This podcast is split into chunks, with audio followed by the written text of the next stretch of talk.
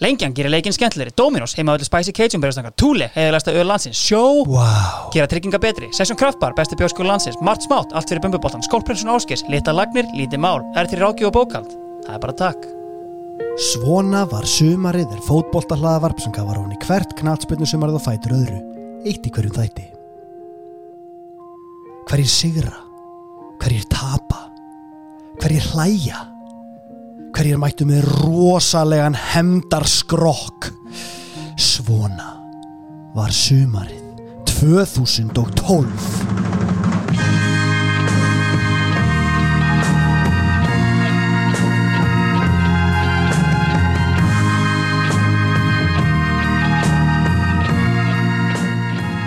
Sumarið 2012, Held ég nú, blessaður ári.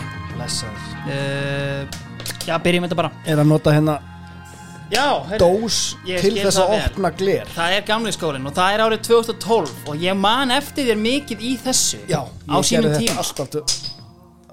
Já, við erum komin hérna með eh, 2,25 túle í gleri Já, það eru fáir sem að finna hann já, í búðunum en, við, finnum þetta. erum á sérdýr Við og grófum hann en hérna, en þetta, er þetta var svona signature movie þitt svona 2012-ish, það var svona ok, eru þið með eitthvað sem þarf að opna hérna? Ekki með liklakipuna og upptakaran ringið í orra. Ma, þið alveg eftir Já, mér rámar í þetta, hvað er bagdollan, ég nota og þetta, byrjaði sem, þetta byrjaði sem sko einmitt ég var mjög lengi að læra þetta þannig að þegar ég loksins lærði þetta þá var ég svolítið mikið í þessu Já. og svo var þetta bara Ég er alveg sammála sko. Ég hérna, sko, hérna fyrir Íslandsmeistar í boxi á þessum tíma Kolbjörn Kárasson, hann var alltaf að sína mér eitthvað svona, veist, hvernig þú getur gert þetta einhvern veginn svona, veist, og alltaf sína mér handarhreyfinguna, þetta er vond podcast en þú veist, þetta er svona, gerir bara svona, grípur um þetta og getur verið bara með hvað sem er, bara. En hann er típan í hérna ég held þetta væri bara því að sko. ég held bara því að þetta væri að því að hann væri svo sterkur Já, skilur, já. veist, en, en veist, það var ekki en, þetta var það, legitly var þetta það. Herðu, leiðrætingarhotnið er í bóði túle það segðarlegast það þeir, eh, já, þeim eh, elsta og virtasta og jafnframt heiðarlegasta og þeim hefur heldur betur ringt inn, sko byrjum bara á því Mattias Örd Friðriksson hann er vist ekki í þósari uh, þannig að það er leiðrætinga og leiðrætingu Já. hann er dalvíkingur, ok, pílarinn góði. Pillur í þorpi. Já, wow. sko ef að þorpararnir voru reyðir þá voru dalvíkingandi trilltir þegar þetta kom fram. Herðu, sko uh, í öllum æðibunninganginum glemdi ég því að minnast á sko að Gatti Jó fekk gullskóin uh, sérst 2011 já, ég bara glemdi að minnast á það því ég fór bara eitthvað að dásama það að allir viðar hefði skorað eitthvað tíu mörg á fjórum tímubilum eða eitthvað ok. okay. kæftæði uh, en að- hann fekk gullskóin og vel að því virðingu. komin og hérna algjör kongur síðan sagði ég líka að stjarnan hefði farið í Európukefnina Mm. þá það voru heikvíslar og kindlar sem byggði mín þegar ég kerði í hlað á Súlallagötuna og það voru auðvitað þorpararnir sem voru Já, mættið já. það því að það var auðvitað Þór sem fór í Európukefnina já sem síðasta liðið sem að sem sagt, fer sem silfurlið í byggar alveg rétt. Af því að sem sagt, double eitthvað bara eitthvað, ekki fjórðasætið nei, látum silfurlið í byggarnum þeir eru búinir að komast í úrslitaleikin eitthvað, hérna, algjört hérna, förum var, yfir, förum yfir Európa-leikina á eftir. Ha, heldur betur. Sko, vikingstímabilið 2011 þetta var auðvitað einn sorgarsá. Ég sagði hérna í síðasta þætti að veist, ég fekk bara sín og ég fekk bara uff, heyrðu, ég þarf að fá mig kaffibólla en, en sko, menn röknuðu aðeins úr rótinu svona undir rest Ok. og hérna og, og ég fekk svona hérna þú veist, ákveðnar uh, skýringar sko, og þú veist, það var bara hérna eins og að ég talaði um hérna, að Tómas Ingi hefði talað um hérna, setna mér í vittalega að þetta hefði verið einhver svona andlegar bruna rústir sko. Já, einn leikmaður sagði bara Tómas Ingi var hann einu svona á svæðinu eða? Og síðan var bara hérna þú veist hérna sko ég man ekki sagði ég með Egil Atla þegar hann hafi verið rekin já, var það ekki Jú. Minntust þú ekki á það? hann var sérst að rekin út af hérna Dr. Phil klippingunni alveg rétt, Já. sem var eitthvað áskorun í já hérna fótbolta.net þarna, Já. og það var sérst bara hérna þú veist, og þetta er bara svona fyndasta scenario sem ég sé fyrir mér er bara eitthvað, sko Bjarnólfur var trilltur er bara eitthvað Bjarnólfur að messa yfir honum inn í klefa fyrir framann alla og hann með eitthvað fucking doktor pilklippingu að taka upp hvað ég bara stefust að því að þú veist come on, live a Já, já. little einhvern veginn sko, en þú veist, þú veist, þetta var hérna ekki hérna, en við, sko við rættum það sko að Bjarnólfur hefði augljóslega komið inn ætla- allt of sperrtur. Já, já. hann ætlaði að hérna, nú skulum við taka þetta alvarlega Það var sút í hverju meinasta leik, gott Já. bindi og svona einmitt. Og það var, það var ekki respondað vel við því. Nei, og síðan, svona, síðan alltaf saði ég að Egil alltaf hefur verið rekin Glemt að minnast á það, sko, síðan kom bara hérna íslenski Úli Hönnes, Björn Einars. Egil Allarsson, nei, hann var ekki rekin og, og bara, var bara ennþá aðna, sko. Hann er óreikin Já, herri, sko, síðan var þetta bara hérna, má ég sjá, sko uh, meira, sko uh, ég ætla að byggja hlustendur afsökunar. Ég er að borða Dominos pítsu, við erum að breytta upp á nýjungum hérna. Já, það er náttúrulega rétt. Við erum hérna með Það var, var badnaðamæli hjá mér og við erum að geta hérna afganga frá Dominos og eins og þið heyrið að þá er þá erum við með þær á pönnunni að hita þær upp og þannig gerum við það. Já, hérna hér og ég, jafnvel að ég laug með einni Spicy Cajun. Ég, Ó. ég, ég keipti hana fyrir viku til þess eins að koma með hana hingað og setja hana á pönnuna. Pælum í því meira setna Sko, herriði uh, síðan var eitthvað meira veist, málið er bara sko að hérna, Haldur Smári ég heyrði aðeins í honum bara veist, bara svona, eitthvað, og hann sagði bara þú veist, ég nenni eiginlega að tala um þetta en þú veist, þetta er bara versta ár í sögu Vikings and you can fucking print that Já. það var bara eina sem hann hafði um þetta mál að segja sko. herri, uh, erum við með eitthvað meira uh, sko, nei ég heldur séum bara góðir jú, herðu, sjallinn eins og ég segi Alveg rétt. Þú veist, við, þú veist, Túle er náttúrulega frá Akureyri, er það ekki? Jú, jú. Sá heiðarlegasti. Já, og þess vegna held ég að norðamenn taki sérstaklega vel við sér einhvern veginn í kringum þetta leiðrætingahot Já.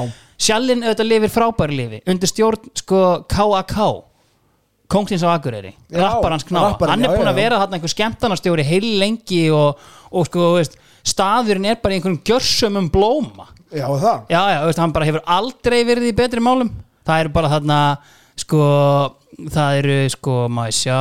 Hvað fekk sko- ég sendt hérna? Uh, sko, hann er búin að vera þarna síðustu fimm árin uh, og hann er ekkert að fara eins og er, það eru engin lokaböll framöndan á Guð, það er 5-900 manna böll þarna undanfæra, þú veist, það er, reif á morgun þegar þetta er tekið upp. Því líkt léttir sko, með við lætar það fyrir hún ég, ég fekk eitthvað svona móla á Twitter einmitt frá hérna góðumanni og ég, ég þegar ég hugsa um sjallan Já. þá það eru tvær hæðir mm. þannig veist, það er mjög langt sér ég farið þannig Já. ég var bara ungur maður ég, sko, mig rámar í bara 5-6 hæðir já, svona Það það basically, Svona sko. þrjár faldar hæðir Já. öðrulega. en ég sko, ég hugsaði er þetta of stór venju fyrir pubquiz, af því við þurfum að fara norður til þess að halda pubquiz þar sem að hérna þar sem við eigum sko okkar, okkar dyrvittlustu Já. aðdóðandur sko, sem eru tilbúinir að hérna sem bæði heyra els, það. elska okkur og hata okkur nefnilega á sama tíma uh, fylla sjallan í pubquiz það væri þá í einhverju sko reikmettuðu bakarbergi hjá kongnum og akkurir einhvern veginn svona, að straka, komið bara hérna, hérna smölum bara hérna, þessum þúsund mann sem ætla að koma át af pubquiz hérna standandi pubquiz á dansskólu Nei, nákvæmlega. Herru, uh, skoðum þetta mál. Sko, ef við förum bara í tíðarandan þá uh, og ég ætla eiginlega að byrja með þig, Orri Eriksson hér.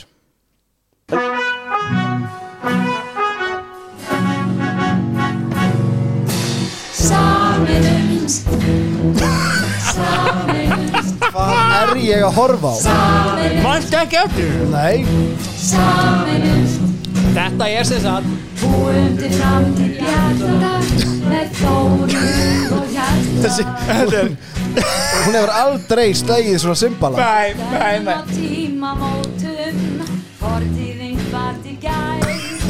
Engin reif hana upp með rótum Það er víst öðrum og hún snýr básunni öfugt. Nei, nei, nei, svona er fljóðari, ég, ég, sorry. Þetta er hérna, já, nei, nei, já Sko þetta er sem sagt sko, stuðningsmannasveit Þóru Arnórsdóttur uh, Í sem að- forsetakosningum? Já Og þetta er sko, þú veist, ég verði, ég verði að henda búta af þessu inn á miðluna Þetta er sko mitt Manst þú í alvörin ekki eftir þessu? Nei. Forseti lámenningar á Ísland þetta hefur farið algjörlega fram Þetta er svo, mi- þetta er svo mikil styrlun Það eru þetta börn, það er fólk Nei, í nei, eldra nei. kantinum Ha? Það er Zoom, að því að- auðvitað vakti þetta aðtekli nágranna þegar er bara einhver hörmuleg lúðrasveit þarna í þessi garðinum dansbor, hvar í bænum er þetta? ég veit hann eftir þetta eru nákvæmlega þínir. Já, veist, eða laugardalurinn já, hver er að koma þarna inn? Einhver hype man, þeirra Haraldur Ari einhvern er þetta ekki eitthvað svona Já, framnesvegs já, en sko máli er, ef við förum bara yfir þetta hugmynda aðeins undir Þetta lag er sko, það er ekki nema 2 og 30 Mér finnst þess að það hafi verið í 5 mínútur. En sagt, það eru fórsetakostningar 2012 Og hérna er ákveðin tilraun gerð Já, Fyrir ekki pannan hérna. Að því sem ég ætla að kalla Changing of the guards. Já, Það á að change the guard Já. Finnst mér sko. Og hérna þú veist, Ég man, ég bý út í köpen Á þessum tíma Já, lengi. Stóra auðrendar hatar Þegar ég tala um Þegar ég bjó í köpen Þegar ég tók eitt sumar í skúringum Var rekin og hérna, og hérna Já, já, þér. Ég bjó í köpen allana Og þannig að ég man ekki Nógu vel eftir þess En þú hlýtur að vera með já, eitthvað já ég, ég Þetta er náttúrulega sko að Þóra hafi ekki fengið lögban á þetta lag Já. er, Þetta skiptir sköpum af því að það er svona Það sem er eftirminnilegast er að hún var með svo mikið momentum Mhm. alveg bara lengi vel og maður var einhvern veginn viss um að því að Óli var búinn að vera Óli, sorry Herra Ólaf Ragnar Grímsson Óli, hvað var þetta? Þið eru ekki að þessum var alls ekki. 100% ekki. Hann hérna hann var búinn að vera eitthvað svona ég, veit ekki, þú veist, allir held að hann ætlaði að hætta og svo Hann var í haltum með sleftum svona, já, og hann svona viljandi var alltaf mm, eitthvað svona Já. sposkur á svip og allt þetta Það var eins og hann hefði verið að veiða inn frambjóðendur til þess að styrkja umbóð sitt. já, svo svo hérna eftir að sko, eftir að hann tilkynir á endanum hann ætla að taka þátt einhvern veginn, Já. þá er Þóra samt bara einhvern veginn með hann í skoðanakonum bara þú veist í apríl og gott að það var ekki fram í mæ Sko, hún er svona aðeins yfir eða þau eru bara neck and neck. já, já, og það var, var sjokkarendi fyrir marga og ég held að hann hafi mynd bara farið bara svona, já, Já. Einhvern gýr og einhvern ham, Já. og þá kom bara hundur í hann líka Já. og hann var gjörsamlega væðarlis Ég man eftir einhverju viðtali við hann sko þar sem hann fór svona í einhverja svona gauja bara svona af- blammeringar hann tók def af, af lífi Já. og svo var sko Svavar Halldórs maður hennar Þóri, hann var fréttamaður og hann fór, að, hann fór bara, hann fór beint í dómaran hann var bara beint í að það væri fjölmiðlar hann gegn honum, hann tók bara the Trump way að einhverju leiti fake news media. hann bara vissi hvað hann var að gera og hann gjörsamlega rally the Já, troops þá fekk hann alla með sér einhvern Já, og, og sko það er núna Já. árið hérna 2022 þegar við erum komin með sko einhvern guðna sem er einhver óumdildasti maður Já. í heimi Já, já. og allt það þá er þetta ógeðslega gaman en ég var náttúrulega hérna ég er, ég er góða fólkið Já, já, þannig ég var alveg bara Ólafur, hvað ert að gera? Þú ert komið nóg, Ólafur sagt- fjögur Já. kjörtjöfin Já. ég var þar, Já, en já. núna er mjög gaman að sjá hvað, hvað gýran fór í og svona var, þetta var algjör farsi og þegar að, hérna, það er eitthvað svona kappræður hérna, stuttu fyrir kostningar Já. þar sem að allir eru bóðaðir en sko, fyrst ætlaði stötu að vera bara með Þóru og Óla þau Já. voru sko með Rúf hefði náttúrulega þurft að hafa alla einhvern veginn, en stöð 2 úst, lítur ekkert sömu reglum og þeir ætla Nei. bara að fá einhverja, þeir- topp fjóra í skoðanakörnum já, og þeir ætlaði að taka bara tvo. Þau voru sko bara með 46 og 45 eða eitthvað skilur prósent svo bara skiptist þetta bara í svona 0, einhver prósent síðan voru clowns þarna fyrir neðan. Já, voru bara talsverðir. Ari Trausti var þarna sem var með smá fylgi og var að taka Ólafi veist- til að byrja með. Já, en hann var samt svona, veist ég skildi Hann aldrei var aldrei in the running skilur, Nei, hann sko var aldrei nokkuð tíma. hann og hann var bara 10% svona respekt, það var enginn að tala íllum hann. Það var alltaf enginn að kjósa. Það var svona áleiðilegt, ég er mikill aðra að trösta maður sko. hann var samt svona þörd hann var svona þriðji kosturinn í af þessum sko. Já, kannski. hann, hann var svona svo eini sem að var með eitthvað svona hefði mátt vera bóð en svo hérna sér stöðt að sér af því að þau eru með læti yfir þessu eitthvað svo leiðis en ætla að enda þáttin á því að já, reka þau út já, Já. svo, svo ok, þurfum við að tala nú saman ætlum þið að fara Já. nú þurfum við að ræða stórum málni Já, nú þurfum já. við alltaf að tala saman nákvæmlega þannig og svo eru þau búin að tala sér saman að einhverjir frambjöðundur og þá kemur þetta pínlega moment Já. þess að bara fyrsta spurningi borinu upp beint á þess að Andriðu held ég að hún heiti hérna, sem var alveg bara þú veist, eðlileg manneski að einhverju leiti sem að ætla, já, hefði, veist, var með bara fullt af stefnumálum sem áttu bara heima á alþingi það keisir? sem hún endaði síðan í Eh, dögun, dögun, já, ekki, já. Hún, hún las upp tilkynning bara í staðin fyrir að svara spurningunni. Já. ég ætla að fá að lesa hérna upp smá eh, tilkynningu og lesa upp eitthvað svona hún og Ari Trausti séu bara ætla ekki að bjóða sér upp á þetta. Og Hannes meistari. Já, Hannes, Hérna- kongurinn Já. já, um eitt, nákvæmlega. Og hérna það var minn maður allar leið. Þau lappa út Já. sem er bara svona við erum í beinni, Já. uh, þetta er moment. Var ekki Þorbjörn Þóruðar geitin að sjálfsögðu var Þorbjörn já, já, Þór þetta er bara þeirra val. Sem er alltaf líka geggjað Já, gæði til þess að hafa þetta í þessu. þetta var eiginlega við stjórnum þessu já, hér. þetta var einmitt. TV history Já. alveg bara 100% klálega. Og ég líka sko hérna það var það voru ekkert allir sem gengu út. Það var nefnilega, Nei, þú veist, þetta voru. Ólafur og Þóra og síðan var, þetta herdís lögfræðingur Ég ætla ekki að missa þessu mómenti Nei, og bara eitthvað, veist, með 1% fylgi Já. þarna eitthvað, ein eftir eitthvað, veist að berjast fyrir sínu einhvern veginn En, Hvern veist, já. kaustu? Ég kaus hann, hann Hannes! Jóhann Jóhann. Það var sko fyrirsögn einhvern veginn sem ég sá hann í Reykjavík Greipvæn, það sem var búið einhvern veginn sko annarkvort var tekin mynd af honum í þessu sem ég svona vona og þess vegna kaus ég hann því hann var bara komin í hálsmennið. skrúða með hálsmenni yes. bara the next president guy með svona 0,2% fylgi eitthvað, ég bara Já proper guy ég kýs, og hann er ég líka á svona tímabili þar sem að ég er svona að yfirgefa hérna, gefins pítsur og bjór einhvern veginn og svona áttam á bara, heyrðu, veist, there's more to life einhvern veginn. En þú varst ennþá en, samt en svolítið mig langaði samt ekki að kjósa neitt annað þannig að veist, ég var bara svona einhvern veginn Þetta var þín leið til þess að taka ekki afstöðu? Eiginlega sko. Já, já. og veist, ég hef tekið þær nokkrar svona í gegnum hérna tíðina en já, ég kaus hann sko og hérna, ég mani mig sko, ég býði hérna út í Danmörku með Já, þú þurftir að hafa fyrir því að kjósa. Fór í sendiræð og, hérna, og þetta er mynda með mér á Instagram þess að ég er að lappa í sendiræð og, hérna, og ég man að ég tilkynnti ég fóð með tveimur félögum mínum uh, einum virtasta hérna, rekstraræðila þjóðarinnar Arnóri Hreyðarsinni og já, sennilega virtasta corporate lögfræðingi landsins, Sigvaldi Fannara Jónssoni Já. og þegar ég tilkynni Sigvalda að ég hafi kosið hann Hannes Já.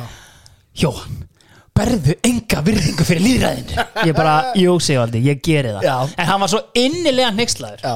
hann var hérna búinn að vera að syngja sameinumst en þar, úst, við, það er það svona tvær vikur þar sem við horfðum á þetta myndband non-stop og bara svona til að loka þessu. Já. þau eru neck and neck. Þanga til að Ólafur grefur upp the dirt og fyrir að mo- úst, kasta svavari fyrir rútuna Og auðvitað þetta myndband ég upplifið það þannig bara að myndbandið hefði bara klúðrað öllu í þessu fyrir hann Ég vil segja, lögbann hefði getað breytt stöðum ég held það, herru, fáum lag er, nei, Sko- sko, bíti, bíti, ertu með meira á þetta? Nei, já, bara eitt Ok. að lokum sem að jafnvel er lag Ok. sem er náttúrulega hvernig þetta var gert upp í skaupinu Ok. sem er að einhver leiti hugsanlega búið að fá lögbann á það sem er Ála Ragnarstæl Já, herru, kom, já, úf, ég get ekki, ég get ekki spilað sko. Sem ekki var spilað. eitthvað svona Það var- fyrir sjáanlegasta Af Því það voru allir, já, náttúrulega Sæ, veist, Ég var eiginlega bara til að fá sko Gangnam Style bara, þú veist. Þa, það var þetta ár, alveg bara Já. skuldlaust. Að, Ég er nú ekki mikið að spila erlenda tónlist sko, Nei. En þú veist, þetta er samt sko bara þetta er tíðarandi. Ei, menn, þetta er bara eins og stormsveipur. Guðminn almáttur Og þú veist, það var einmitt Fellibylurinn sæ Já, þarna voru, þarna voru þið byrjar að nota þessi lögin og nýja texta þú veist, yfir eitthvað sem það er svo sem verið gert lengi. En þú veist, maður var alltaf svona að hugsa, ok, hvað ætlaði að geri? Og maður hugsaði, hmm, ok, Gangnam Style. Já, það verður sennilega Ólafs Ragnar Style. Og síðan bara fengum við það, þú veist, bara properly vond. Herru, Ég, já, þetta er mjög gott. Sko ég ætla samt að hérna Takk, að því ég er að fara með okkur hingað Sesson Kraftbar heyrði í mér. Og hérna þeir eru þetta með bjórskólan sinn mikilvæg hlaupa hópin það er svo geggjuð stemmingan inni. Uh, Mér líður bara hverki betur. Nei, þú veist, grípi spil þú veist, bara you name it. Svo erum við alveg að fara að halda pubquizu okkar þarna, haldið áfram að hlusta á þættina því þetta verður Þetta er að- prófs. Þetta, er próf, Já. ég er að fara að spyrja út í sjálfa mig. Nei, ég er að fara að spyrja út í bara, þú veist Nei, kannski ekki, kannski ekki bara contentið sem hefur komið Íslensku hérna Já, og Eurovision Basically. Já, algjörlega. Herru, sko, þeir sögðu bara Joe. Á sér hringtir Við verðum að fara að fá einhverja karaoke umræði hérna. Já, og bara karaoke staðir. Hvernig var staðan 2012 versus bara svona þú veist, og bara svona almennt bara svona yfirferð á svona karaoke er náttúrulega bara heitasta shit landsins í dag. Já, hvernig, hvernig er þróun á þessu verið? Og ég hugsaði á sig ég skal tala um þetta fyrir þig að því að 2012 þá á ég geggjaða karaoke sögu 2012 þá hérna sitt ég annars vegar með uh, virtasta tengda sinni hafnafjörðar sem er samt ekki tengdasonur, hann er bara aðkomumæður Alli Már Bárusson Já. og uh, virtasta fyrirtækjar ágjafa sjávarótusins Magnús Erni Þórsinni. Og er að horfa á um, Chelsea Bayern München. Bári er náttúrulega Chelsea maður og, og þú veist, þekkjum öll þá sögu. Þetta er CL Final. CL Final, Já. já, Chelsea vinnan leik uh, og þú veist ég man, ég- þetta var ekki á laugadegi þetta var þegar mestarlindin er ennþá final á miðugudegi, en við ákveðum samt ég var þarna nýbúin í prófum þú veist, maggi ekki gera nokkuð skapaðan hlut og þú veist, bárið því síður hvort hann var nýbúin að klára stúdentinn, kongurinn og hérna, við hugsum bara fuck it, förum bara í bæinn. Já. og hérna, það er auðvitað engin en við förum á karaoke stað sem var hérna er þetta ekki live pub? Já, ég held alltaf að þetta héti Obla D. Já þeir voru hlið við hlið já, og sko það var stundum hægt að fara í karaoke og obla dí já. en livepub var svona the karaoke staður. Hann lifði alveg frekar lengi. hann, hann lifði alveg 2-3 ár. Veist, þú veist, mér, ég upplifði þetta svona já, lengur sko, hann var, led- þetta var alveg bara household í smá tíma. Já, einmitt. Og við förum þarna inn og við ætlum sem sagt að fara bara í karaoke gýr ég hef ekki farið í karaoke bara basically ever einhvern veginn. Hvað, við er- klukkan? hún er ekki það mikið. Leikurinn er búin kannski níu, eða, framlenging tíu skilur, postsjó með Óla Kristjáns eða eitthvað og, og þrýr farnir niður kannski, fjórir. Ég, við vorum ekki svona að drekka þú veist, Já, kannski ok. einn, tveir kantir ok. max yfir leiknum sem var bara, "Gæ, kíkjum í bæinn og fáum eitthvað eitt bjór. Ég man við fórum á sko danska uh, Maggi kefti einhverja muffins handa bára og va- við vorum með eitthvað kerti stálum einhverju kerti og settum við bara titlinum fagna, Já, eitthvað já. svona comedy. Förum hann inn og við byggjum um sem sagt, við kunnum ekkert að velja lög og við byggjum um sagt, farið í möppuna. Já, förum við möppuna og bara eitthvað og Bári bara eitthvað er ekki, ekki ABBA klassík ég er bara eitthvað jú, jú, uh, ABBA er alveg klassík uh, og við bara eitthvað svona setjum það bara og erum komnir í kjúið herru, síðan mæta þarna menn trítil óðir. Þeir eru að fagna CL titlinum. Ok, við erum frekar svona já, þetta er nú skemmtilegt fyrir Bára þetta, og Bári er bara svona léttur einhvern veginn. Eru treyjur? Það eru treyjur og blazerar eða sko, annar væri treyju og blazer hinn var bara bara gýraður þetta voru tveir menn. Þetta var tveir menn, já, þetta var tveir drengir. Já, pottet ok. yngri en við. Ok. þeir koma hann inn með dólk þeir fara í möppuna, þeir velja lag þeir fara upp á svið, spila þetta strax. Við erum næstir.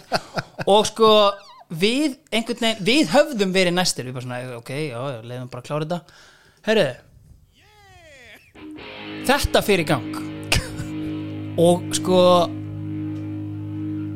þannig er þess bara svona að hæpa.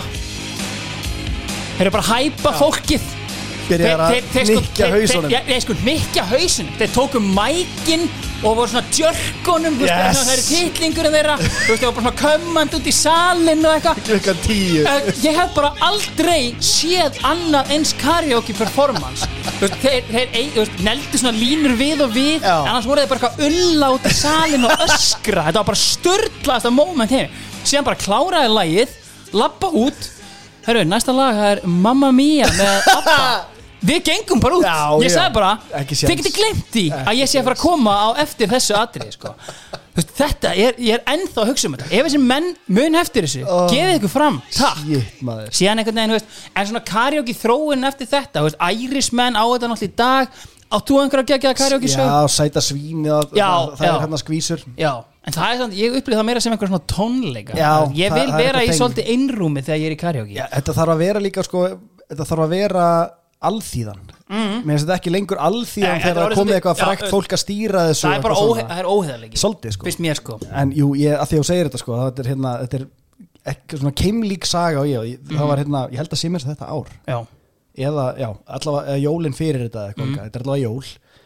Og við erum hérna breiðholts vinnahópur, svona misvandaðir flestir vandaðir en svona hérna bara í góðum gýr Mhm. búin að drekka svolítið mikið förum á live pub og ætlum að, við erum bara búin að ákveða þetta við ætlum að syngja Last Christmas saman strákarnir hérna í, í karaoke já, komum hana og pöntum lagið og svo þegar við heyrum hérna þennan- þennan- þetta mjúka stef byrja já, já. þá fyrir við upp á svið þá er greinlega annar vinahópur í nákvæmlega sömu hugleiðingum sem er mættur hérna andspænis okkur já. það eru tveir mækar en við erum bara hérna að vera slagsmál.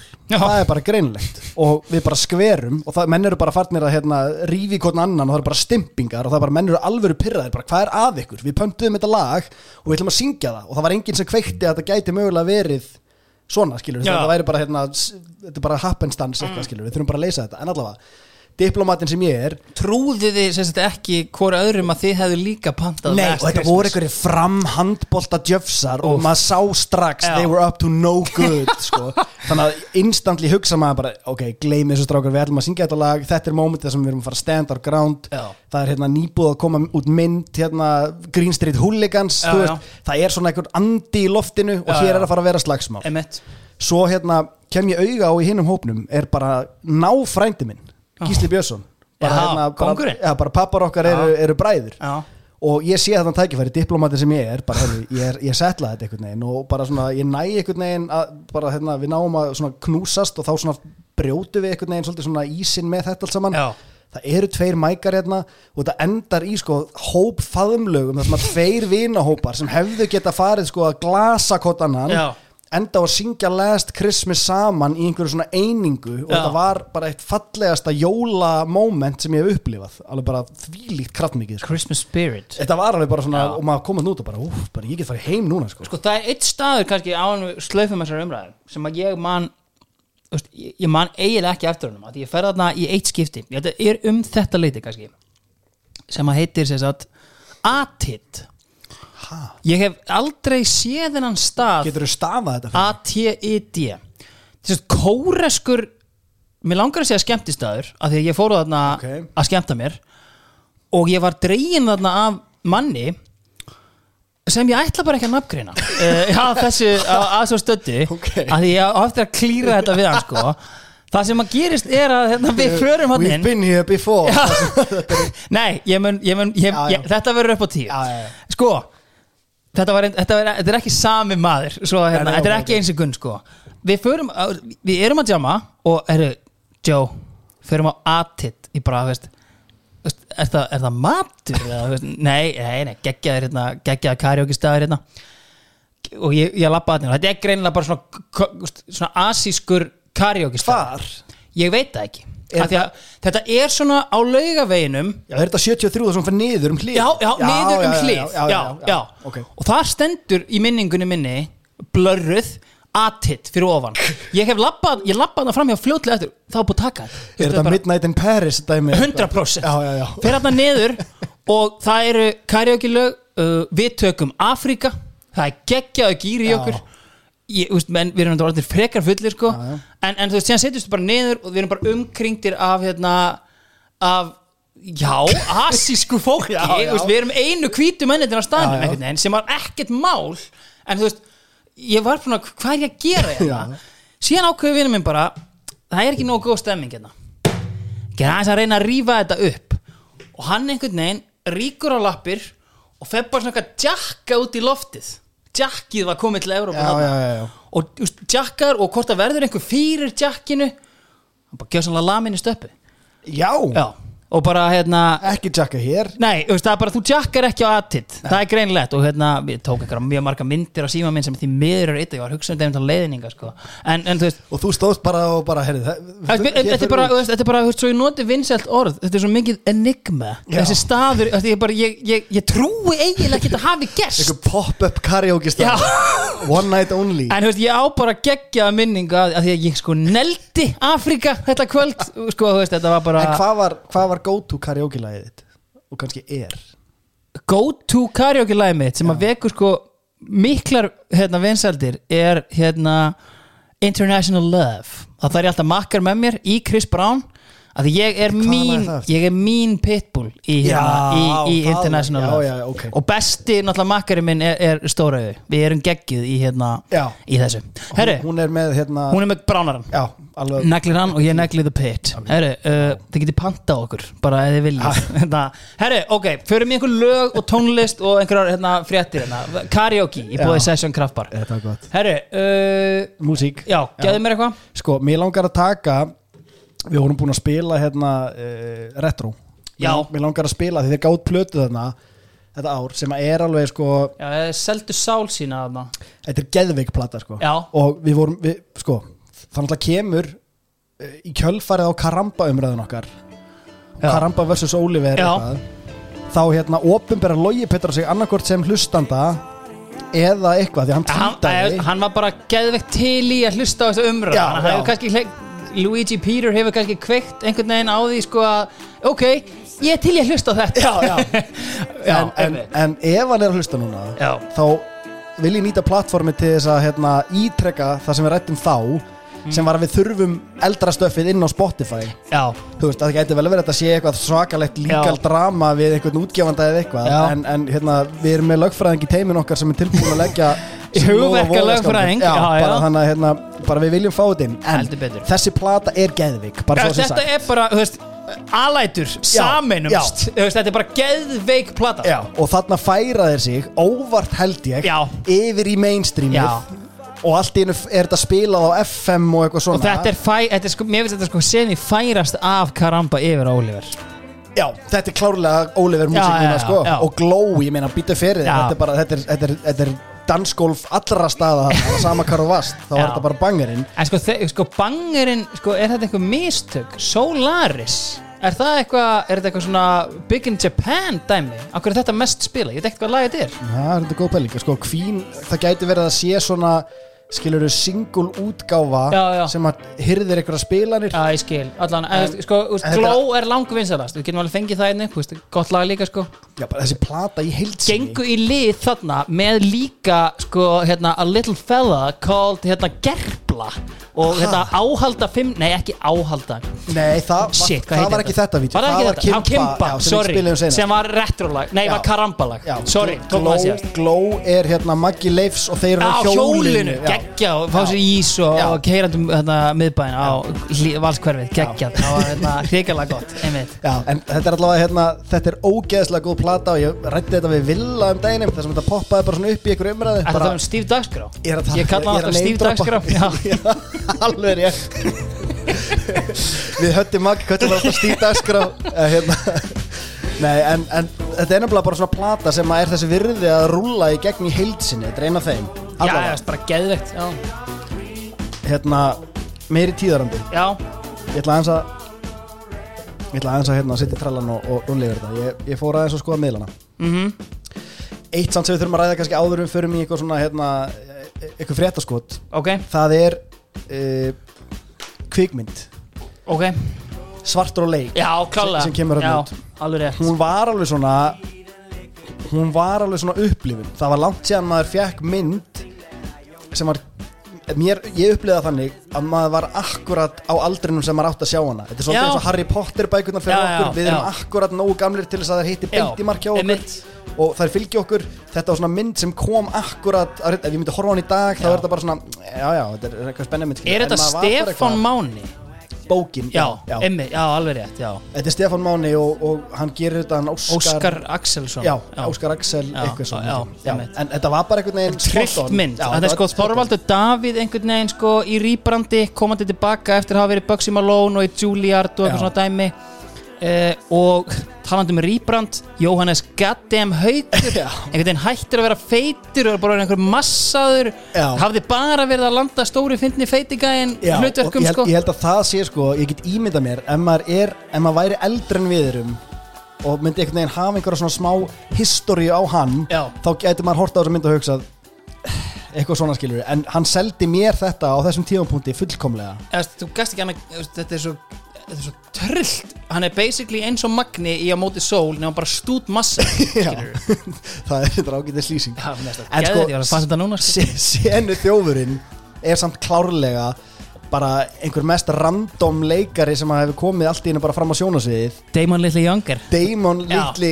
goddamn younger Hvað heitir hann aftur? Ásgeir Já. eitthvað Bara Einarsson sem hann er byrjað að heita aftur Er sko. það? já, já, Ok, hann, hann sá já. algjörlega að sér í þessu máli Þetta, var, ógeðslega að finna ég sko á einhverjum tímanpunkti túlkaði ég að það væri verið að fá inn einhvern erlendan leikar talar hann góða íslensku semi og bara svona eða bara svona, þú veist eitthvað þú veist bara eitthvað Damon Younger veist, herri, sko, ertu með einhvern mólum að það? Nei, ég vildi bara koma því að hversu ótrúlega mikill vondikall hann var og sem að var líkillin að þessari mynd fyrir mér Já. ég var bara fokk að því að maður þekkt hann ekki sem leikara hann náði að selja mér 100% þennan siðleysingja og þennan Já, já. viðbjóð sem hann var maður bara var svona, hann náði að vekja einhvern veginn óta að því að hann var óþekktur þegar hann nöðgar Þorvaldi Davíð Já. þetta er bara sjúkasta og bara mér leið illa Já, já. að horfa á Þetta er þetta bilið bara, þú veist, þetta er bara svona shit. Já. god damn it maður. En sko hérna ta, þú veist, bara um þetta nafn Já. ég veit ekki hvernig hann var búinn að taka þetta upp sko, en ég hjó eftir því í smá heimildavinnu hann var með umbóðsmann Já, a little fella called Valli Sport. Já. ég er svona vona að hann hafi tekið þessi Já, ákvörðun. hvað með Damon Young? My younger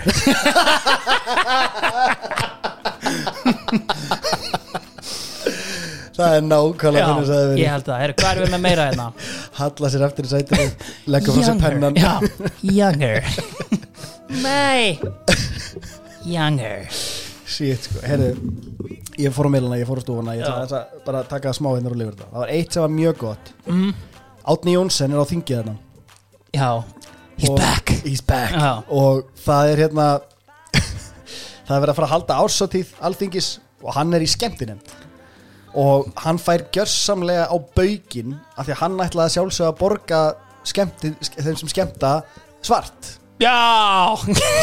Sem að fyrir honum er bara mjög eðlilegt og ég held að flestir gera það svona hérna Já, já, sem eru ekki í sem Ég er einmitt í skemmtinemnd sko, hérna, úst, Ég er í skemmtinemnd í starfsmæðufélaginu mínu hjá Já, ríkinu. Og veist, þetta er yfirleitt fyrsta spurningi sem ég fæ, skilur. Og ég, ég þarf eiginlega alltaf þegar ég bóka fólk bara að taka það fram. Við borgum, skilur verktaka greiðslur, skilur gefur þetta upp. Farðu með til lífeyri sjóðin, takk. Já, sem er bara augljóst Já, já. en ekki hjá gamla skólan Nei, allavega, bara gott. Uh, maður sjá. Djúvill hann klikkaður maður. Já. sko, við nefndum í tengslum við hrunið nokkur svona nöfn svona skemmtileg nöfn, Eva Jolie Eva Little Jolie Eva Little og ja, Little Buchheit. called Eva, Little fella called Eva Jolie og Lee Little Buchheit Já, og sko það sem ég, það fór fram hjá mér þessum tíma og ég bara hérna, ég var svo hissa þegar ég sá þetta að Lee Buchheit Lee Eh, Little, já. byrjaði með Sigrunu Davísdóttir Iconic fréttakonu. Þau urðu bara par eftir að hún er búin að vera ógislega mikið þessi mála Já. og, svona, og hann alltaf hérna að reyna að landa einhverjum samning Greinilega ekki upptekin við eitthvað bara, og þetta er bara svo, þetta er svo fyndið scenario að ímynda sér þegar þau sjást þarna across the bar Buchheit með sko rugglað Jóns Baldvins lúk í gangi sko.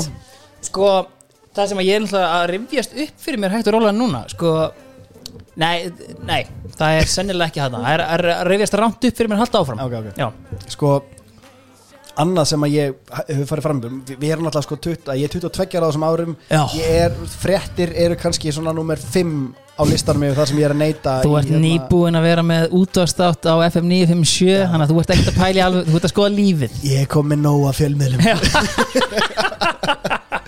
Nei, hérna, það er meistarinn sjálfur Guðmundur Felix. Handhafið handhafinn. Já. hann byrjar þarna, hefur sína vegferð Ok. 2000, og- eh, lok ást 2011 sem hann byrjar að safna Mm. fyrir nýjum höndum Ok, og einhvern tímann svona snemma ást 2012 er hann komið með 40 miljonir og er Já. bara að fara í þessa aðgerð Já. svo finn ég ekkert meira nei, svo bara pása bara 10 ár Hefur þetta ekki bara verið einhverslega svona veist, 40 miljonir og þá förum við bara á fullt í að rannsaka þetta já, hann hefur bara verið að hérna Kaupa RD hérna bara, þú veist, hérna ok, þú veist, að því að sko ég hérna ég hlýta við að segja þetta þú veist, ég var á kynningu hjá Össuri um daginn. Já, ótrúlega áhugavert dæmi og, og það töluðu um held ég, töluðu um sko notanda. Þú veist það er hérna, já það er notandi hjá okkur eins og þetta væri skilur að þau væru að subscriber basically skilur, já. þannig að kannski hefur hann bara ég veit ekki eins og hvort að össur eigi þessar hendur sem hann er með sko, Nei, e- þetta eru lífrænar hendur hann let græða á sig gamlar hendur er það ekki? er það? er þetta ekki, er þetta ekki dónor? nei, nei, nei, er þetta ekki bionic og sko, Nú. störlu tækni sem Nú, að sko ok. eiginlega skeri les hugsanir hans þannig að hann þarf, hann þarf ekki að stilla á skera lauk eða eitthvað svona? Nei, hann bara les, þú veist, hann er að fara að gera þetta eitthvað, þú veist, þau voru einmitt Ok. að tala um skilur bara hvernig hendurnar virka og eitthvað komin langt út fyrir efnið sem er Já, 2012 en þú veist, ég held í raunverulega að þetta væri þetta er sko, þetta er bara, hérna, ég er svo, ég er svo innilega uh, sko hillaður af þessu dæmi sem var í gangi hérna, bara hvernig þau voru að lýsa, hvernig er gert sko, en það var hann- gæti hann ekki bara hafa þurft 40 miljonir til að verða notandi eða? það getur verið. Já, hjá, eins og ég segi, ég veit ekkert hvort össur á þessar Nei, hendur eða ekki. sko, þetta og það gætu alveg eins verið grættar á hann, veist, ég veit ekki. Þetta er ekta móli þar sem að ég þrái Getur við fengið nýtt lag eða? já uh, góður maður uh, ásker trösti Já, skýst fram á sjónasviði Já, og svona bara til að nefna það af því að mér fannst það svona mér fannst þið skauta fram hjá ógeðslega stóru music event fyrir 2011 svolítið svona sem er að Múkisson var allstaðar með hagljarplötuna, ég veit ekki hvort þið nefndu það í sensta þætti. Uh, já, nei, við nefndum það ekki. Hann, hann er svona verður eitthvað alþýðuskáld og minnst ásker trausti koma svona og leysa hann af sem svona einhver guttlari sko. Þetta er náttúrulega bara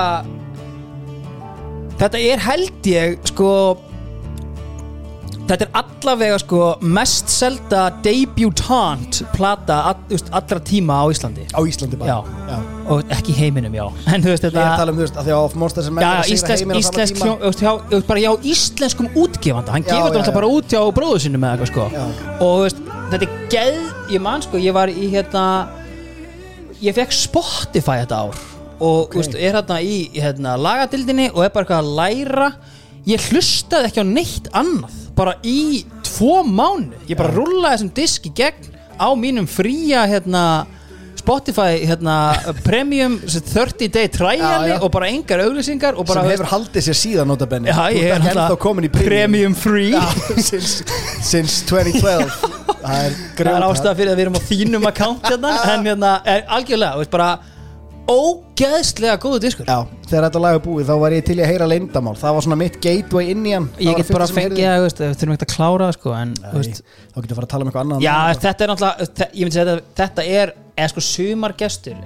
Ég myndi samt segja að þetta er sko Þetta er aðliðin Alæturnar, þær mæta hér. Já. Er það ekki? Jú. Þetta er bara á FM og hann er að geitast þar Já. og, og, já, einmitt. Ásker trösti maður, hann var líka einhver svona það Já, bara, þú veist Hann var sko styrlað feimin var, Já. og hann sko, af því að hann kemur svo skyndilega inn Já. Hann basically, þú veist, margir eru búin að fá einhvern skóla að gera eitthvað Þetta var svona, ég hjó eftir þessu í árið er Já. Hérna, Gulli og Geiri Já. Árið er þátturinn Já, uh, Hann hérna Það sem að hann einhvern veginn er að útskýra það af því að hann kemur svo skyndilega inn já þá er hann bara hann meika valla að, að performa Já, veist, það er bara svona, hann einmitt. þarf bara eitthvað skóla til þess að Já. komast ángað og einmitt það er kannski lýsandi að sko það sem að breykarn Erlendis er venue á Iceland Airwaves það sem ég held að sex manns hafi verið inn í saln Já. þetta var inn í einhvern svona pínu litlum kofa Já.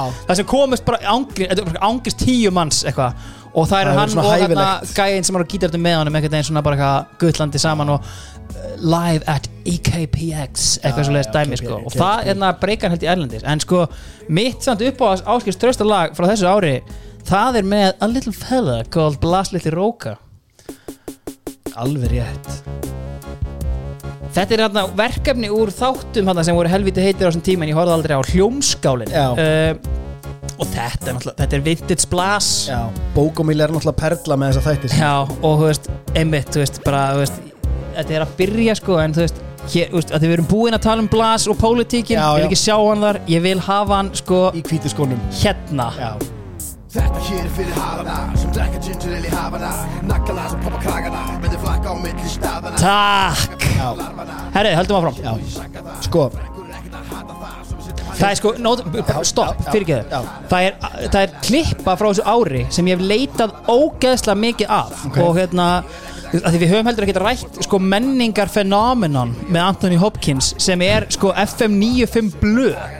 það, það byrjar Já. 2011 og, hérna, og þarna er hann með line-upið skiluru hérna Bíða bragi yfir með honum á mándu Sveppi kröld, Já, kröld á já, já. sig Jeppi kár, að það fynda og stöðum er þetta tveir harðir og á þriðju degi þá sem sagt var Sveppi búin að vera að tala svo mikið um það að hann elska þetta lag og hann vildi bara fá skýringu Já, og Erpur mætti í þáttinn í sko bara vídeoútgáfu og bara, þú veist, tekur bara línu fyrir línu. Þetta hér er fyrir halana sem drekka ginger ale í hafana naglana sem poppa kragana meðan þeir labba á milli staðana hérna er ég að tala um þessa gæja. Þetta, var já, já. hálftíma vídeo á honum bara, Step by step. já, bara, þú veist, rap genius. Og ég finn þetta ekki. Þetta er sko, þú veist, ég horfði á þetta svona tvísar og hugsaði, damn, ég mun horfa á þetta bara for the rest of my life. Já. Þetta er horfið. Stöð 2, sín já, gerið þið. vakna, Já. finnið þetta. Það er, það er nútíma þetta er sko geðveikt, það er allavega fyrirgeðu já, Nei, ég, ég er sammálað þessu, það er fullt af einhverju svona tengdu sko, Rúf púlaði fyrir nokkrum árum Gladkistan eða Óska þú veist, þar sem maður gæti bara senda þeim línu bara að grafi þetta upp. Og þá var bara einhver sömastarsmaður sendur að blása ríka af einhverjum spólum Já. og maður gæti fengið eitthvað. Ég er ennþá með sín á sín þegar hérna myndabáknin sko Já. og hérna það sem ég vildi fá marki frá Mómir Mileta úr hotspinnu en hef ekki enn fengið svar við því. Herru allavega, já, sín frá sín. Þetta er gott, þetta er gott. Höldum sko, áfram. já, heldum áfram. Það sem að er uh, mjög fyndið já, er að handknallegsfélag Kópavóks uh, verða fórnalab netnýðinga ok. Og það er einhver sem ákveður að hlaða upp rosalegu magni af klámi inn á spjallborðið þeirra.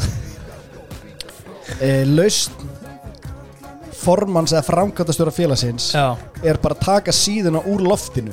Já, uh, það hefur ekki hefnast betur en svo að þessi síða var alltaf uppi. Það var bara einhvern veginn ekki hægt að fara þú veist, þú gast farið inn á okkur að linka já. en ekki, það var ekki á forsíðunni eitthvað Já, þetta var bara eitthvað svona mjög skrítinlaust þannig að það var klám bara hardcore klám á heimasíðu Já, það það hefur verið eitthvað hérna, eitthvað ennþá harðara. Já, og, og það er bara svo komist viðtal við framkvæmdastjórn þar sem hann er svona eitthvað að, að opinbera vankunnáttur sína og er bara við viljum ekki hafa þetta upp, við skilum við þetta bara, við reyndum að getur taka einhver við- tekið þetta niður? Já, já, það er nákvæmlega þannig. Mjög gott sko. Uh, svo sem ekki meir en það að segja, bara gott, Gott. sko Balti gerir líka mynd þetta ár. Já. Sest, ekki gerir líka mynd, bara þegar við vorum að tala um mynd áðan. Já, sem að hérna er djúpið, mannst eftir henni? Ég sko sá minnst á hana en veist, ég man ekki eftir henni. Nei, ok, ég fór á hann í bíó Ég veit ekki hversu stór var, mér minnir að það hafi verið gert leikir þarna áður okkar, þetta er byggt á það sögu er það sem ég man kannski eftir Já, já, þetta er byggt á sögunni honum Guðlaugi sem að hérna, syndir þarna land alveg og lappar svo yfir Þetta þetta, þetta er ekki leikrit, alveg rétt. Ég, jú, jú, þetta er bara bíómynd, já, einmitt. Já, mér minnir samt að það hafi verið leikir sem gerir sem bíómyndar Það getur vel að segja vill það. Hvernig ætlar að leika á sviði að synda? Þetta er, þetta er um sögu hans Þetta er eitthvað træð að byggt á því. Það getur vel verið að segja að fara með eitthvað, já, Allavega. Sko, gott ef sko að hérna, allir mann Bárusson fór ekki hann er bara að synda þarna í 90 myndir það var eitthvað sög að hann var að synda þarna bara inn í þetta er sérst balti að færa sig inn í þetta svona hérna uh, metnaðar fullu production myndir Heyrðu, og, og veist, þetta er myndin sem er tryggjörnum að drift Já. dæmi þar sem þú ert með fólk í vatni í langa tíma við þurfum bara reynslu mikið leikstjóra sem kann að díla við svona aðstæður að sjóri hérna ok, Baltasar Já, he's veist- worked at the sea. Já, þú veist og Everest og allt þetta Hans, Mm. hann, þetta er myndin sem að sannar að hann geti gert stórar svona, Já, hérna, svona- erfið production. Og svona hérna veist, historically accurate-ish. Já, en það er nefnilega það sem að hérna, mér langar að ræða af því að gæinn hann hafði að engan áhuga á- þessi mynd væri gerð. Ekki neitt. Og, og ágætis punktur sem hann kemur með þessu hann var bara, þú veist mér langar ekki að segja þessu, getið að beðið eftir að ég dre- drepst, Já. sko. hann bara orðaði nákvæmlega þannig bara, veist, ég nenni ekki að fá þessa mynd hérna meðan ég er ennþá lífi þetta er bíðið náttúrulega bara. sko, veist, þetta er svona svipað og hérna að þetta er náttúrulega bara harmleikur. Vinir hans deyja Og- og, og- og að því líka, þú veist, já, það farin eitthvað svona leið það sem þetta á að vera byggt á einhvern veginn og maður veit ekki alveg, þú veist, þú ert hugverkalögfræðingur þannig að mér, þetta, mér fannst þetta áhuga að vera bara svona að henda hérna fram sem svona koncept, því að hann, hann segir bara, þetta er ekki þetta er ekki mína þökk eða hvernig sem maður orðar það, þetta er ekki, hann, hann er ekki að fíla þetta Mm. Balti hringir í hann og hann segir, þú veist, hvernig finnst þér ef að vera gerð mynd um þig bara núna, Já. þú veist, bara það sem bara vera að fara yfir lífið þitt já. Æ, ég var ekkert alveg til í það. Einmitt, takk. Þú veist, það var bara orðið bara takk frá mér, Balti. já, já, bara þá veistu hvernig mér líður En hann gerir þetta samt og einhvern veginn þeir fara, fara að taka þann pólinn í hæðina að þessi mynd sé ekkit um hann. Já. Þetta sé einhvern veginn byggt á þessu en svona eitthvað fara með þetta í aðra átt og sem er náttúrulega bara algjört rugl. Þetta er náttúrulega bara step by step er þetta bara, hann lappar hann yfir 100%. hraunið og gott ef hann brýtur ekki þarna bara, að þú veist, ég hef kynnt mér þetta ég, ég fekk algjört æði fyrir þessari sögu sem krakki, sko veist, að því að hann alltaf bara kemur í land Já. lappar þarna yfir Berfættur. bara hraunið Já. og síðan segir hann sko að þegar hann kemur að einhverjum bæ þá er hann alltaf svo sturla þystur að, og, enga orku og það er bara frosin tunna einhvern veginn svona ís og hann bara þarf að bara muster every ounce of strength Já. I have. Og bara lemja þarna. Og þetta er held ég í mynd Þetta er sena, það Er það er ekki? baðkarið mann rétt Já, sem já. að er Já, og hann bara þess mætir veist, og, og e, e, mér minnir að meira segja, þú veist, hann er komin í land og eitthvað svona og það eru svona senur í lokin ég, veist, bara sorry alla þessar spoilera sem við erum að koma með þetta en þið hefðu tíu ár. Það er hérna að hann svona fyrir alls konar rannsóknir Test, og þú veist, það er allt partur af þessu hvort það eru meira þess að notaðar actual klippur já, eftir Af það, já, honum. einmitt. og það lætur mig halda að það hlýtur að hafa verið bara að dreigja upp veskið sko, veist, Já, og já. þetta hafi bara verið settlað ég, bara, ég fann ekki Ég greinina held- um það nei, veist, og ég held einhvern veginn veist, þetta er áhugavert sko Ég skal svara þér eftir kannski eitt og hálft ár Hvað mér finnst um Já. þú kemur heim frá LA Já. ég er til í það sko, það er hérna uh, sko ég veit ekki alveg svona að við klippum þetta út ef þetta er ekkert skemmtilegt en Já. ég bara man svo stert eftir því að það kemur hérna rönn Já. hjá Heiðari Helgu í League Er hann ekki íþróttamæður ársins?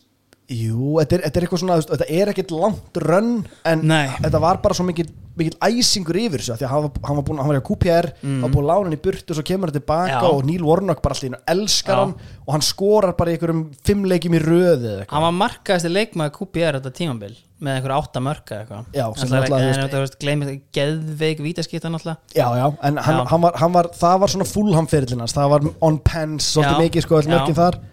Aron skrímur á er kjörin hérna. Eh, Sko er ekki, sko Heiðar Helgu er annarkvort 2011 eða Hann 2012 2011 er hann kjörin, það er rétt. Um, um, um hérna inn á áramótin okkar era Já, Já, emitt það er rétt. Þetta er hérna örlaðarík örlaðarík kostningu í þörfum ársins. Já, uh, Allavega bara þú veist, skemmtild að minnast á það að því að hann er legend og við höfum ekki ne- nefnt hann einu orði hérna, Nei, nei. síðan við vorum að tala um hann sem Heiðar heiðar. Sigur Jónsson. Já, það.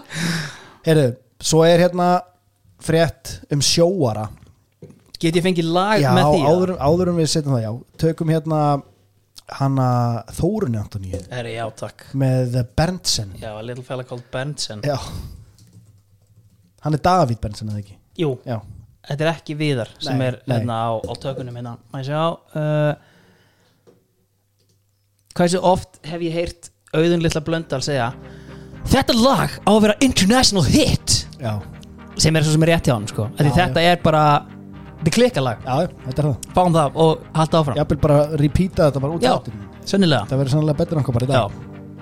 Sjóari sem að er bara hann, hann næri ekki upp í nefið á sér hann er svona neykslaður og hérna lætur gamming geisa hann í, í, er í viðtalið á- í Devaf og hann er svo brjálaður yfir því að það sé klám á á skipinu? á, nei, Nei. á, á hérna eh, skjánum sem það hétt þá sem er henni sjónvarp símans dæmið þannig Já. þú kaupir eitthvað fjölskyldupakka í því er bara klámstöð Alveg rétt, og já hann bara hérna og hún finnst svo gróft klám þarna og hann er bara Mm. svo sjokkeraður á þessu öllu saman Sko ég man samt, var þetta ekki brestklám með það?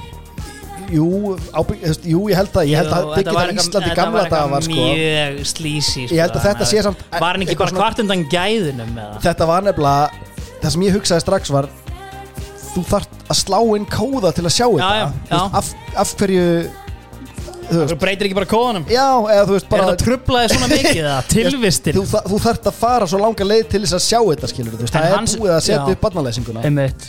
Sko, já nei, bara, bara þetta konsept það var alltaf klámstöð á heimapakkanum Já, sem já. var þarna. Já, þú varst búinn að horfa á 70 mínútur. Já, þá beint, beint í pornóið er allir farnir að sofa? Nei, nei. Já, hérna, blessunlega erum við lausir þetta í dag. Já, já, Já, heyrðu glæpa gengja vitlisa já, það var eitthvað í gangi þarna. Já Það- var ekki það- bara eitthvað changing of the guards eða? sko, changing of the guards er eiginlega sko veistu, jú, í rauninni en það, þe- þetta voru svo ótrúlega mörg nöfn. Maður var hættur að geta fylst með. Já, Veistu, það voru þarna Semper Fire náttúrulega já, hérna, Semper Fire og já, Jón Stóri. einmitt. svo voru Einar Búm Martinsson, já. sem að var, Kongur DFF sem að var sko, Einar já, hann, hann var að fronta MC Ísland Já. á já sem að varð svo Hells Angels á Já, Íslandi þeir já. náðu einhvern veginn samningum þarna um En að þeir fengu mega nota ekki en því hann fengu sko ekki gegn vörumerkja umsóknina sinna Hells Angels bara út frá hérna allsæri reglu já, já, já, ok þannig að hugverkastofa hefur verið svo eini sem stóð upp í hárinu í rauninni. the last the last god Last fort Já.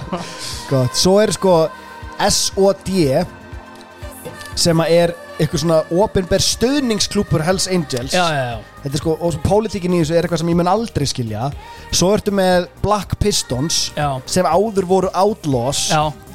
mjög erfitt að fylgjast með þarna líka Banditos Já, eru þarna á, á sínum stað líka veginn. En allt er þetta einhver mótorhjóla krú sem er einmitt. líka svo skrítið af því að menningin er engin Nei, mótorhjóla menningin á Íslandi er einhvern veginn ekki þannig. Þetta er ekki eins og í bandaríkjum þar sem þetta eru langar vegalengdir og þetta að gunna saman. Það ætla að rífa chopperinn fram til þess að skjóta kambana. mjótt. þetta, þetta er svo galið.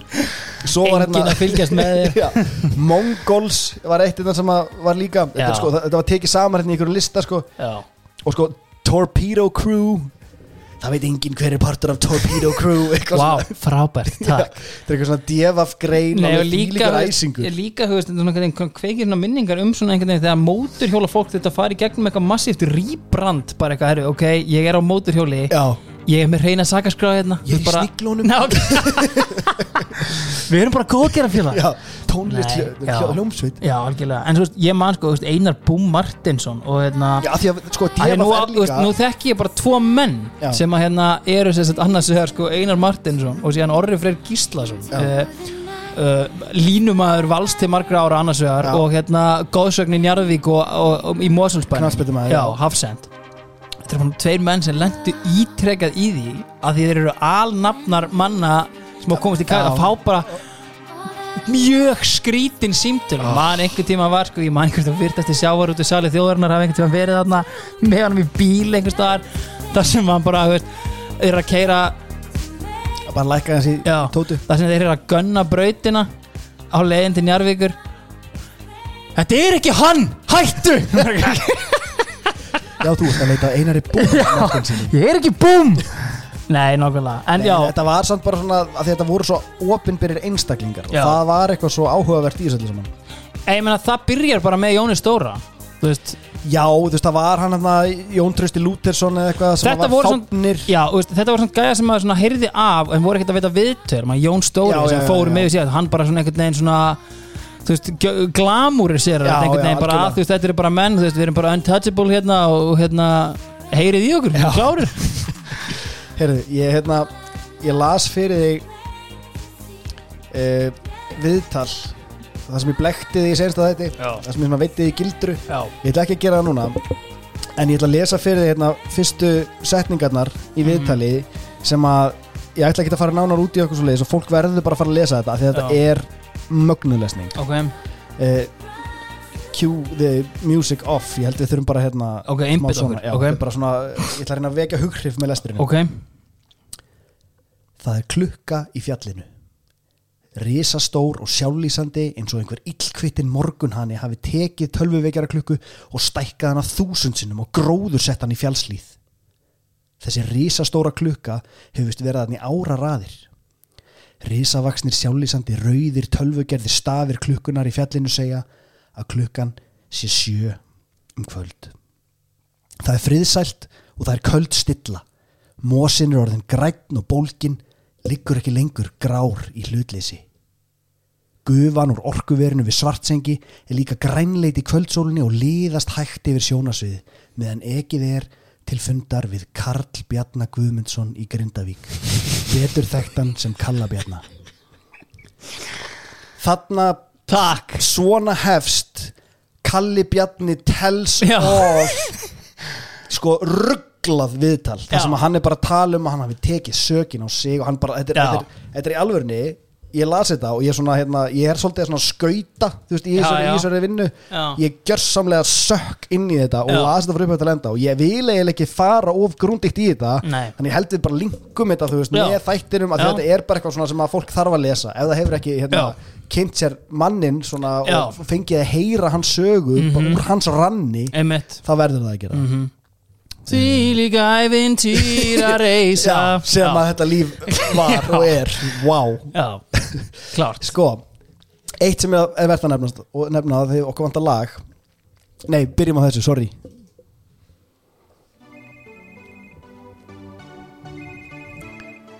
Það er eiginlega Já shame á okkur sko fyrir að hafa Ég eiginlega, sko, ég er er búin að. Já, þetta er eiginlega leiðrætingahotn Þetta kemur sko early 2011 já, Þetta lag er náttúrulega bara geðvikt Og ég ætla bara að taka kredit fyrir það að þetta er komið á Spotify. Þakkið mér, þú veist, það er bara þakkið mér fyrir góðan þátt Og þakkið mér Já. síðan fyrir bara einhvern veginn að þið getið hlusta á þú þetta hjekst á þeim. Ég, ég bara einhvern veginn ég bara fekk nóg á endanum og ég heyrði bara í frikka hérna endanlega bara og inn með þetta takk. Var enn og aftur var ég búin að liggja í frænda mínum Ásker Orra Ásker sinni uh, úr þrýeginu. Stop and Go sem hefur aldrei gert neitt fyrir mig. Búin að byggja hann um mörg stef aldrei gert neitt, búin að byggja hann um hitt og þetta. Snuðar þig útastátt Bara ge- gerir ekkert fyrir mig. Þannig nú bara heyrði ég bara fór bara beint í kúna og sagði bara Friðrik gefðu mér þetta, Ég held að hérna tvær vikur. Á það komið. Þú þarft að taka loga Petra á næst. Já, Við, Þetta er sama vegferð ég, ég, ég, sko, Við Þú getum ert svo mikil rifjað- aðlæta að þú, Já. þú ert bara sáttur með þessa plötu Ég veit það. En við þurfum, við þurfum gamla já, stelpur rétt Sko Það er Changing of the Guards ok, Og ég elska ekkert meira. það var moment þar sem að ég er á þjóðatíð 2012 ok, og Nei, ég er ekki 2012, ég er 2000, þetta er árið eftir, sorry. En allavega, það, þetta Já. gerist fyrst þetta ár Og svo kem ég þetta 2013 Og þá er Changing of the Guards búið og ég vissi ekki af því. Já, Þannig að ég er hérna á sunnudagskvöldi já. Og Ég að held ég veit ekki hvað þú var að tala um af Því að þetta var sko ót, ok, já, Já, alltaf ég, ég er að koma með þægilega fyrir Ég er Já. sestur Ég er búinn að fýra upp í hérna, Winston Lights Já. eða einhverju sko, þú veist, að ég- Það var að besta sem ég fekk á þessum tíma. Já, Og ég er með sko Ég er, með, ég er búinn að læna upp bjórunum við hlýðina með brekkunni Bara ég fyrst er ekki þennan og svo þennan og svo þennan Og ég ætla bara að vera hér. Já. Ég er helviti sáttur. Já, Og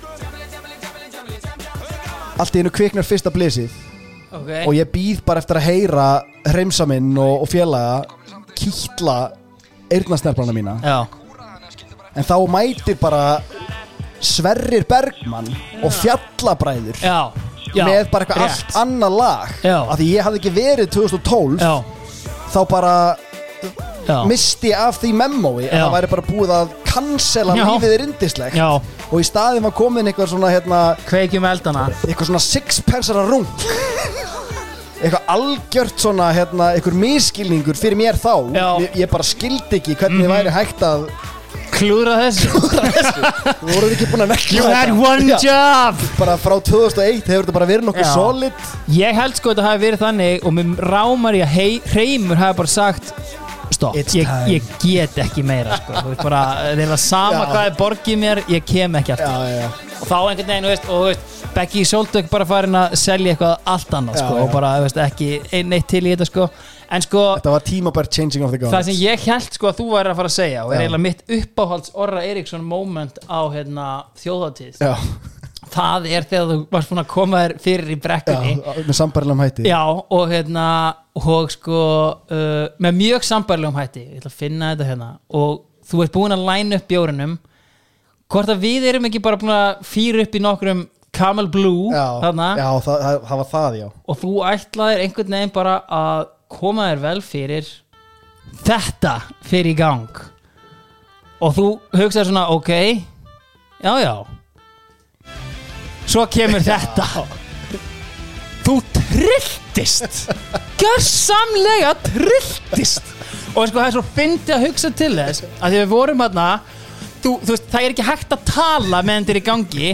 Ég sé þig bara banda út höndunum og sko hrópa eitthvað. Þú ert að færa sko góð rök fyrir þínu máli. Þú veist, það, er gaggríni á þjóðháttíða nefndarna og þú ert algjörlega þetta er, að þetta sé sko 2000 og ætli ekki bara sama ár, bara annar dagur já, já, það lá illa á mér sko. Það hefur legið illa á mér.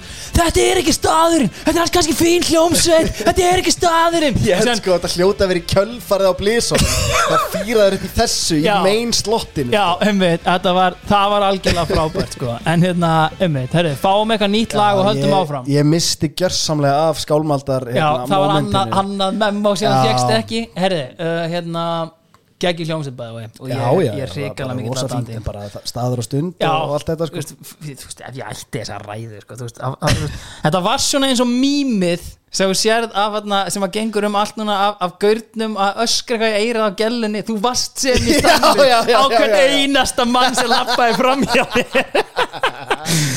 Hvað er þetta?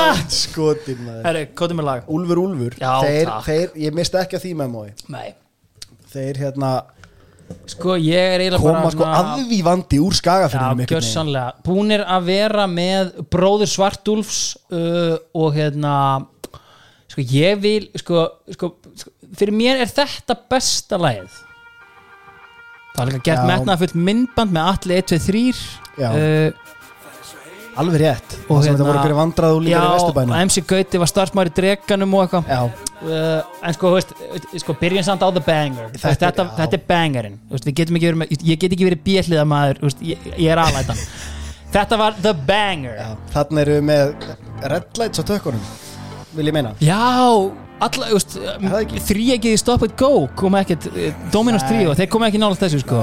Já, allir það ekki. En annars, þú veist, er ekki Helgi að gera þetta mest allt sjálfur eða? jú, en mér minnir að kannski að koma eitthvað remix með þeim bara þarna Gæti verið sko En þetta er geðveikur diskur ja, þetta var svona, þetta var eitthvað nýtt Changing of the goddamn guards já, þetta er svona að því að sko rapparar hinga til þarna eru rapparar Já. einhvern veginn, þarna Já. ertu komið með smá svona art Þú ert komið með einhvern Feeling, sko. karamba vinkil Já. á þetta já, sko og þarna ertu með eitthvað svona ég þetta er ruggla lag Og þú veit líka, veist, ef þú skoða til dæmis sko, veist, það er lag á þessum disk sem heitir Lupus Lupus Já. Ef þú sér myndbandi við þetta lag, það sem Arnar er þarna bara spittandi eins og hann gerir alltaf bara Já, en þú veist, hann er bara, þú veist, hann er eins og kliftur út af kaffibarnum Já. einhvern veginn, hann með þetta svona típuglerigu stuttærður bara, og þú veist, þetta er bara eitthvað, þú veist ok, er þetta nýja rapparinn? eða? Já. Þú veist, bara eitthvað svona, þú veist.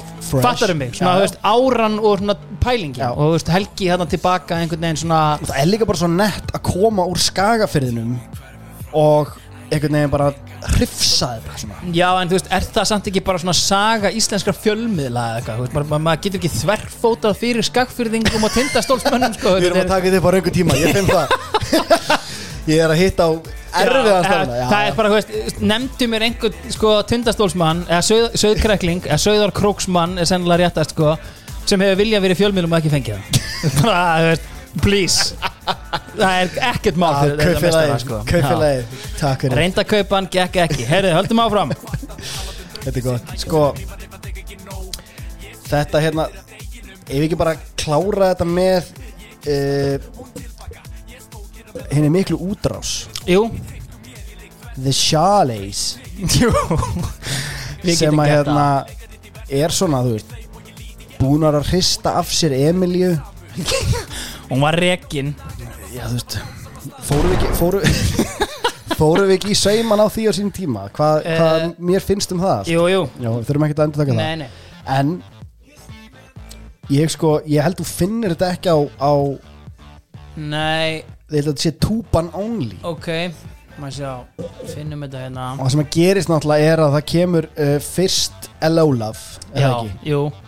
Sem að var svona Það stuðaði Íslandíkin Já, bara klálega sko. Og gerði það að verkum að við vorum svolítið með eirun lokuð þegar að follow-upin kom svo. Þú veist, Málið er bara eitthvað, þú veist Sko, Hello Love er svo sem engin snildar smíði. En fun fact með það. Já, það er ekki Stop It Go. Nei. Það er gæði sem að heitir Jukebox. Já, og samti líka I whip my hair back and forth I Alveg whip my rétt, hair. Þannig að já. þetta var svona nafntógaður Já, up and já, coming gæði sem það að var- hendi já. ykkur sko, og eina sem er að Love svona hægt er að gaggrína er breska væpið en það átti Já. ekki að selja þar þegar það voru búin að vera eitthvað að nælum voru heitar í Bretlandi á sín tíma Hýp með Þetta er bara fínt lag, veist, ef maður svona, ég veist, ef maður hættir öllum stælum, skiluru, setur bara á sig alætu glerugun, Já. þá er þetta bara flott. Þetta bara, Já, og þannig líka sko þannig verið að taka skref og þetta er stórt moment í þeirra sögu, þetta lag já, vegna þess að þarna eru þær algjörlega hrista af sér krút nælon dæmið og segja bara hérna við erum mig. Já, og, og þetta myndband er bara svona hérna, Það er hann að ljóna eitthvað svona, já, já, þetta, þetta, er, þetta er hérna uh, Bloodhound Gang vibes já, yfir þessu. sko, já. Do it like they do on the Discovery Channel stemning sko. en þú veist, þetta var samt allt eitthvað, þú veist, þær eru samt, veist, þetta er bara þannig í dag sem við lítum á þetta, sko, veist, á þessum tíma þá er þetta allt einhvern veginn svona veist, það er tekið viðtal við þær og það er svona já, er já, já, já, er þetta ekki bara er þetta ekki bara frábært, er þetta ekki bara geggjar er það ekki, Já, allir að gera grína um einhvern veginn og allir hlæjandi, en, þú veist bara það kemur frá rembingnum sem þetta var af því að þeir voru alltaf með tunguna úti eh, þetta var svona þá, þetta var svo þetta var svo hörð beigja fyrir Íslendinga Já. að fá þær yfir í eitthvað svona sex cells pakka sko. Og líka bara, það, þú veist, þær eru bara alltaf í þessari endalösu brekku sem er Já. það að það var gerður hérna fjagra þáttaseri á skjá einu með hvernig það voru formaðar af King Einari Bárða já, sem er löngu færin út úr þessu projekti Er samt, já, já, Já, já. hann er ekki Charles. Hann hefði ekki tekið það í mál. Eitthvað reynd að krabla eitthvað inn á ímyndaréttum á nafninu sem hann kom með? Já. En, ég, hugsaði bara, nælon en þetta er augljóslega að vera að reyna að selja þér sem breyta það finnst mér vera eitthvað steikt en það, þetta var potið eitthvað útpælt múf já, já. Einhver, einhver ráðgjafi sem að þarf að geta hattin sín Heyrðu, eru, eru við með meira eða? sko, ég ætlaði bara Þú varst með hérna- nokkra móla sem að mér langaði að heyra. Já, sko sko, mér langar bara að tala um hérna þessa plötu sem að Friðrik Dór gefur út. Vélrætt Já. sem að mér finnst sko sem í betri heldur en allt sem þú átt Nota Bene er ekkert grillað að sko eitt stærsti hittarinn hans Jóns Jónssonar heiti það sama og fyrsti diskurinn hans frikka eða Býtu hvað hérna? allt sem þú átt Geðu allt sem þú Já. átt En er það ekki lag með þeim saman? Nei Jú, Eh, þeir gefa út saman er það? En heitir hann ekki allt sem þú ert? Fyrsta Diskurinn? platan hans Ja, veist, ef hún heitir það þá er að fara að cut it út allt sem þú átt Já, sorry, já, já, sorry. takk Já, já. Allána, ég En sko, sko, og þessi plata var ekkert vinsæl. Nei, og þess vegna vil ég bara commemorate this moment. Já. Jói er að bera á borð hérna veist, þetta lag hérna Nei, er þetta er- bara algjör snild. Algjör bjellíð, Jói. Nei. Þú, þú þarft að gangast við þessu. Þetta er samt Friðrik fucking Dór sko, sko, Friðrik guðdómleg litli Dór. Guðdómleg er augljósa, kost, augljósi kosturinn Eða sko, I don't remember your name Eða eitthvað sem ég heyrði í útvarpinu. Guðdómleg var samt just, það var samt svo mikill rembingur hann er komið með einhvern Janus Rasmussen með sér Já, færisku geitina er það færi hann? eskur bjeliða meistari Blottgrupp kókurinn já ok, well Já, gefðu Sko. mér guðdómleg Svo við getum Nei, haldið á sko. Maður ársins Já, ok, Það er maður ársins. Þetta- kveikjum nýjan eld ok, reynda, lag, stopp, sko, sko, stoppaðu Já. þetta var reyndar, sko þetta var upp á mitt Já. Veist, það er bara maður ársins sem ég fatt að svona, að nóttin svört sem ég fatt að hann setna, sko Þetta er geggjalag ok, höfum þetta í gangi allan. Ég var með einhverja móla hérna. Uh, Sko, með Íslands sjónvastættirnir Já. Þeir fara hann í loftið. F Hvort það var Freyr Gía eða Freyr Bjarnason uh, Bakverður sem að sögðu einfallega Miðlungs Ísland. Já, þetta var Shake Altani Sko, miðlungs Ísland Já. er eiginlega ekki rétt. Af því að það er það eina sem þetta var ekki. Af því að sko, annarkort var þetta ógeðslega fyndnisketsar mm. eins og er þetta muna einhvern An Andresan Andarsketsin Já, geggjað fyndin, Já, já, ógeðslega góð hugmynd Já. hilarious Já, execution frábær framkvæmd og geggið hugmynd. Já, og, og það er einhverju fleiri sem ég bara mann ekki eftir allavega, Já. eða þá að þetta var allt of langir og Já. erfiðir og þetta var bara svona þetta var ótrúlega svona ökli og eira dæmi. Já, svona Birnir Snær Ingason uh, já, þetta er ungur leikmaður í Pepsi-dildinu það er það sem Hann er bara ekki nóg stabíl Hvernig er alltaf að gefa mig fimm leiki röð? Já, herði, ok Hérna, það var, veist Já, en veist, hann klálaði einhvern veginn bara feit pænsk ekki upp Já, líka að því að væntingarna voru háar. Veist, þeir, voru, þeir áttu Ísland einhvern veginn hérna, Það er í tekin upp mynd hérna á Íslandi Oblivion Já, með Tom Cruise. já, framtíðar trillir Já, ekki góð mynd uh, Nei, nei, hún er ekki góð. Stórmynd Það sem að ég er hins vegar sko aðtúðavert við þessa mynd, hún er tekin upp á Íslandi. Tom Cruise er hérna heil lengi Já. og, og hérna, það er stemming, hann verður 50 hérna, Ok, hvort að hérna, það er talað um að Beckham Jada Pinkett Smith, svona þessi stærstu nöfnum Já. á Hollywood á Já. þessum tíma er að fara að koma í heimsó ég man ekki hvort þau mættu í hann ég held að þau ekki mætt, það sem að gerist er það kemur bara ein manneski að heimsók og það er Katie Holmes. Já, og hún sko rýfur í gikki. Nei. Jú. Sörvar pappírana á Íslandi. Máli er bara það sem að úst, þegar skilnaður umræðan fyrir gang Já, þá er þetta alltaf tengt við þennan hitting þeirra á Íslandi og alla fréttir er einhver sko Nokia 3310 myndavéla mynd, síma mynd af þeim á a little fella formerly called Sushi Samba. Já, og fyrir okkur hugverkafólkið já. að því að það er bara ástæðan fyrir því að Sushi Samba heitir Sushi Social í dag Það fréttist Þessi staður hefði bara fengið að heita Sushi Samba í friði Já. að eilífu ef að Tom fucking Cruise og Katie Holmes hefði ekki lappað þarna inn Ef hann hefði ekki faxað papir Þetta er raskati á hann á fucking staðnum Új Það er ógeðslega að fyndin pæling einhvern veginn að þú ert bara veist, eigandi Sushi Samba í bandan What the fuck is this? En sko þetta er, þetta er sko Þetta er eiginlega svona Bara rífa niður einhverja heimsmynd hjá mér. Ég er bara í alvöru sjokki að, Já. að þetta hefði gerst þarna Þetta var þannig, gæinn er að Gæin er að fara að halda 50 sammali Hann er bara drullu sáttur. Já, og síðan var þetta sko, þú veist, meir- fréttinni voru svona, þú veist, ok, hann er að grátbiða hann um að koma aftur og eitthvað svona, þetta var svona algjör kjöta Annað dæmi sem var svona tröllreið Þetta er bara, þjóðinni sorry, þetta er bara höfði 86 Já. moment. 100% sko, þetta er, þetta er, þetta er allir líka sko. Já, já. Uh, Nóttin Kveikjum í MR Já, einmitt, Endur seldu þetta. Takk Herri, sko, annað dæmi sem tröllreið Íslandi var Pip púðar Mátt þetta því að það? Pip, bara súkulaðið Nei, P.I.P. Silikon púðar Já Það var hérna einhver styrluð umræða um bara konur með sílikon Það voru, því það að fronta þetta sem voru báðar með Já, já. púða. Það sem var náttúrulega frábært fyrir fjölmiðla og seldi öll blöðin var náttúrulega, þú veit alltaf með júllur á ég, það er það sem ég tók eftir. Ég var bara, veist, það Já. var bara það var vika eftir vika eftir vika jullum hinn ímsu brjóst. Og það var bara svona skildir brjósta. Skildi vera yðnaðarsalt hér eitthvað, Já, veist, eitthvað, skoðum nánar. En þessum. Af Þetta, það var basically pælingi, það var bara að fylla hann einhverja sílíkonpúða af einhverju bara eitthvað sem var bara hægt og rólega að drepa fólk sko. Og ég man sko, veist, þetta var það mikið í umræðinni að sko á þjóðháttíð hérna, eitthvað árið sko þá hérna, er einhver svona stemmingstjaldringur eitthvað og ég er þarna að spjalla við einhverja stelpu sem að var með sílikon og mín fyrsta spurning var bara er þetta yðnaðarsalt? Þurfum við að hafa áhugð? Já.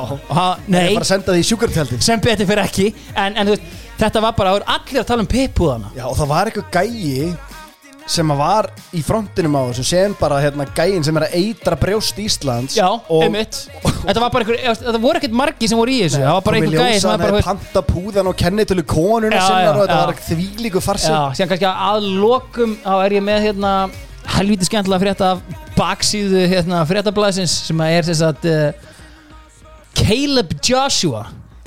Fólk heldur að ég sé útlendingur Hermann Ingi Trúbator heitir núna Caleb Joshua. Þessi frétt byrjar hérna. Þessi tvönöfn, Caleb og Joshua hafa verið mér huglag mjög lengi og það var í februar sem ég let verða af þessu og breytti nafninu í tengslum við mína lífskoðanir segir trúbadorinn og kappalistinn Caleb Joshua sem hétt áður Hermann Ingi Hermannsson. Sko, þú veist Fyrsta lígin er hérna þegar þeir segja flestir þekkjan undir nafninu Hermann Ingi. Að því það veit enginn hver þetta er.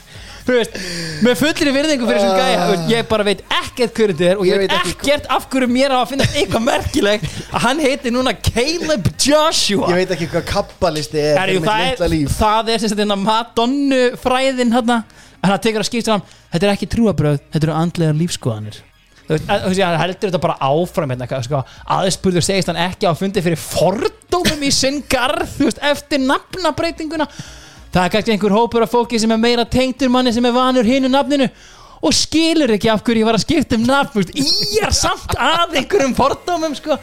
þetta allan að þú veist, Caleb Joshua, virðingu á nafnið takk. Líka sko þetta eru bara tvö nöfn sem hafa verið með mjög hugleikin eins og þetta er bara svona ég bara get Já. ekki náð þessum nöfnum úr þessum á mér ég verð bara að breyta Ah, yeah, Geðveikt. það er greinlega áhrif á eftirspurn þannig að það verður bara að koma út tilkynningu þetta er ég, Hermann Ingi herri, ok, ég var að fara í Eurovision eða? já en áður en við fyrir Eurovision Já. þá vil ég bara fá að heyra opnunarriffið í maður ársins af því að þú Já. snuðaði mig svo harkalega þetta er þetta sem er í gangi þarna undir þetta er svo mikil gýr Já. Þetta er geggja þetta lag, þetta var líka eitthvað sem að Vestló tók úr ústæði Var það ekki? Held það. Þannig getur þú basically búið til myndband með sko, alveg rétt, já, þetta var eitthvað þannig dót. Bara bílasta myndband sem ég nokkuð tíman séð í íslenskri framleiðslu sko. Förum við meir um það síðar.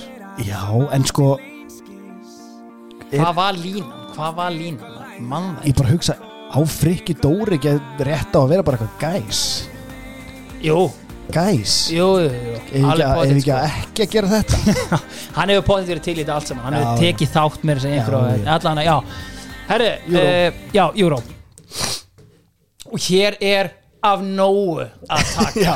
Því miður það er, það er Já, já, við erum kannski komin svolítið langt inn í þetta En því miður, því miður. Nú tökum við okkar tíma sko. Já, Það sem að við byrjum á að gera. Sko, höldum okkur bara við samt Nei, ok, já, já, ég, ég Við, bara við, leið við tökum Já. bara Við tökum Við bara eigum, til já, algjörlega. Sorry, Halldór Kristinn, við bara höldum áfram. Það hérna, já, já, menn spóla Menn spóla, það er bara í góðu leið Sko, ég ætla samt að Eða hækka, bara höfum það á hreinu Ég ætla að taka okkur núna. Vi, Við erum með formatið okkar alveg upp á tíu ok, Þetta eru hérna þrýr undanriðlar já. uh, 555 og siktað úr svona 150 til 200 innsendingum Já, og uh, það sem að við gerum öðruvísi þetta árið ok. að ég held í fyrsta skipti Já, dómnefnd. Ok. 50% dómnefnd Alveg fagleg Já, á móti því sem að hérna, þjóðum kýs. Uh, fimm riðlar og við ætlum bara að skauta veist, við, við fáum þéttan sjöliða úslitariðil það er bara eitt lag sem kemst ekki upp úr sem eh, er þessi virðið að spila. Og það er að sjálfsögðu Herbert Guðmundsson. Komst þetta ekki áfram? Nei, var í að, að einhverju leiti Þetta er banger, er þetta ekki stop and go eða? Jú. Uh, Remixuð er þetta ekki bara. Ah, Ég held jú, að hann jú, jú, og jú. sonur að segja þetta og svo heldur þeir í club version sem að fekk að heyrast á Oliver. Ást Já, og ég er eiginlega sannfærður um að hann hafi á einhverjum tímapunkti í þessu lægi Já. skipt S-inu fullkomlega út fyrir F í átt. Aft. Já, ég er eiginlega nokkuð viss um það. Hann hefur bara sónað út. Uh, Þetta er bara leiðfjafni en hérna, en Heppi er þarna, við munum í senasta þætti. Time, hann er, að, hann er að ná vopnum sínum. Heldur betur Já en, en þjóðin, Nýbúin alltaf þjóðin að tapa þarna þaksmálinu já, já, og sko þjóðin búin að afskrifa hann Já, en þú veist, come on guys Þetta er sko shockingly low tala á Spotify Ég ætla að fara að spila þetta oftar Já, Bara heima já, hjá mér. já, já. Þetta, er, þetta er svo mikið Fyrir krakkana og svona Já. og sko píanóð undir þessu þetta er svolítið svona inspirational svona liftu tónlistar element í þessu sem gerir það að verkum að þú getur hlusta á þetta í vinnunni Já. og þú ert ekki að taka eftir tónlistin sem er í gangi Já, já. en svona um svona kannski 20% liftist geðið þitt upp. Já, já, já. og þú, þú bara svona hvað gerðist? Já. Happy. Heyrðu, Happy happened. Já, það sem að hérna er merkilegt að ge- í gangi hérna það, það eru nokkri lagahöfundar sem að ná inn hérna fleiri en einu lagi. Getum við bara fengið á hreint strax? Já. Er uh, stórskáldið og skerjafyrðinum Kristján Hreinsson með lag hérna? Hann er með lag. Ok, takk.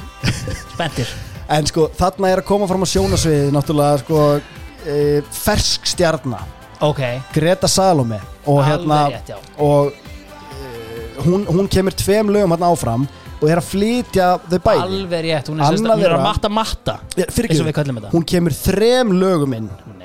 Já hún er laga höfundur e, sorry, ekki? sorry, ég er að ljúga þér hérna. Hún kemur tveim lögum inn. Af sem þremur? lagahöfundur er að performa í báðum Já, í öðru þeirra með Jónsa í hinu með Heiðu og Guðrunárni þannig Já. að þú bara kannski byrjar á því þetta er bara solid og þetta í rauninni er lægið sem kemst áfram á kostnað hebba. Ok. Og þetta er bara svona solid ballaða og er búin að fá þarna Heiðu í Idol og Guðrun Árni með sér sem er alveg svona ballöðu queens já, sko. þú veist þú, þú myndir aldrei blikka tvisar ef þetta væri á stóra sviðinu. Sko, ég er að tala um típun á læginu sko. Já, já. Þetta er júrólag og, og það er það sem að Greta Salome kom inn með að borðinu frá fyrsta degi. Þetta er fyrsta Þekkti- skipti sem hún tekur þá Þekkti, þekkti kefnina Hún veit hvað hún er að setja hérna inn. Einmitt. Heiða, nei, hérna Greta Knows Já, Hashtag. Greta Knows Það var kannski hashtag þáttanins Greta Salami getur líka verið hashtagið eins og hérna Tómas Steindarsson kallar hana, var það ekki það? Jú. Tvítað hann við Já. ekki. Eitt finnast á tvít sögunar Heyrðu. En þú veist, þetta, er- þetta er lag sem er rís og það er allt í lagi með þetta. Það er næsta lag. Já uh, Þarna er líka Regina Ósk með hjarta brennur Herri, já, já, þetta er geggjalag Hún er að koma úr svolítið annari átt heldur en hún, er, þú veist, hún var seinast með eitthvað þjóðlegt og stemningsdæmi eitthvað. Þarna fer hún bara í svíjan sko. Þetta er bara eitthvað svona hérna, Já. happy pop Já, dæmi. Og hún alltaf veit nákvæmlega hvert hún á að segja textan Stórskálsins Að sjálfsög Ég heyri það bara. Já, já, það er, það er ákveðna áherslur sem Það er svo, alltaf. ég veit bara svona, þú veist, gæinn bara tekur lög bara stimplar á það Já. bara, þetta er ég, Já. takk. Frá skerja fyrir því With, love, Anskotin Herri, ok Já, sko, nú erum við hérna Nú finn ég bara hvernig eftirvæntingin Já, já, ég er að trillast heima í stofu, Já. hún er störlu Það eru þarna þrjú lög. Já sem að bera höfuð og herðar yfir önnur. Sko, Ég ætla bara að stoppa þig. Já, Ég ætla bara að koma með sprengir Það eru tvö lög sem bera höfuð og herðar yfir allt hérna. En ok, halda áfram, halda áfram. Sko Ok. Það er The biggest travesty in Já. söngvakeppnin history. Já, já. Að því að sko, við erum með uh, í þriðja sæti. Besta lag allra tíma. Sennilega Og sko, ég hef alltaf verið svona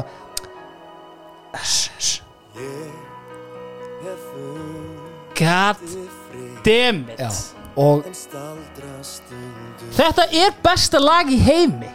Það er ekki oft sem að pláneturnar Nei, lænast einhvern veginn já, upp. já. En þetta ár gerðist það yfir húsi læknisins Sveins Rúnar Sigurssonar Já, þegar hann satt við píanóið sitt og var eitthvað svona guttla plata 2, strengir. Bara, Sársöki mig grefur í snjó. Og sko eftir eftir Eurovision umræðu Já, seinasta þáttar já, þar sem að ég var einhvern veginn svolítið á línunni með að hvernig ég ætti að dækla sjonna dæmið allt saman. Já. og við kliftum aðeins út úr því að því ég bara hérna ég var bara já. þetta tímanbili og já. bara allt í lagi að segja það. Varst ekkert vandræðalegur, þú varst bara shameless. Já, ég bara hljópa á mig og eitthvað já, segjum það bara, ég bara, hérna, já. Það kemur ekki reel með þeim þætti. En ég einhvern veginn eftir að fara úr því og heyra svo þetta lag texti samin af Þórin Ernu Klásen já gefur mér svona gæsahúðar fíling Já, já. þegar ég svona set það samhengi á þetta lag Já. og ég veit ekkert hvort hún samdi það í Já, því tilfinninga ástandi heyrðu. en ef ég gefði því kontekst í hausnum á mér Úf, er, ég er að fá, er, stopp, ég er að fá gæsa húð akkurat núna þegar Já, þú segir þetta já. Shit, og þetta er bara svona hérna, þetta er rugglað moment þetta er bara, þú veist, lagið varð enn betra Já. Því miður önnur lög og það sem að, það sem að Magni náttúrulega gera þarna í samráði við væntanlega læknin Já. og einhvern sko Doctor's orders það er bara, Magni það er bara eitt sem kemur til grein á sviðinu og það er gítarsýning já, já, já. það er sko gítar síning sem við setjum á svið hérna Já. af því að úrslita þátturinn er í hörpu. Já, við erum í Eldborg. Já. og ég ætla ekki að vera með tvo gítara ég ætla ekki að vera með þrjá gítara ég held að þetta sé fjögra gítara lagmagni. Þetta er svona eins og sko átjón grillna jakkin Já. Þetta er fjögra gítara lag. Þetta sko Valentine Lost. Já, þau, þau sko Já, they eat your heart walked out. they walked so Magni could run af því að þetta þarna er gítarsýningin á heimavelli og Já. á, á svo allan rétt á sér. Já, og það eru stígvél sem Magni er í sem að einhvern veginn leggja alla áherslu á hann og þegar hann stígur fram Já. og nær einhvern veginn Já, svona já. að negla hlutina veist, bara- það bara svona, það, það, það nötrar allt. Þetta er bara besta lag í heimi sko. þetta er ógeðslega gott. Þetta er þriðja sæti. Já, og Uh, hugsaðir, þriðja sæti og þetta, svona, þetta kemst ekki einu svona í einvíis pælinguna. Nei. Þetta var bara einhvern veginn og ég held að það sem að það sem að gera það að verkum að þetta, þetta svona fór einhvern veginn á milli þetta svona fjallmilli skips og bryggju á einhver leiti er að við erum ekki hægt. Nei, við erum alltaf að fókusa á einhverja vittlösa hluti hérna. Já. og þetta er alltaf einhver barátt á milli einhverja pjúrista Já. og hérna unga fólksins Já. alætnana og eitthvað svona. Við, erum bara, við festumst alltaf í einhverju. Ég veit það, við erum, við erum ekki hægt. Nei, Tjekka við- vel það, takk. Já, allavega, Já. í öðru sæti bara til að spoila því strax. Strákarnir. Enter, Já Sá blái. Sætu strákarnir. Já. Og enn og aftur For the third year running Er sko Kóngurinn mættur Með vinsalasta lag ásins Býtu hérna kemur hann inn. Let's go! Kristmundur Axel Já. Þetta lag. Þetta lag sko. Þrjú ári röð. Já. Banger, banger, banger. Og sko það sem hann er að gera þarna hann er í forsíðu viðtölum Já. að segja söguna sína líka. Emmett og ef að það að vera með Byrjum þetta party. Þrjá bengera Já, back to back to back to back. Já. Eh, back to back to back. Bak, bak, bak, já. Er ekki nóg? Nei. Þá á hann einhverja hræðilegustu sögu Já, já. af öllum sko, Já, já. bara pappans og bróður hans og bróður hans Já, já. og allir í kringum hann eru bara í tómu tjóni. Já. Erum svolítið saman. Já, eh, sorry, við klippum þetta bara. Skoðum þetta, já. Já, já. Þannig að sko þú slóftum út að læra Þetta var bara ekki læg Nei, ég, ég, ég hljópa á mig, ég var, ég var á ofgýrað Já, ok, Við klippum þetta og við höldum hér áfram. Allavega, það sem, að, það sem er náttúrulega bara magnað er að hann eigi þessa sögu og er orðin þarna eitthvað óskabarn þjóðarinnar. Já. Emmett Og hverju voru eftir fleiri þetta? Það voru sko, voru þetta ekki voru Frans Plóter. Já, double plóter.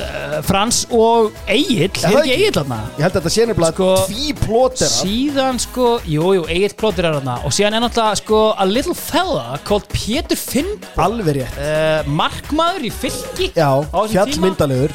Uh, Eiginlega, sko, hann býr til úr þessum hópi þar sem að hann kom með að borðinu fyrst og fremst drullu Emmett en hans fegurð fegraði hópin og gerði á alla sigur sæta hann svona smurði því einhvern veginn yfir hópin einhver þetta er sko ekki ófríðir menn skilur mig. Nei, nei, nei, en þeir urðu svona bara stjúðlega þetta sæti Já, strákar en sko máli er líka bara að Pétur er hérna, þú veist, hann er músikant sko. Ég hef mætt í partí Já.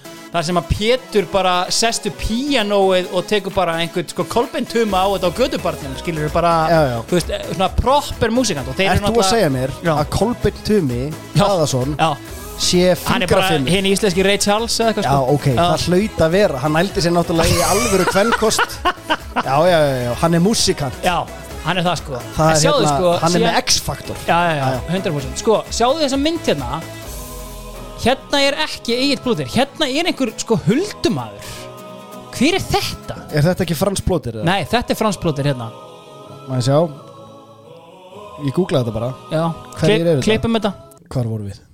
er, Já, bara, Við já. vorum að finna hann já, sem er ekki Egil Blóðir Nei. Frans bannaði hann að vera með Já. Eldri bróður hans Er Frans hérna- eldri? Ég held það já Já, ok Frans er líka músikant Hann og Pétur tóku hérna veist, hafa tekið einhverja svona þú veist, þetta eru svona ásáttíðar spilarar. Já, og með þeim, er, með þeim er eitt virtasti starfsmæður Arjón Banka, Hörður Bjarkason. Já, stuðlabandið. Uh, í stuðlabandið, já, Já, já, Er, og, og þeir voru hérna þeir voru í MS og voru í söngkeppni framhaldsskóluna með einhver svona barbershop hérna Mást ekki hérna eitthvað I'm looking Já, for já, good já, vibrations Svona eitthvað a cappella dæmi sko. Það er um þetta leiti, örgulega bóttið upp úr því stopnast Það er bara klálega um þetta leiti. Úst, að að, hérna, Sækja Kristín litla þeir, Axel. þeir, Vá. þeir mættu á hérna mættu á okkar dæmi í lagadildinni sem er sko 2011 þannig að það er þeir byrjar að leggja línunar en sko við verðum líka að minnast á uh, kongin sem býr þetta projekt til Já, það er er- já. þetta er sko samið af Ingo viðugguð með einhverjum Axel Já. eitthvað Arnarsson. já, Eitthvað? Axel Ish er þetta gæðin sem gerir lægans eða? Nei, þetta er ekki hérna Óskar Páll Nei, já, já, Óskar Páll Nei, nei, já, einmitt, Ingo Viðguð og a fella called Axel Já. Little or Big En já, allavega, þú veist, geðvett lag og a huge banger En ef við förum þá bara í skiluru Sigur Veran Já, þú veist og sko það, það, á sama tíma og við elskum Hugaró og það Já. er það besta sem hefur gerst Já, þá verðum við samt að recognæsa hvað það er sem er í gangi hérna Já, já. sem að sko blekkir þjóðina einhver leiti og svona trublar hana. Já, þessi fimmundar röddun sem að þeir eru að púla þarna. Já, já Ísland höndlar ekkert svona dót Við, það titrar eitthvað inn í okkur sem er bara Hvað eitthvað ert að koma með á borðið? Ég veit ekki hvað þetta er, en ég ætla að borða það Já, þetta er bara eitthvað svona rýmna, þetta er eitthvað inn í okkur Já. þetta er bara, þetta er bara ræturnar okkar byrja bara að nötra Já. bara, já, já, meira, meira og það að þetta sé Jónsi Já, með henni Sko, Einhvern í fyrsta veginn að skipti- hálfpartinn rýbranda sig einhvern Já, veginn í fyrsta skipti í Já. sögunni Já. er ekki einn bís í gangi Já. þarna Það er bara, hérna, hann er fullkomlega hulinn okkur Já. og, er bara Fullklættur komstu inn já, svífur þarna inn á lóriðalvækjum og er bara svona, hann er orðin stór hann er Já. orðin fullorðin og við, við erum bara tilbúin Changing of í the það goddamn guard. Jón Jósef er Já. að mæta hérna Ekki Jónsi í svörtum hönskum Já.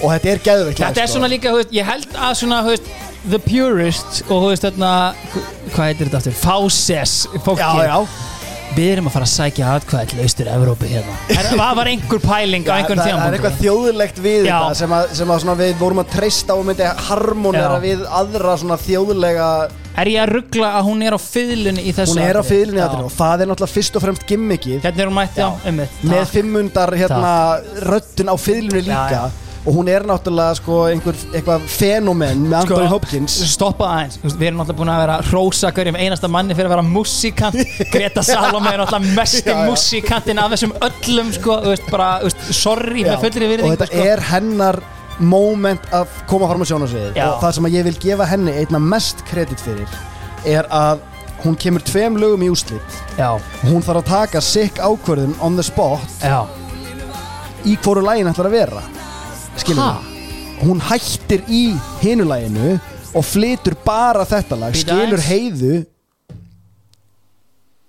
Já. rak hún sjálf rak sig úr heiðu og guðrunarárun í læginu Ok.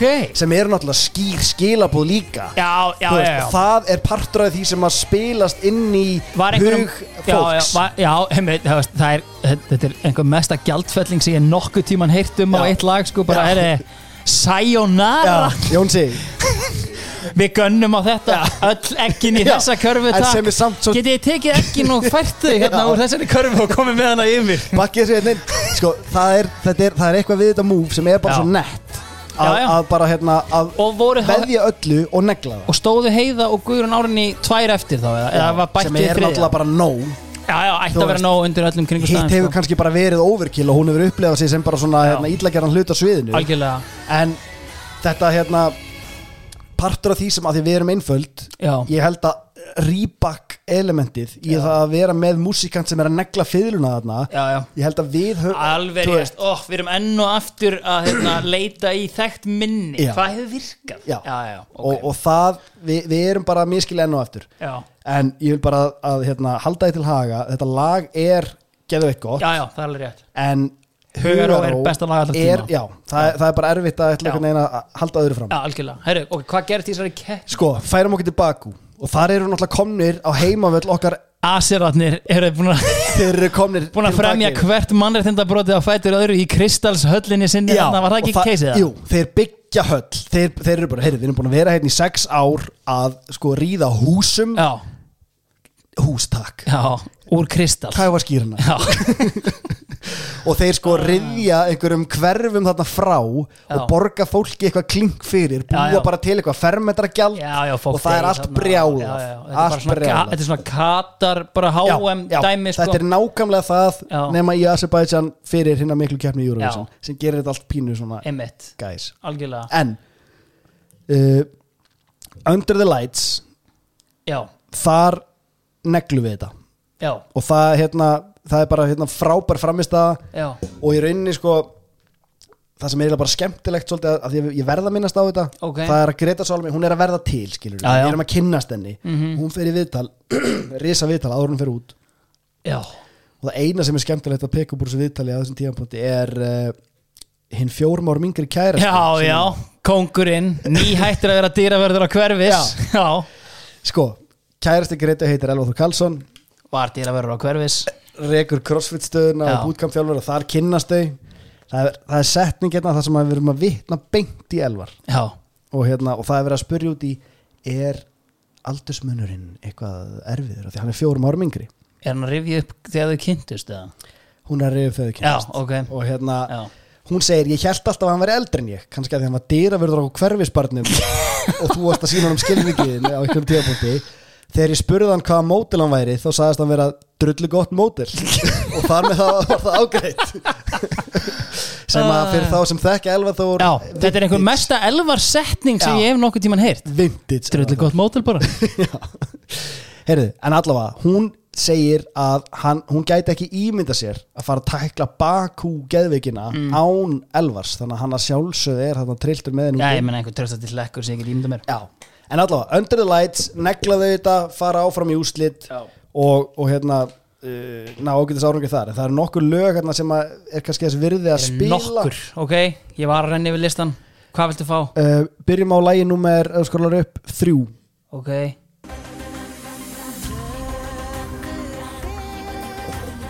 Þú ert að missa mig sko. Nei, þetta er, þetta er aðalega bara íkonika því þetta eru rústnesku ömmurnar Já. sem að allir muna eftir þegar maður segir þetta eru rústnesku Alveg ömmurnar. rétt, þá er þetta já. svona um byrjum viðbröðin Já, sem já, maður fær. Já, einmitt. lægið er ekkit sérstætt en Nei. þetta var, þetta var atriði getur við sagt. Algjörlega, Eh, they made a scene Herru, já. ok, já.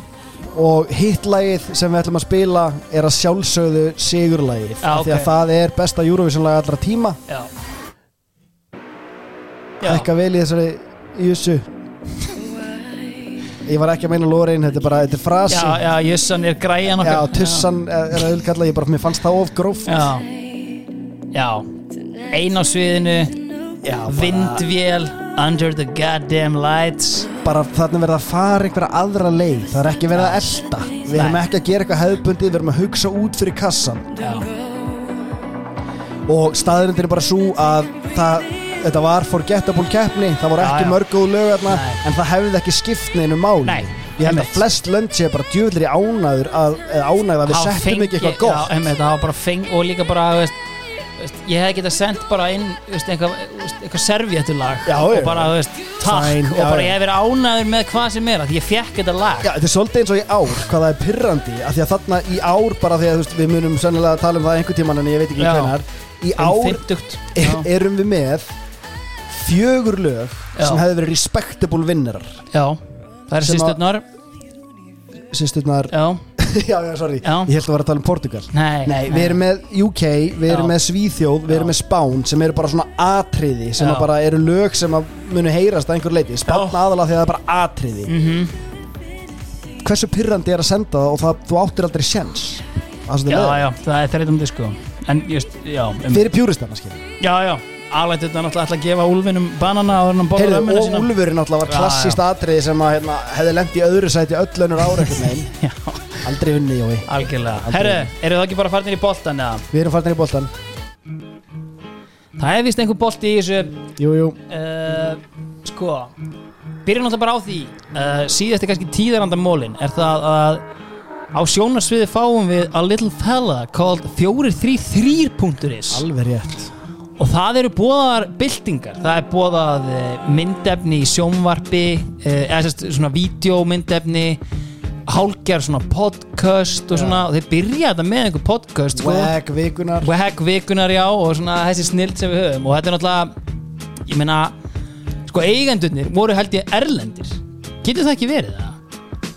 En sko en Va- Jú, það var alltaf einhver það var einhver erlendur peningur inn í þessu. En sko en síðan er sko er ekki Sörens er hann ekki einhver frontur þarna? Og Ágúst Já. Ágústsson. Já, og síðan er þetta náttúrulega veist, það sem er kannski helst í þessu og bara á transfermarkanum er að þeir kaupa uh, Alexander Freyr Einarsson og Hörst Nævar svona kannski eina flaggskipum fótballta.net á þessum tíma. Já, og það var Ég man ekki hvort, hversu mikið við fjallað um það. Það var einhver svona hérna, eitthvað rifrildi yfir því að þeir hefði verið byrjar að byggja upp þennan VF Mm. ennþá vinnandi hjá bolta.net með Já. aðgang á öllum kerfum og gáttu séð allt hvernig allt fungeraði og okkur Já, það var einhver Ég veit ekki hversu mikið hérna, það ætti að gagnast gagnast Nei. þér hérna hinum megin en ég maður að mana Er að þetta það ekki var bara eitthvað svona basic kergja. vefsíða eða? Ég myndi halda það Hringið með einhvern grahöð sem getur kannski skoða þetta fyrir en, okkur en mér, mér finnst þetta allavega hérna, já, ég, ég sé það ekki núna En þetta var svona, það var einhver kergja en Það var svona skemmtilegu emitt, samkeppni og þú veist, þetta, mikið talað um náttúrulega hérna, þetta varstu komið með bara bladamenn á laun líka Já. ekki á einhverju söpbi með það Já. það var annar vinkill sem maður heyrði mikið sko. Og þú veist, emitt fara að gera eitthvað content sem þú bara hlustar á á netinu og það var þarna hvort hann héti reytaboltin þess að voru að fara Já. yfir íslenska boltan og svona fín stemming í þessu, gott að fá þetta inn Ríkalega gott allavega uh, það sem við getum kannski byrjað á er að Geir Ólafs við munum eftir honum úr síðasta þætti uh, ég man ekki hvort við spiluðum það en hann var allavega aðeins bjart sínari í ár heldur en í fyrra Það er komið mest á óvart núna, ég held að markameti verði sleið hann var náttúrulega á því í fyrra að markametið yrði ekki slegið, Já. það var það sem hann sagði en núna er hann handviss um að markametið verður slegið. Því það var, stál minni sem gæðinu með þess að sko. Núna er það komið, það er komið að því núna. Það liggur eitthvað í loftinu. Spoiler alert, það gerðist ekki. Herði, höldum áfram, það er haugur að leikmunum samningslausir, það er nánast öll liðin einhvern veginn að reyna að rík halda í feita bita nema Valur. En Valur er með alla á samning einhvern veginn en ókostinu við það er að Valur þarf að fara í financial rebuild þannig að þeir hefðu kannski helst viljað hafa alla samningslausa á þessum tíma. Allavega hana, einn allast heitasti bitin Kristi Steindorsson, bæði Káar og F og reyna hann er þögul sem gröfin no shocker líka, hann fer í atvinnum sko. hann fer til Halmstad uh, þannig enn veikist sóknarleikur blikana. Uh, Prófessorinn fekk áfram tröstið eftir einhverja hörmulegustu titilvörn bara nokkus liðs uh, og sko, viðtal við hérna, uh, Einar Kristján Jónsson formann knæsmyndildar Ólafur hættir ekki að vera besti þjálfur á Íslandi þó svo hafi gengið ítla í sumar. Þetta er stuðnins yfirlýsing Takk, það. jafnvel vilja yfirlýsing.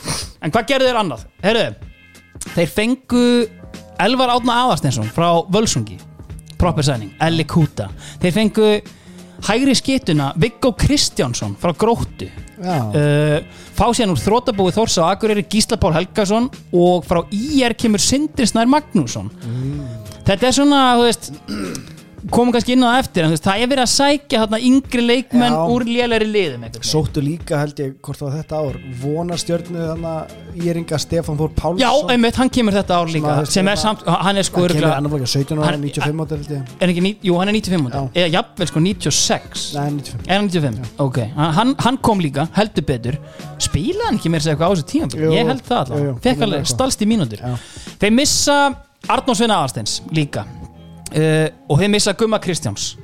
Og það er erfið ákvörðin tekin Og ákvörð endur sem ég ekki við Kára Ársals Þannig að þú veist, þú ert einhvern veginn að missa fyrirlegaðinn, út að missa tvo af bestu leikmönunum sem ég sko hérna þrjá í Arnóri og frá 2010 er prófessor núna búin að missa Arnór Svein, Kára Ársæls, Elvar Frey, Alfred Finnbúa, Gumma Kristjáns og Kitta Steindórs úr bara Þetta er bara svona, þetta er líka hryggsúla bara. Þetta er allt án bara þess að hafa beng, fengið annað en servjettur einhvern veginn í staðinn sko. að hann er einhvern veginn þú veist, þarna, og, og það er svona, þú veist, takturinn er aðeins farin úr uh, iPad-jökli þú veist, hann er ekki kannski svona sama fenómenon með Anthony Já. Hopkins á þessu tímabili þú veist, eða- þessum tíma eins og hann var þannig 2010 en það er liðinu bara spáð áttunda sæti fyrir mót. Þeir fá hérna tvo útlendinga uh, fyrir mót, það eru René Trost hollenskur hafsend Já, og maður sem heitir Petar Rankovits. Og ég veit ekki hvað prófessorinn var að sýsla hér því þetta er einhver maður með ekkert rekord 33 ára. Hann er búin að reyna að fá hann ítrekkað sagðan og hinga kemur hann. Hann vissi eitthvað. Já, en í rauninni vissi hann ekki neitt þessi gæði gerði ekkert.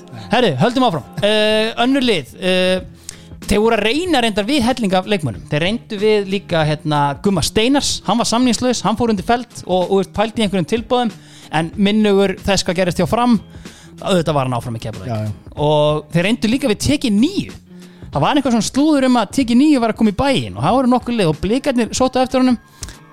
Nokkur ári viðbútt hann fór í, hann kom í bæinn í meðferð það var opinberlega eitthvað svona var eitthvað fréttir um það? Er ég að spoila? Já, það algjörlega að spoila Herri, höldum áfram. Er með þetta? Já, herri uh, uh, eins og ég segi, annars sjóðandi biti uh, uh, uh, er Albert Brynjar Ingason. Samningslaus, hafi gert einhver nýju mörg tímabili áður í hérna, fylgisævintýri og hérna hann er áfram í fylki Nei, fyrirgeðu, hann er ekkert áfram í fylki Það voru þrýr möguleikar í búið Það var að vera áfram í fylki Ég er búin að spoila því, hann var ekki þar. Valur ringja aftur. Já, En síðan er það eins og er FH Heimir Guðjóns ringir og þetta er einfalt val. Albert Brynjar fer í FH Ok. Annað sem FH gerir Það er svona hákið þema hjá Heimir Guðjóns. Það er að skiptum aðstofþjálfara og hann gerir það hér. Hann er búin að vera með Jörund Áka og fær hérna inn laugabald leðurgöldin Já. laugabald eins og ég kalla hann, kemur í staðinn. Og þetta er eitthvað sem Heimir hefur gert ítrekkað í gegnum Já. sinn ferilin einhvern veginn að endumöntun já, basically sko, hvað get ég lært núna? Já, Uh, þeir fá Albert, þeir sækja sömulegis Guðjón Átna frá Keflavík og á aðvendunni dettur svo inn Guðmann Þóris. Og þarna er svona enn eitt höggi fyrir blikana. Já. Guðmann velur FH fram með blikana. Sennilega sá fyrsti og alls ekki sá síðasti. Uh, Farewell to a couple of goddamn legends Tannlæknirinn og Gummi Sævars. Þeir fari fram og hauka. Og þú veist gamla bandið er einhvern veginn slíta á einhvern óþægilegan streng. Líka Sverrir Garðas hættir hjá FH þetta er búin að vera algjör sorgarsaga hans ferill, hafði ekkert leikið með liðinu árið eftir að hann hafði snúið tilbaka hann úr handbolta Já. og hafði átt í einhverjum launadeilum við FH, þetta var svona veist, frekar ljótt, þeir missa líka Matta Villa, þannig að veist þetta er svona, hvað er í gangi? Gamla bandið er basically að leysast upp. Já, Framarar, þeir voru auðvitað saga síðasta sumas og tjallarnir þeir eru í viðtölum bara nánast á hverjum einasta degi að ræða þessi afreg sín og ég fann geggjuð ummæli frá hérna Sam Tillen. Hann talaði um sko að þeir væri ekki bara góðir í fótbolta heldur væru hérna þeir líka svo geggjaði gæjar. Þetta, ekki þeir, ekki hann Já, inn í því heldur, heldur skilur Hugson, Loving og, og hérna Já, Lennon sem voru, allir, já, sem voru allir áfram.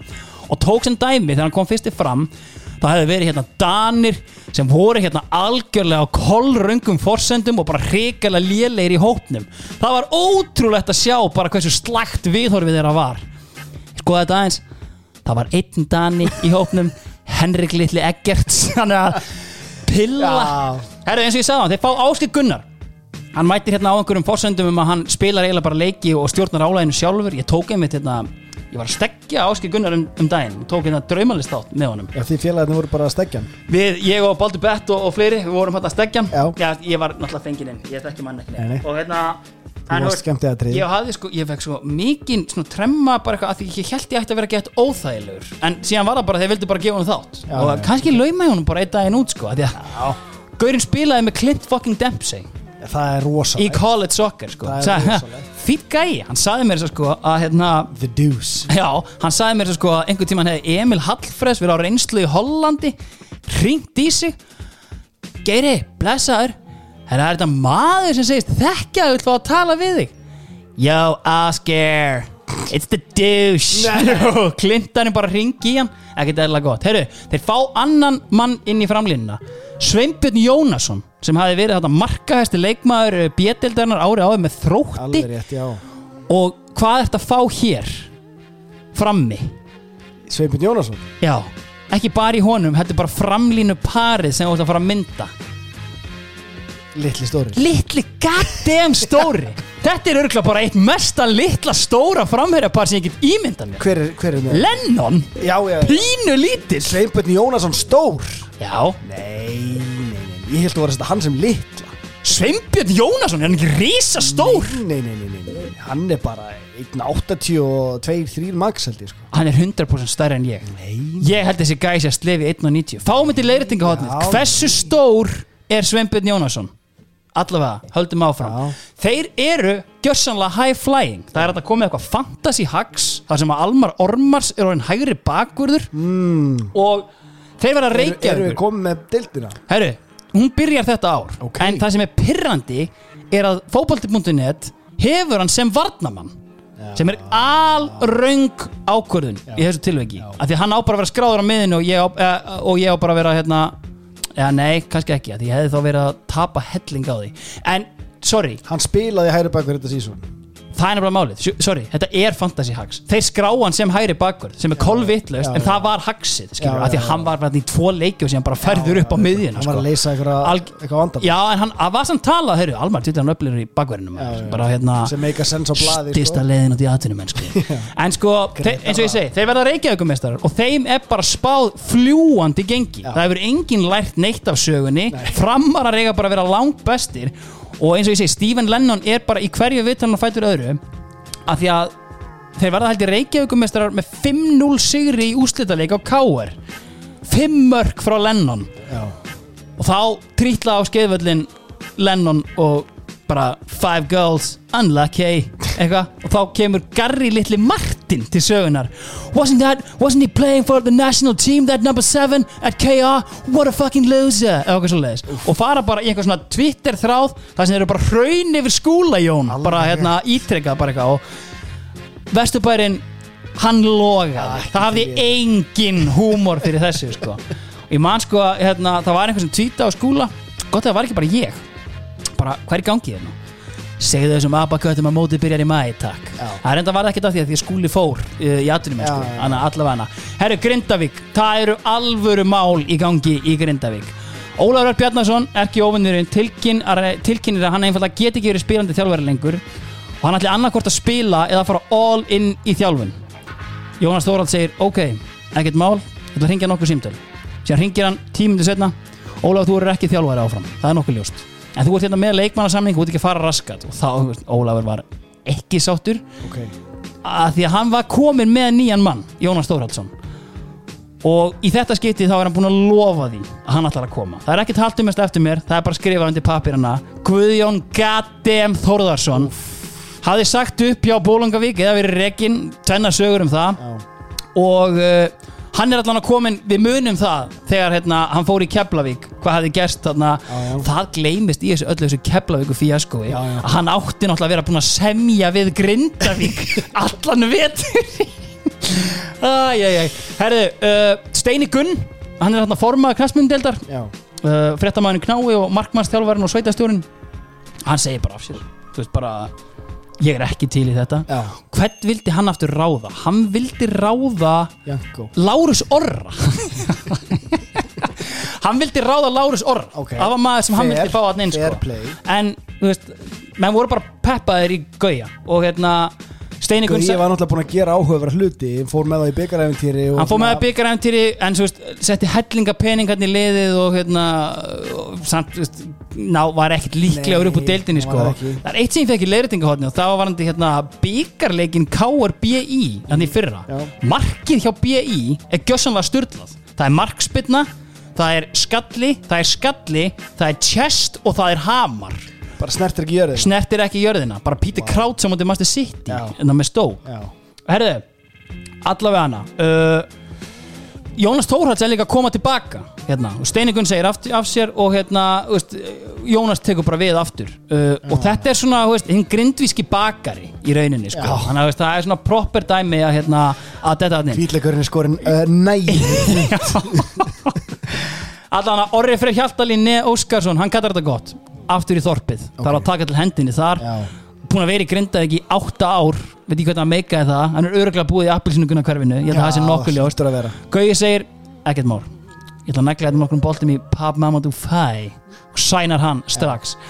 Hvernig á ég að fá með honum? Hmm, Tomi Amiobi. Hvern tekur hann líka? Jú, Matar Job Nesta, Já. það komið ákveðið þema svona í sæningið hjá honum. Uh, allavega uh, hann fær svo tvo breyta name droppar auðvitað hjá vísi að Terry Butcher hafi mælt með þeim við sig. Ekkert eðlilega góðu dýr Elsti skólinn. Hann bara græja þessa menn fyrir mig. Hann bara, veist, hann ekki hörður snæði á, Terry Butcher, hver er það? Það er saman að þið tekja sér seimstu Já, takk hann að setja hann á pönnuna bara. Takk. Herru, og Habbo hann svona einhvern veginn endur semur við Grindavík. Sem er helviti óvænt svona með við þeirra forsögu hafandi skrifandi Alveg, já. samningu skagan. Ok, ég veði hérna ef Guðjón Þorvarsson verður ráðinn þá er ég laus á samningi. Hann allan að veist bara við erum bara tveir fullorðni menn þetta er nú bara ekkert mál. Og bara, veist, ekkert stress. með klásúlu? Ætla að hafa bara verið standart hjá honum? Ha, alltaf þegar hann skrifar undir samninga. Ef þú ræður Já, nei, en ef við förum talandi um Habbo og hérna úst, nýlegar í deildinni þar eru okkamenn Welcome back Skæin Já, Mér hefur náttúrulega bara lið illa að tala um þessa deild án þess að hafa Náttúrulega Kól fjallum fyrir þessu æventýrið þarna in the 90s Já. og þeir eru allan bara welcome back. Þeir hafa flóið gjörsanlega upp úr hérna, bjödeldinni Mhm. Þórður Þórðarsson at the wheel og Dean Edward Martin maðurinn með þrjú fornöfn uh, var hann aðstofaþjálfari og spilandi aðstofaþjálfari uh, og það er búið að sækja hann að slatta af heimamönnum tilbaka. Steppi Þórðar var þarna. Þeir hefur líka fengið Ármann Smára uh, og svo er auðvitað tvennu tilbúið frá Dominos þarna.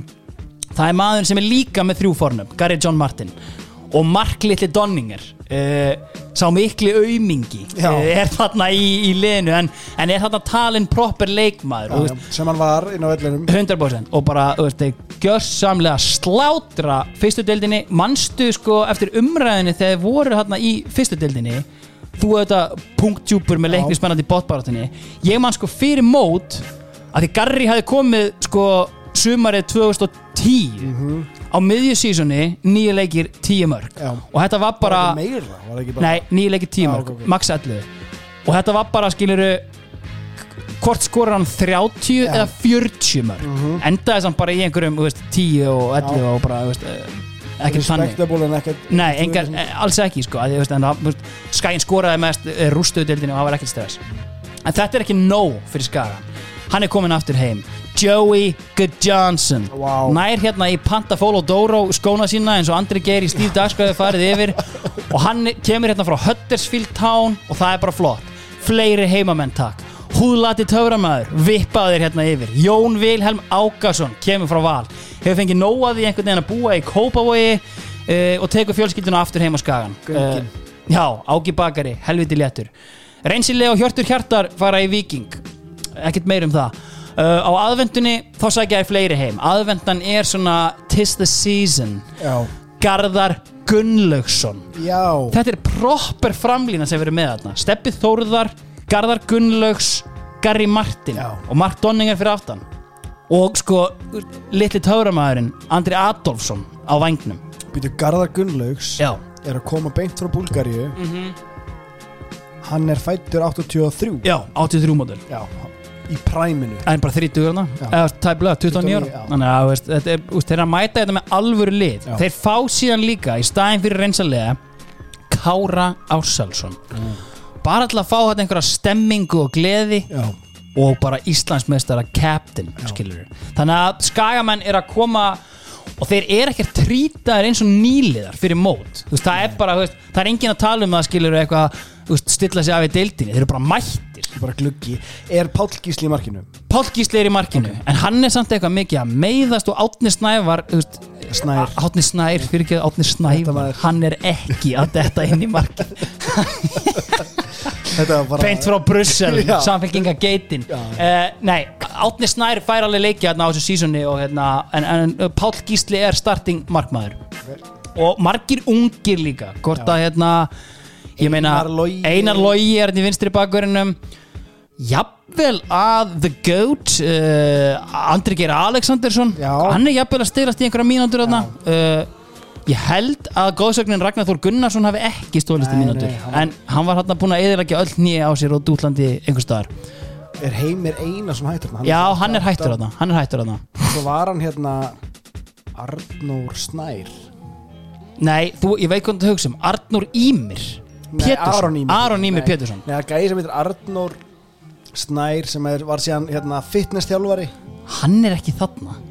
Nei, er hann skagamæður? Nei, hann er mósfellingur Já. Drengurinn er frændi minn, passaði þið sko. Hann er, sko, eh, hann er ekki neitt komin Nei, hann sko. Hann kemur setna sko. Já. Allana, höldum áfram. Íslands og byggarmeistarar K.R. Einar liðið sem hefur unnið The Cup Double síðustu rúmlega tíu árin. Við fengum þetta pillur fyrir yfirferða síðasta þáttar og, og skort á fagleg heitum. Já, uh, Okkur var samt þakkað fyrir góðan þátt sem var það sem skriftið mestu máli. En allavega, ég veist Er einhverju við það að bæta Cup Double uh, Nei, ég Vi, við fórum yfir það hversu ógeðslega gott þetta lið Já, var. ef, ef það var einhver vafi á því þá er þetta geðveikt lið þú veist, hérna, og þeir töpuðu einum leik á Já. öllu sísoninu og hérna, þetta, já. var, þetta var einhvern veginn Já, ég, ég, mér fannst það kannski þú veist, Ég var eitthvað smá Nei, veist, ég, var alltaf ég var alltaf að agnast út einhverja dóma Já, en, já, en, það var umræðan þetta sumar. já. en, en sko, þetta lið sem var að spila Þetta lið. það var, það Ég er búin að fara yfir miðjuna. svona- Miðjan var svona, ef ég ætti að smíða hmm, fullkomna miðjun, þá er þetta miðjan. Allan að já. Þetta er, þetta er bara svona complete 11 lið og eina sem að maður var að fara að replacea þetta er Maggi Lúa því að hann ekki, hann er ekki hinn fullkomni bakur Nei, hann er bara svona John Shea, skilur, já, hann er bara roleplayer Já, veist bara ánjabel Já, já, tvæ geitur, Maggi Lúa Vestbrá Antonio Valencia. Nei, herri, uh, allan að sko menn eru alveg rólegir. Þeir eru handhafar. Íslands og byggameistara titlisins en það er samt auðvitað reyndu allt. Þú veist, það er bara ekki reynd að ringja í skiluru Joey Goods, jú, það var reynd að ringja í hann. En hérna, þú veist, það er ekki reynd að fá skiluru bara eitthvað, ég veit það ekki bara einhverja geitur úr já. ég ætla að rifja eftir, uh, það var einhver síntölu í eðu smára í fyrra Já, sko já. en það er eitthvað svona rýbrand í gangi hjá þeim okay. uh, þeir fá tvo heitustu ungu bitana eða kannski Jú, ég ætla bara að segja það Þeir fá Alla Sigurjónsson frá Þór Já.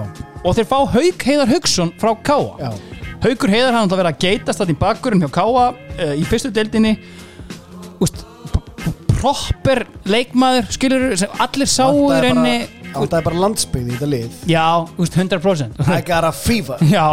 And the only prescription is landsbyggð. More og, og, menn- já, og það var akkurat það sem að Rúnar Kristins sagði þegar hann fekk síðan Þorstein Már Ragnarsson og Ólafsvík sko. I got a fever. Þetta er eiginlega Dominos tríóið Landsbyðar Já. tríóið Þetta eru gæjar sem fá sér ananas og pítsu skiluru Já. og bara svona þú veist, Þeir vilja hana heima tilbúna nema að sé Dominos. Já. Þetta er Dominos tríóið á 1890 Herru Sko, það er ekki bara jákvæði hlutir í gangi Leðugölturinn Gauði Balda, hann er seldur til Halmstad uh, Í februar er tilkynnt að Brynjar Björn sé að snúa heim 38 ára gamall En nei, það er one more year á hann Yes. Það sem hann Last tekur.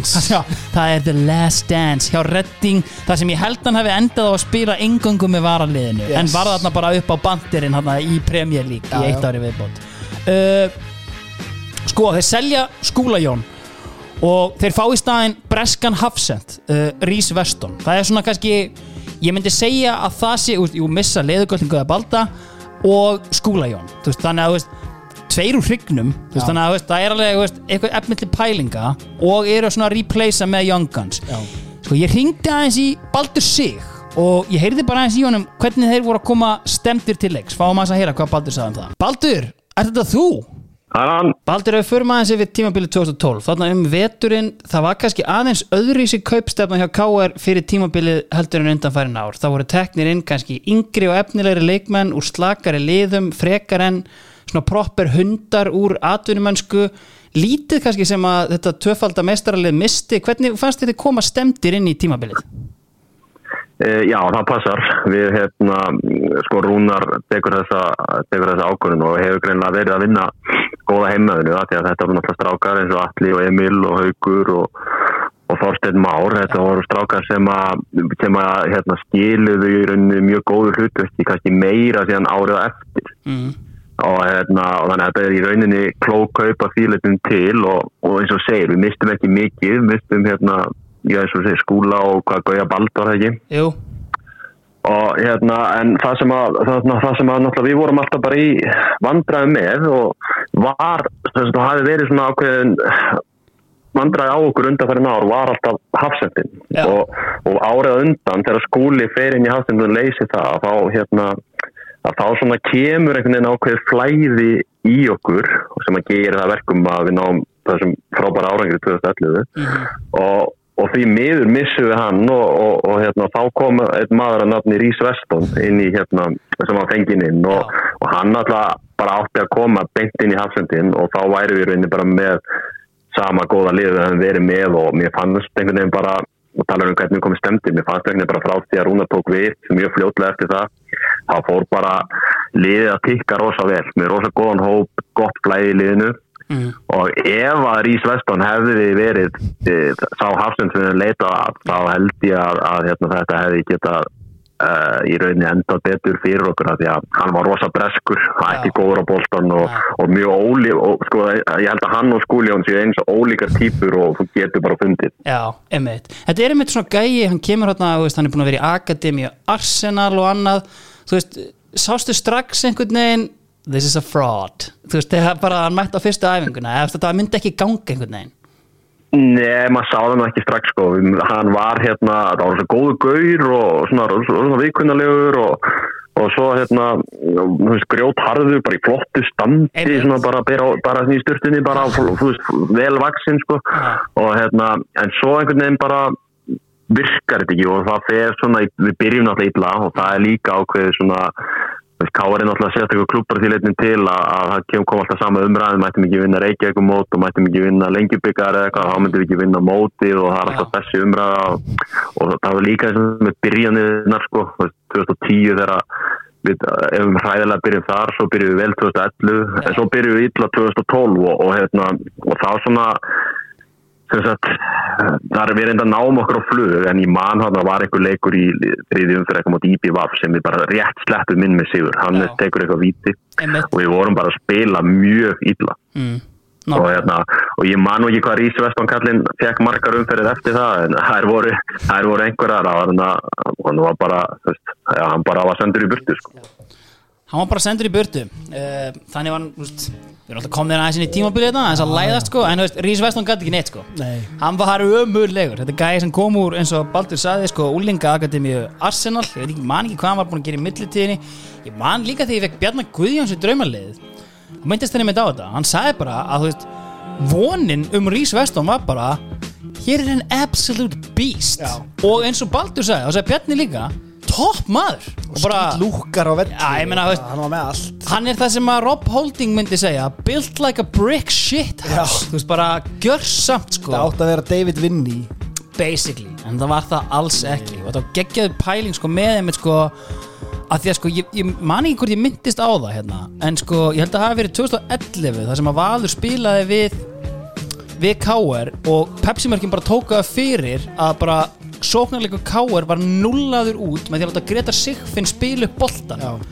og veist, það er hann að tala um bara svona ball playing hérna veist, Hafsend, veist, það er ekki að koma með Rísa Veston og ég held að sko, veist, jú, jú, hann byrjaði en Aron Bjarki basically tekur við keppinu svona mestu að það held ég í Hafsendinum sko. Herru, talandi um valsarana það er þetta fimm ára project sem er búið að endurstilla á hverju ári eftir að það hófst Já. Og Pól og Kristján Móritsen eru ekki áfram. Uh, það er reynt eins og mann geta að halda Jónas í nes. Uh, það tekst ekki.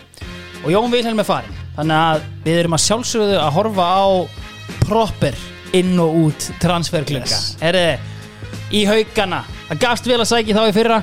Hilmar Rafn Emilsson kemur frá haugum og við erum ekki hættir að taka þaðan því að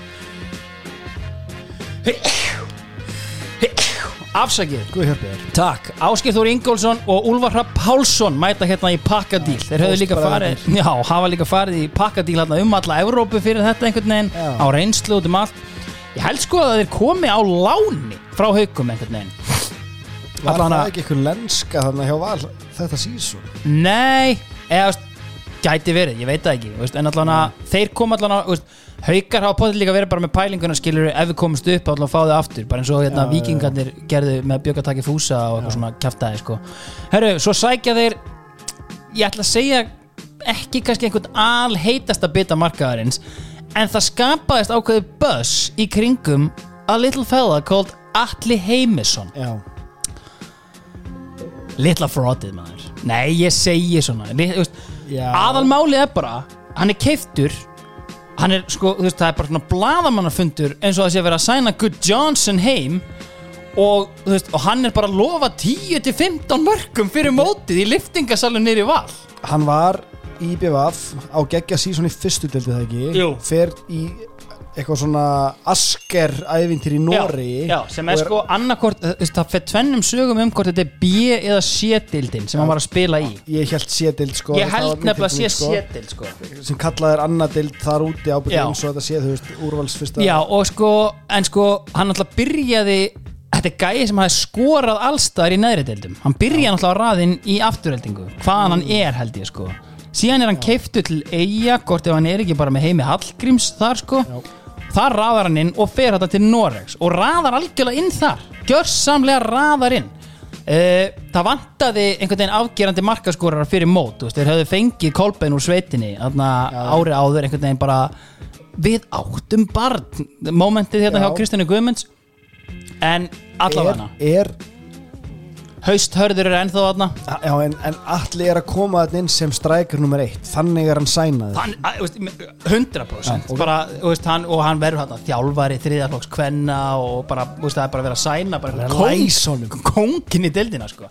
herru, lauma inn einum spilar á B-deildinni Kristinn Freyr Sigursson Úff, wow. hristlast um með ánægjur hrollur Vá. herru, meira segja missa þeir selja Halla Björns til Sarpsborg uh, það var einhver algjör flótti í Íslandinga þannig til Sarpsborg á tímabilið það var mjög skemmtilegt. Uh, og hérna Arnarsveit Geirsson hann fær einhverja tilvistarkrísu. Hann byrjar á því að skipta yfir í handbóltalið vals Já. og svo endar hann á að fara í Viking Ólafsvík. Eftir hann fer í monitor viðtal þar sem hann hrósaði því hvað hann ætti góða úlpu að því hún virkaði bæði á sumrin og veturna. Aldrei gleyma því. Uh, Ingo Sig er sendur til Lingby A Goddamn Legend uh, Bjössi Hreyðars uh, leggur skóna á hilluna og stærsta spurningamerki fyrir mót er sko markmannstæðan Því þar eru við með Autohúra kongin Sindra Snæ Jensson Já. og Áskeið Þór Magnússon og mér minnir að tímabili áður sé þar sem að Geiri var með hetti í annari dildinni og hvað sem bara besti leikmaður mótsins. Hann var bara Ryan Alsop basically, já, það þurfti bara Ryan Alsop hérna, sem á held Já. Premier League leiki eða eitthvað, þú veist, til að replace hann eftir það sko. Já, hann það var besti leikmaður, besti leikmaður deildarinnar, hann var ekki besti markmann Nei. hann var bara besti Já. leikmaður deildarinnar í annari deildinni. Og Dr. hérna, Ásker Þór Magnússon takk. Já, takk Uh, það er samt risastort sæning sem flög kannski aðeins undir radarinn, ótrúlega en satt. Því hver er komin aftur? Jú, Big Burger Edwards. Já, Það var árs útlegð En he's back. Ok. Hann er komin aftur og það sést líka bara. Læddist Miljón út Nei, nei, veist, hann lættist kannski inn hjá fjölmiðlum sko. En hann samt ekkert sparkaði upp hurðinni Ég, sko, ég var meira þess að búin að gleyma því einhvern veginn að ég var bara eitthvað, já, Börgur er komin oh, Fine, Burger King veist, eitthvað bara, á, hann er komin aftur, ekkert mál veist, Og einhvern veginn allir búin að sjatla allt Og King Friðjón, ég veit ekki alveg hvað varði um hann einhvern veginn En hérna hann sest á fyrsta fund, hvað segir þið? Fimm ára plan Herru, allavega, sko, K.R. er spáð titlinum fyrir mót og e, þar í kring eiga bara að vera, sko, veist, djörfustu menn voru að spá fram titlinum Þa, við vorum Hva, þar hva, hverjir? Getur þau nefnt eitthvað? Nei, get ekki nefnt á að því það er bara of erfitt einhvern veginn og, en þetta er svona FH, Fram og K.R. síðan er þetta bara um meðja deild þú veist, eftir það, þú veist, stjarnan valur Ía og botbaráttan á að vera Fylkir, Keflavík og Selfoss, meirum þessi liða eftir Já. En, en sko, og meira segja voru sko Pepsi-mörkin voru bara með fylki falla, Ok. okay. þið bara fallið þið getið ekkert, allavega herruðu, færum okkur þá bara yfir í sumarið erum við hér? það er hér að því sumarið er í bóði sjó wow. og sumarið er gengið í garð uh, árið 2012 og árið 2022 Já, og sjófa vildu einfallega bara minna ykkur á það við erum trampolín sjúk það er sumar en við búum samt á Íslandi hér koma vindkviður, Já. hér koma erfið veður neglið þessu trampolín niður Já. bara forvarnir, takk hafið bara samband við sjófa, þeir eru potið til í að kenni ykkur Já. bara, þú veist, ég ætla ekki að lofa því að þið mæti en þú veist, hafið, þú veist, bara, hvað á ég að gera við trampolínið þeir eru potið með sörfið Já, já. það er potið bara þú veist, FAQ á netinu hjá þeim sko. Tjórið þetta niður. sjófa.is takk, herru, eins og þú komst inn á áðan algjörlega stalst ég að mér að fantasy-dildin, hún vaknar Já, sorry. og í bóði fótbolta.net Uh, þetta hafði náttúrulega verið bara víðir sig með draumalisteldina og, og, og það var komið á vefin það var ennþá þetta ömulega stiga kerfið það sem bara ef leikmaður fekk mark á sig eða þú veist, bestu varnamennir að klára sísoni í tíu stigum skiluru mega enga sens, en hérna kemur bara Proper. Premier League sama húsnæði, sama starfsemi. Eina ennáttúrulega bara veist, sem hefur alltaf loðað við þetta er bara að þú veist með eitthvað bónustiga kerfi sem gengur út á bara gethóta Big Glacier og eitthvað svona dæmi Já, já. skilur og það er bara ennþá þarna allavega Mér bara fannst alltaf svo skemmtilegt við það að því ég veit að þetta var fyrir púrista eins og þig mjög erfitt já, ég elskaði að lesa hverjir eru svona hérna átó þrjústíðin þegar þú veist ekkert hverju þú mátt að gefa þau Já. þú veist að finna þessa leikmenn sem að skora kannski ekkert mikið, Mm. leggja ekkert upp mikið Já. en þeir eru svona go to ég neglið þeir já, já sem var skemmtilegt svona addition fyrir, mér. Já, en þú veist, já, já, þú veist, ég, væri, ég geti talað talað um þessa fantasy dild Kveikið þér. Já, einmitt. Herri, sko, fyrsta umferðin, hún verður rólega stað. Jón Vilhelm Ákarsson kom inn að Sorry, bekknum. Framtakið samt þetta. algjör snild. Ég held að maðurinn á bakvið þetta hafi verið hérna Andri Janusson hérna, ljósmyndari og, og áltnesinga hann er, hvort ef hann var, hann var Daniel Rúnarsson eitthvað. Gæti verið, en sko, ég man aðalega eftir því að ég var alltaf í samskiptum við uh, The Purist, sko, ég var alltaf að senda á Andra Janusson, bara, herri, hvað er í gangi? Hérna, hvernig ger ég þetta, hvað var að gerast hér? Og hann var, jú, jú, Og hann græmi tók við þetta, græmi kvörtunarbréfunum þetta hann tók líka. við hverju einasta kvörtunabrefi og svaraði, við laga þetta, laga þetta, laga þetta. Allavega hana, herri eins og ég var komin á, Jón Vilhelm Ákarsson í mínu fantasiliði í fyrstu umferð Já. kemur inn að bekknum og skora segumark skagans gegn blikum í Kópavogi eitt sem ég náttúrulega glemt að minnast á var að a little fella, Baldur hins vegar myndist á það. Þeir fengu Emil Atla frá Já. sem er náttúrulega ennþá á annarsflokksaldri og þetta var svona mjög svona hæpað sæning einhvern veginn af því að veist bara, hann hefur potið ekkert verið á samning þannig, þú veist, hann, hann hefur basically bara rænt skilur, bara settur í skottið og kert upp í vestum allir hlýtur að hafa verið eitthvað með veist, sonur Já, takk, bara hafa það á hreinu. Og hérna, hann hlýtur eitthvað, veist, ég menna hann alltaf orðið hann eitthvað káir góðsögn, skilur veist, eitthvað, við fengum hann reyndar aftur hérna eftir 2009 tímabilið. Já, en þú veist, ég hugsaði alltaf á sínum tíma veist, pappa séu að græða þetta veist, eða, það hefur verið einhver svona hérna, eitthvað, eitthvað dæmi það. Ég hef þetta hringi í hann maður. En það, það er þurðulegt að einhver leiti Káir eru þannig að reyna að þykjast vera eitthvað að elska unga og eitthvað svo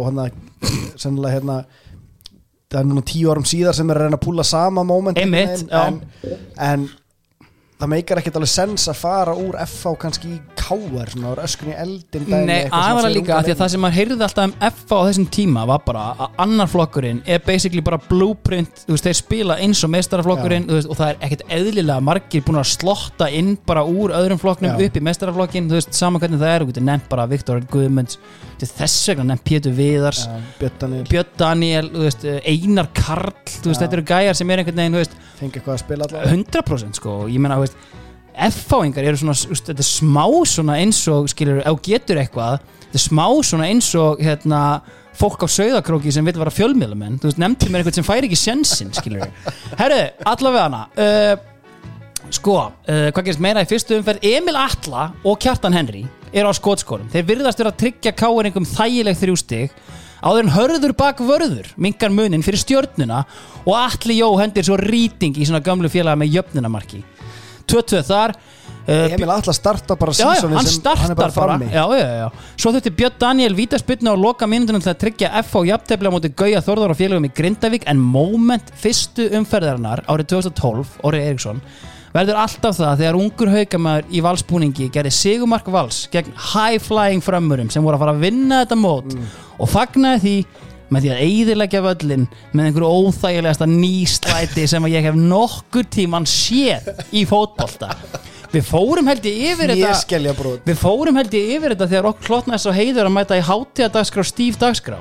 Já, Það sem ég myndi, þetta er bara eitt af mínum eftirminnilegustu fögnum bara of all time í við bolta fögnin, já. þetta, þetta er sko hann, hann þetta er glæsilegt mark. Hann fær stungusendingu frá Shocker, Gauja Líðs og hann, Þór. Já, Já. Ásgeir Ingóls og hann brunnar bara í gegn og chippar honum svo bara yfir ömma. Bara páránlega gott finnis og hann hleypur basically yfir allan völlin frá sín stúkunni og að basically sko hliðarlínunni hjá bekknum og þá svona veif, hann er með alla með sér hérna, veist, bara hlaupandi bandar þeim frá, nei nei, býðið aðeins. Fer í slætið og ætla með þess að taka svona skilur þú veist, Henri eitthvað svona salút salút. meðan hann slætar. Hann er í því þegar hann faceplantar með hérna hnén bara í grasinu. Ég fæ illt í hnýjan að hugsa um þetta Þetta er ótrúlega Þetta var glæð Annað í þessum leik var líka magnaða moment Því að hjá frömmurum fáum við að kynnast uh, a little fella called Holbert Aron Friðjónsson. Já, Aron, eða ekki? já, Jú, hann, þá er hann samt sko Holbert Brím. Já Holbert Nebrím. Byrjaði hann þannig? Ég held hann að byrja sem Holbert Brím. Ég, Það er mín minning hann. Ok, ég man ekki eftir brímar að hann. Allavega hana uh, Sko, hann hafði fengið hérna sjensin í byrjunarliði 19 ára gamall, þú veist bara proper holning, svona mannsugits pæling út á kantinum Já. einhvern veginn, en samt bara líka með geggja að tækni og eitthvað. Hann er sem sagt með vitlust sokkateip og djöfull er hann búinn að teipa það fast þegar dómari leiksins rekur hann af velli og þetta eru svona 5 mínútur sem fara í að rífa þetta sokkateip einhvern veginn af. Þetta var alveg agarlegt fyrir grei Sko- kallinn sko. Holmbert og Lennon Litli stóri. Sveinbjörn Jónasson og Lennon já. Litli líka ég bara verð að fá þetta í leir Já, já, og. Sveinbjörn kom í KH sko, ég ætti að veist, kannski er ég bara með einhvern hræðilegan skinjara á hæð Já. fólks. Ég er alltaf einhvern veginn að Mjög lélegan veist, ég bara allavega hana. Sko, við myndist á FA á hann uh, þá hefði menn sko, miklar áhyggjur af miðsvæðinu sérstaklega því að Matti Villa, svona, af öllu sem er mistu það var svona bara hvað eigum við að gera því Matti Villa hérna, hafi verið eiginlega besti leikmann þeirra áður áður Hann var hóluleikmaður Já. Og sko Í fyrsta leik á móti Gauja Þórðar og félögum þá meiðast í uppbytun Hólmar Örður Rúnarsson og shockingly Bjarki Gunnlaugsson. Þetta er mjög áhugavert. Ef við spólum tíu ár fram í tíman Hvað sagði Heimi Guðjóns í viðtali eftir stjórnuleikin? Ég maður ekki. Hann sagði, ég hef aldrei lent í þessu áður að tveir leikmenn Já, meiðist í í uppbytun Mythbusters! Vá. Þetta er shit! Wow, wow Ég þarf eiginlega bara að taka smá pásu hérna Erðu, Þetta er, þetta er fyrirsögn. Busting Myths. Er einhver að hlusta, skrifið um þetta. Ligari. Herru, allavega hana. Sko, uh, reynda líka óvænt í þessari fyrstu umferð að eigamenn uh, komum på land. Uh, ekki langt inn á land, heldur til nýliða á Selfossi. Og ef við förum bara aðeins yfir Selfossingana á Fossin er mættur Luigi Ólafsson. Já. hún að rýbranda sig sem Luigi. Hann er auðvitað búin að kaupa þessa jörð af Kristni Björnsinni og hann bara fer að þjálfa Selfoss. Já, þeir höfðu fyllt skaganum upp úr bjöldildinni og Logi hafi farið, tekið blaðsig úr bókina Skauja Þórðar og sótt leikmenn með afrískar tengingar. Já. Babakar Sar. Sá. Já, Já, Bjálfi. Já, eiginlega. Uh, Hann hafi komið þarna árinu áður uh, og, en, úst, en svona frá því sem við þekktum sjónarsviftir miklar því að Söðurlandsins eina von. Uh, Hann var hérna, hann var farin, Arlíus Martinsson hann er hann farin að, að spila með Stokkseyri og hérna lægið er samið og, og, hérna, og allur sá pakki sko. Logi fær til sín á láni Ólaf Karl Finnsen svo sækjar hann hérna Robert Sandnes ásamt fullt af einhverju öðru. Bara veist, endalust af útlendingum og þetta er bara algjör útlendinga hersveit sko uh, Selfossi er spáð löðbeint niður en það er þarna X-faktor í hópnum. Hafði auðvitað verið þarna uh, 2010 í liðinu kannski ekki alveg náð svona þá 18 ára uh, og það er X-faktorinn Jón Dæði Böðvarsson. Já. og þessir tveir menn uh, hvort það er sko Robert Sandnes og Jón Daði skora mörg selfisinga í 2-1 sigri gegn eigamönnum mjög óvæntur sigur. Suðurlandslagur já heldur betur. Og ég ákvað bara aðeins að slá á þráðin til Jón Daða og bara aðeins fá að heyra í honum með hvernig útliti var hérna á Selfossi. Jón Daði, hæ? Hæ. Jón, eftir tímabilið 2010 uh, þá fellur Selfoss hérna um deild uh, kom ekkert til greina hjá þér að fara frá Selfossi á þeim tímapunkti voru einhver lið áhuga sem eða varstu bara staður á hann í að vera áfram hérna á Selfossi Sko, eftir þetta sísón þá, þá langaði mig virkilega mikið að komast út í atvinnumönskuna. um, það var svona fyrsta hugsunni mín og þeirna uh, AGF höfðu áhuga á, á að fá mig. sko. Ok. Og uh, Selfoss var ekki tilbúin að selja mig á þeim tímapunkti og, og vildi halda mér en þeir fengum náðu því gegn að ég færi þannig að lán. Já, Þannig að ég fór til- á lán til AGF og, og var í rauninni bara með úlingaliðinu þar. Já, var ekki með aðaliðinu og var hann í einhverju fjagra mánu að láni og mjög stutt og enda á því að fara aftur heim. Já, og það var og veru ekkit þú veist að frétta þannig séð nema bara þú veist selfos mest og höfðu náttúrulega bara mestan áhugan á fá mig aftur og þá var náttúrulega bara planið að ok bara en að bara allir leið í gegn með- bara með selfos og, og, og, og en að kýla á það sko. Það þá þetta kemur inn sko, þá er náttúrulega mættur uh, Logi Ólafsson uh, og svona án þess að ég fer að gera lítið úr öðrum þjálfurum sem hafa verið á Selfossi þá myndi ég halda að þetta væri kannski svona fyrsti proper CV þjálfarin sem mættir á Selfoss getur þið tekið undir það eða? Já, algjörlega. Hann kom hann inn bara og með, með mikið presens. að Þú veist, veit náttúrulega vissi náttúrulega allir hver hann væri og, og fyrir mig náttúrulega ungan leikmann líka þá, þá var þetta virkilega spennandi og, og maður vildi virkilega sína, sína sig og sanna fyrir, fyrir honum að því maður vissi að náttúrulega hann var svona, hann var virkilega þekkt, þekktustu þjálfurunum í, í, í sögunni hérna á Íslandi og þannig að hann, hann kom með mér svona mikilvægt presens fyrir í liðið og, og svona ákveðin standard og var frákvær sko. Og, og auðun náða með honum líka. Auðun, þannig að þeir voru flottið tveir. Já, emmitt. Ef þú berði þetta kannski svona saman við hvernig þið fóruð inn í þetta mót, þess að 2000 og setna tímabilið í Pepsi-dildinni, árið áður ég ringdi hérna í Viðar Örn og, og rætti við hann um þetta og þá var svona svolítið ákveðið að keira á heimamönnum, hérna fyrst í Pepsi-dildinni með gumma ben, en veist en það er greinilega, þú veist, blásið í einhverja herlúra og, tekin inn hérna einhver útlendingahersveit og veist, var svona, ég veit kannski ekki segja vilji, það var augljóslega vilji en var, voru stórar pælingar um að læra af mistökunum frá því síðast? Já, klálega, Ma, maður fann alveg fyrir því að þú veist að við verðum alltaf reynslunni ríkari eftir að þetta var alltaf fyrsta skipti sögu klúpsins að fara hannu Já.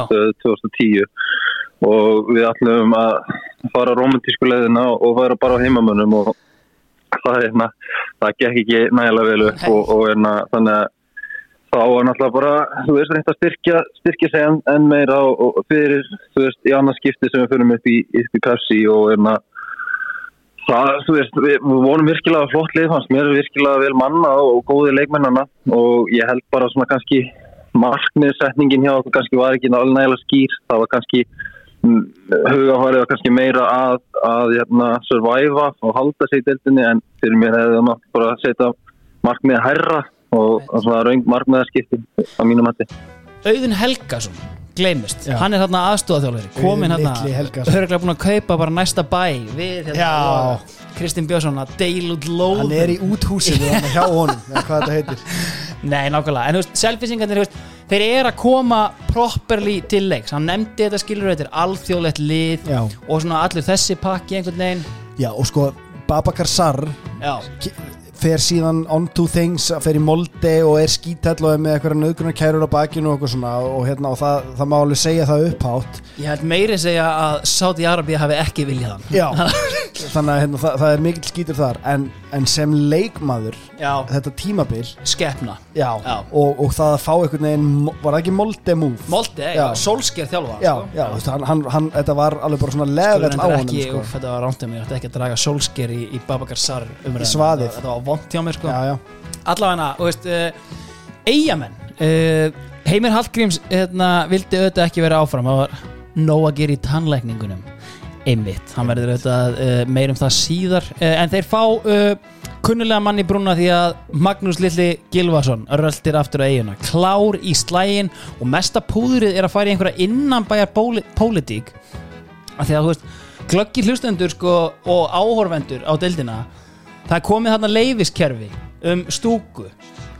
Eigamenn eru búin að vera í deildinni heil lengi og hafa ekkert pælt í að vera með yfirbyða stúku. Nei, og það er einhvern veginn mjög mikið rifist um skiluru að byggja þessa stúku sem einhvern veginn, þú veist, er hún ekki a proper fail, ég hef aldrei setið í henni sko á leika, þú veist, en er fólk í þessari stúku, mér finnst allir alltaf vera hinum megin sko, það er kannski er bara bara ásýndin sem maður hefur á völli sko, en veist, ég set alltaf bara hjá hérna, minni konu Eddu Sif þegar hún er Já. að posta myndum að leikjum, ég veit þessi stúka alltaf hálf tóm sko, þetta er kannski meira svona kampavins stuðningsmanna hérna stúkan. Ég settist í hann á 2015 já, og við erum ágætlega sko. Já, já, já, algjörlega. þetta var ekkert eitthvað hérna, þetta er ekki svona fristikista eins og í Samsung. Nei, einmitt. Herru, eitt fyrsta verk. Magga er að sækja herra fjölni Það voru greinilega lítil not fyrir hann í hafnafyrðinum og hann er keiftur til IBVF uh, Hann braut hnéskél í hlaup í skarðið. Já, uh, sko, það er hann viðtal við hann við talum spána á fótballtum.net uh, Gunnar Már mun sjálfur þurfa að fara í aðgerð í dag eftir að hafa brotið hnéskel í æfingaferð IBVF á spáni á dögunum. Gunnar Már verður frá í fjóra til sex vikur þannig að hann mun missa fyrstu sex umferðinum. Gunnar Már meittist á afar óvenjulegan hátt en hann rendi í samstöði við Arnór Eivar Ólafsson þegar eigamenn skelltu sér í leikin hlaup í skarðið í uppbytun Leikurinn gengur út á það að leikmenn mynda ring Þetta er sko, það eru fjóra línar eftir af lýsingun á hlaupi skarðið Ég ætla ekki, á ég ætla ekki að vera þetta Ok. Þetta er þetta. Leikurinn gengur út á það að leikmenn mynda ring og sá sem innan gæsalappa er hann á að slá í einn leikmann er þetta það ekki má að slá í rassin á honum og í kjölfæri hlaupa þeir báður ring og keppast um að ná að fylla skarðið þar sem ringurinn er opinn Takk Magnús Már Einarsson. Hann, hann Arnur Eivar fekk lítinn marblett en ég mölbrotnaði. Þetta var mjög kjánalegt og auðlagangur út í gegn. Ég var hann og held áfram að vera hann eftir þetta hlaup því hann komst í mína eyðu. Það er eiginlega skömm að segja frá þessu að þetta hafi gerst.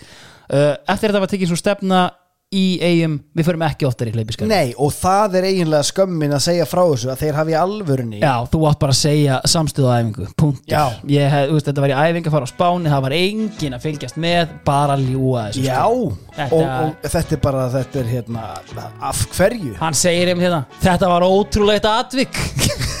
Hárétt Gunnar, herðu, uh, allavega er, sorry, það er bara svo margir leikir það er svo margt sem hægt er að gera sem er gaman og skemmtilegt.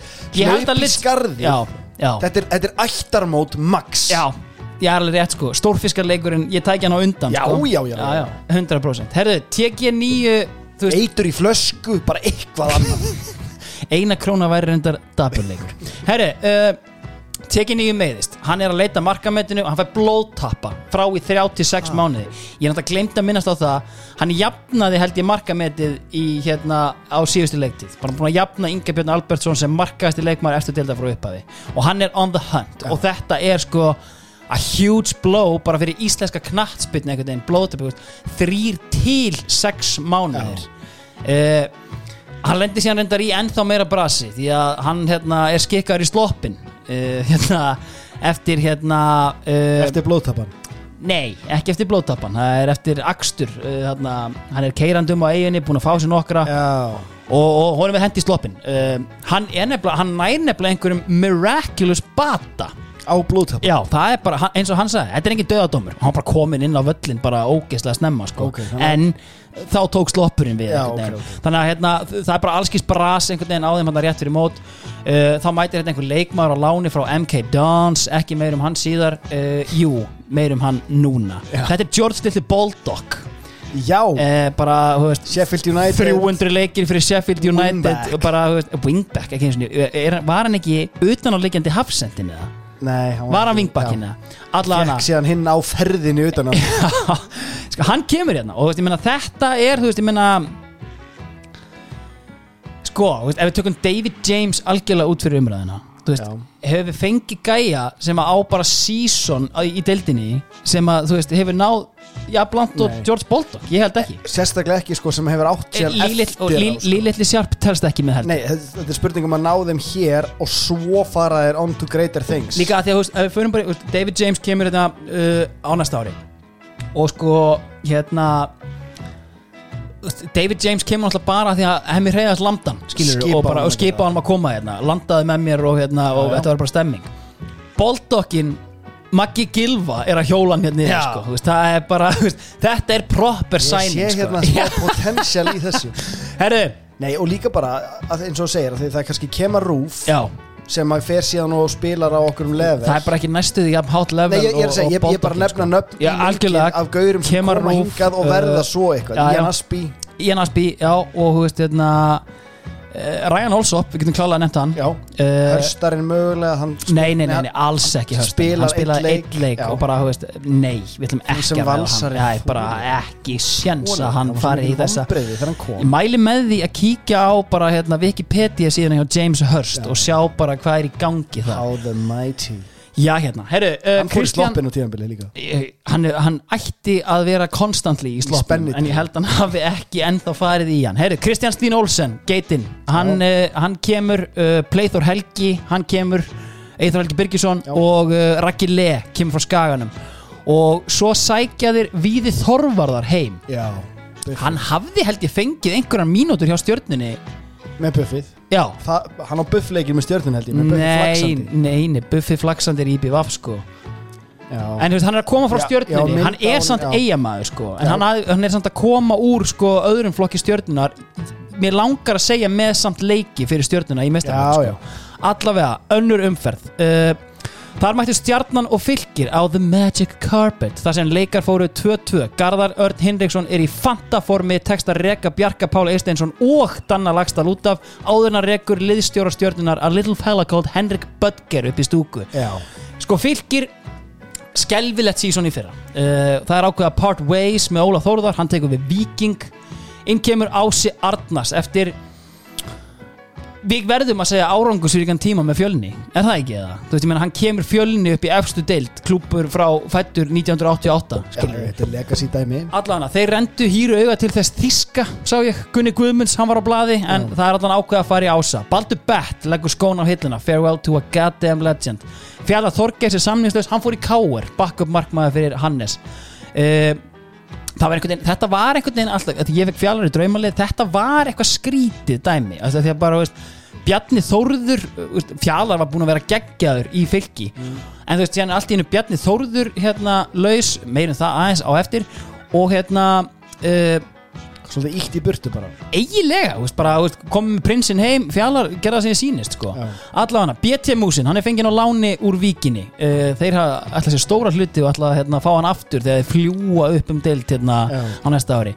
Þeir keftu Finn Ólafs frá IBVF sem þurfti að flytja í bæinn af fjölskyldu ástæðum. Þeir fá svo lengi til þetta kongin Átna Frey Guðnason, bróðir.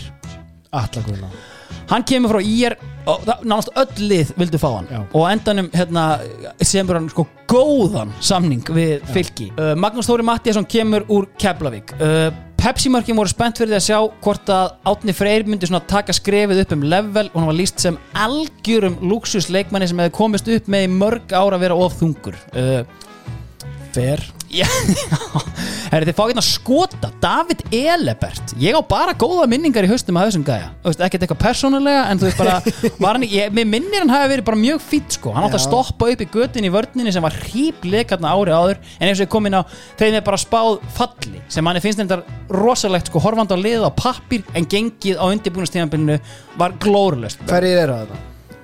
Áskip Börkur er þarna. Ég menn þeir eru með Bjarnar Þórið í markinu Elebertin er komin hann veist, og þessa sæning sem er að fá Finn Ólafs sem er bara búin að vera hérna líkil maður í liði IPVAF sem er að gera proper hluti þeir eru að fá BT-músin á láni. BT-músin hefur skorað hérna þó hann hafi verið dabur, eða, dabur hann skoraði sjö mörg skilur þó þau hefur öll komið eftir að þau voru fallnir. Þú veist Are you not entertained Pepsi mörg eða? Já, já. Þannig að, þú veist, allavega uh, spennandi, þeir eru með Davíð Þór Áspjörs hann er að fá hlutverk hérna, neglandi inn einhverjum aukaspinnum og hérna, og, og þannig að, eins og bara fylgir er alltaf, fylgismenn eru þarna, þú veist. Sögðakróksmenn í fjölmiðlum, skilur uh, sko, stjarnan Bjarni Jó er að sigla inn í sitt fymta tímabil með stjörninni sem ég held að sé meta á hans mælikvarða. Uh, og hann fær upp í hendurnar fullt, fullt af dönum. Kenny Choppart, ne sóknarmaðurinn Kenny Choppart á þessum Kenny tíma er Knack. að koma já, þannig er að koma Kenny Knack. Veist, það er alvöru sóknarmaður mætina ungur og graður, leikjast í Dani í sögu eftir dildaröðu Mats litli Látrúp kemur hérna. Sonur. Já. Mikael. Já, ég held að Ég held hann, jú, hann er svona Mikael. Látrúp uh, Kom hérna með flugi frá Danmörku Stút fullar ferðartöskur af servéttum Ef ég man rétt sko. Uh, En hins vegar nær Böttker litli að landa Einum helvíti skemmtilegum með magnaðasögu Þarna erum við orðin svolítið þreytt á þessari dönsku innrás. Þetta eru svona segir spilarar Engir world beaterar nema kannski Borgvart og Nílsen einhvern veginn. Og þú veist, við erum bara hérna, þú veist, ok Alexander Scholz, hvað ætlað þú að gefa mér? Já. Ég bara heyrði í honum Bara heyrði hvað hann ætlaði að gefa okkur Já. Ef ekki fá að heyra hans í honum með það I uh, I took some time off football uh, when I was in Denmark, and then I, I wanted to start again. And uh, then uh, some of my former teammates they they had been in Iceland. Uh, two of my teammates in Vejle, Hmm. uh, and also in Stjarnan. So I asked them uh, who I needed to take contact to, and they referred to Henrik Butker, and, and he brought me to Iceland, and he, he brought me to to Stjarnan. So was it like uh, uh, was it uh, your initiative to come to Iceland or did, did Stjarnan contact you in the first place or No, no, it was my initi- initiative. okay Uh, I just asked uh, Henrik if, if he could help me to find any club, yeah okay where, and then uh, he he just uh, told me to, to wait a bit and and did some uh, references on me, and, and then he, he ended up saying that his club yeah wanted to take me. Exactly. You know, uh, you, know, as time has gone by, uh, you know, everybody knows the Schultz story in Iceland. Uh, you were kind of talked about like uh, this uh, Copenhagen hipster or, or some sort, you know, uh, free spirit. and, you know, what were your ambitions when you came here? Were you just trying to uh, experience Iceland or were, did you really have, you know, footballing ambitions to do what you've done later in your career?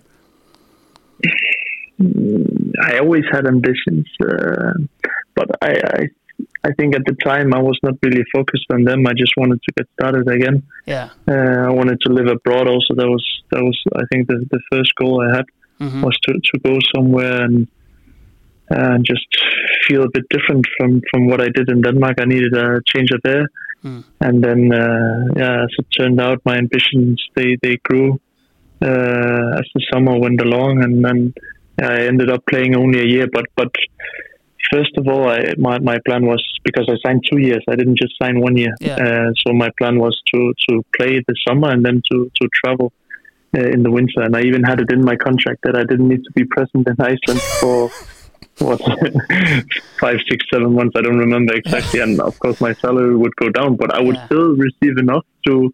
So I did the, the calculation, so I would be able to to travel a bit.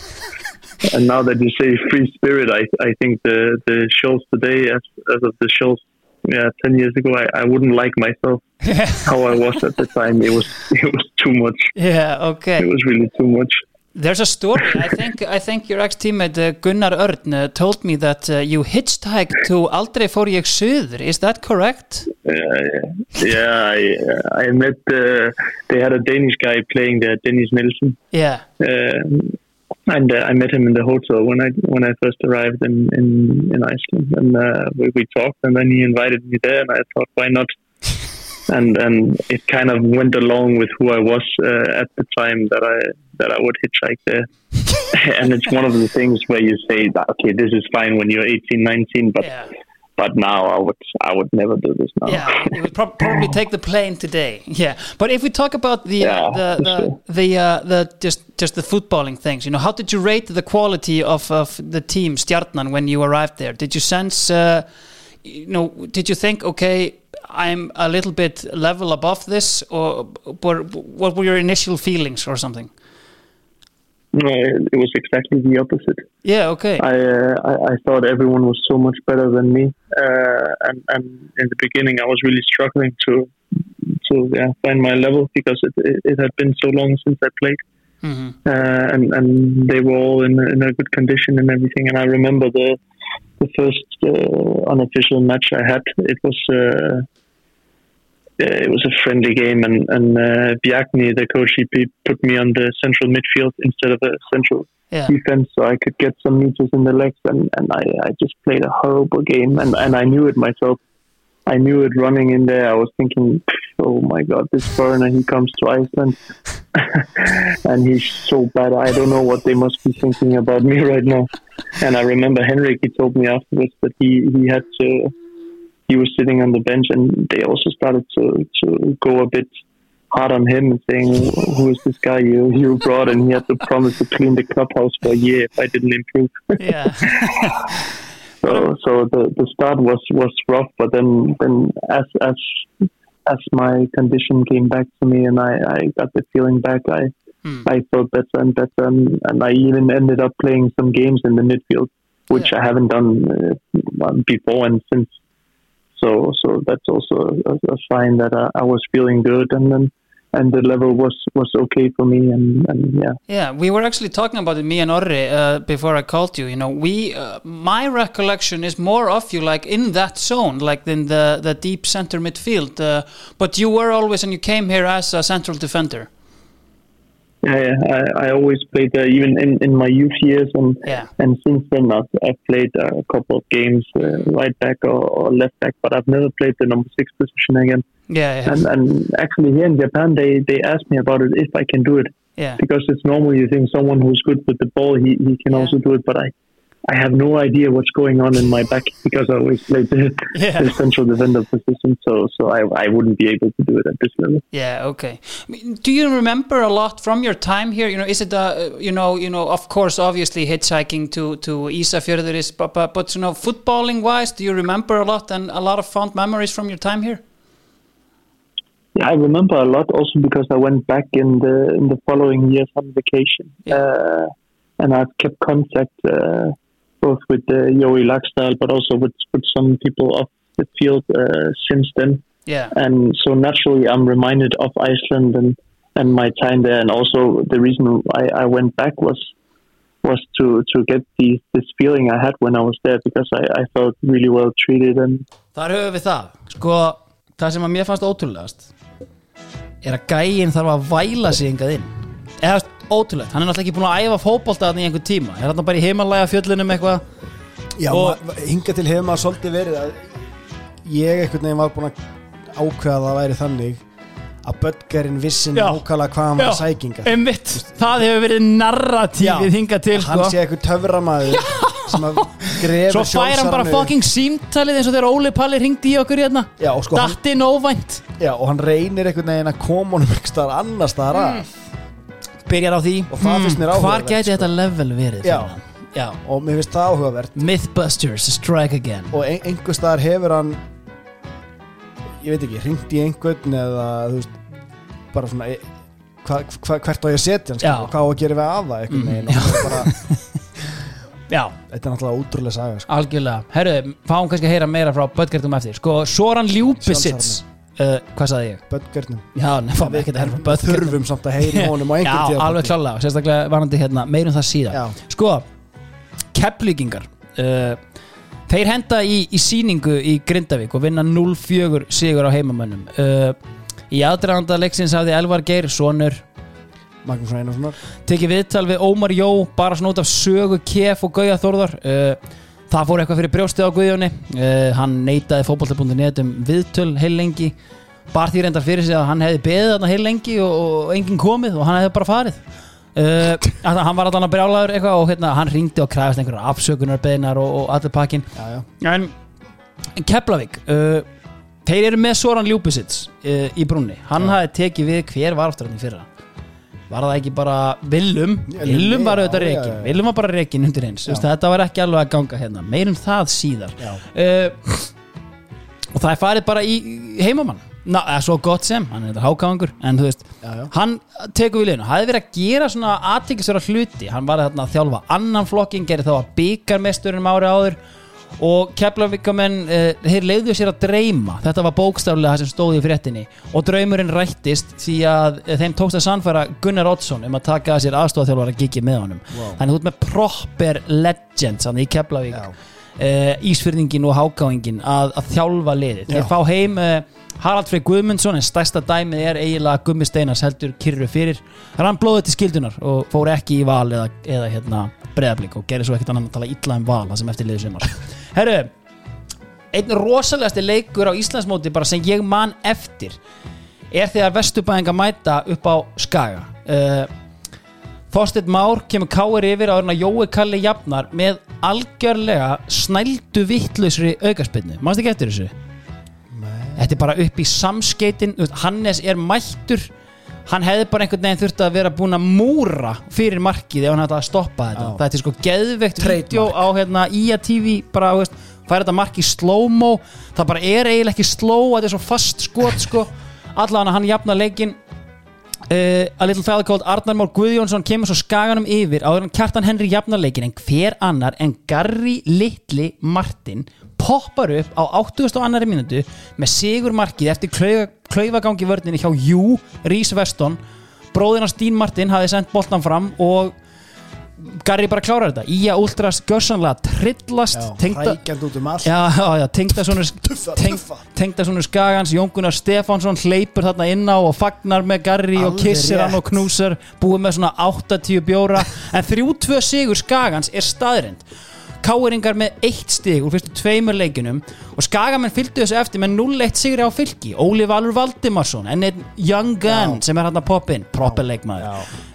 Hann var að spila í fyrra allavega annars sko. Heru, uh, og ég held mér að skæin hafi verið manni færri. Ja, nei, uh, hérna, little tiny fellow with a sick leg eins og ég sagði hann, Átni Snær. Hann kom inn í Já. markið af því að Pátt Gísli meittist og hann hérna, ver víti hérna í setni háleik og uh, grínlöst eitt slakasti NFL fantasy spilari þjóðarinnar litli töframæðurinn Andri Adolfsson leggur hérna upp uh, sigur markið á Ólafal og það var bara svolítið sagan þetta tímabil sko. Skagamenn er á flugi. Herru, Valur unnu Selfoss og mættu blikum í þriðju umferð sem hefur farið erfilega stað en Elvar Átni með sigumarkið í 1-0 sigri þeirra fyrsti sigur hérna í þriðju umferð. Hér eru svo tveir rugglaði leiki sem þarf að tala um. Það er annars vegar high flying framarar sem allir ætla að spá titlinum ef að, hérna, einhverjir aðeir en káar gera það. Þeir mættu Grindavík í lögadalunum, byrjum þar.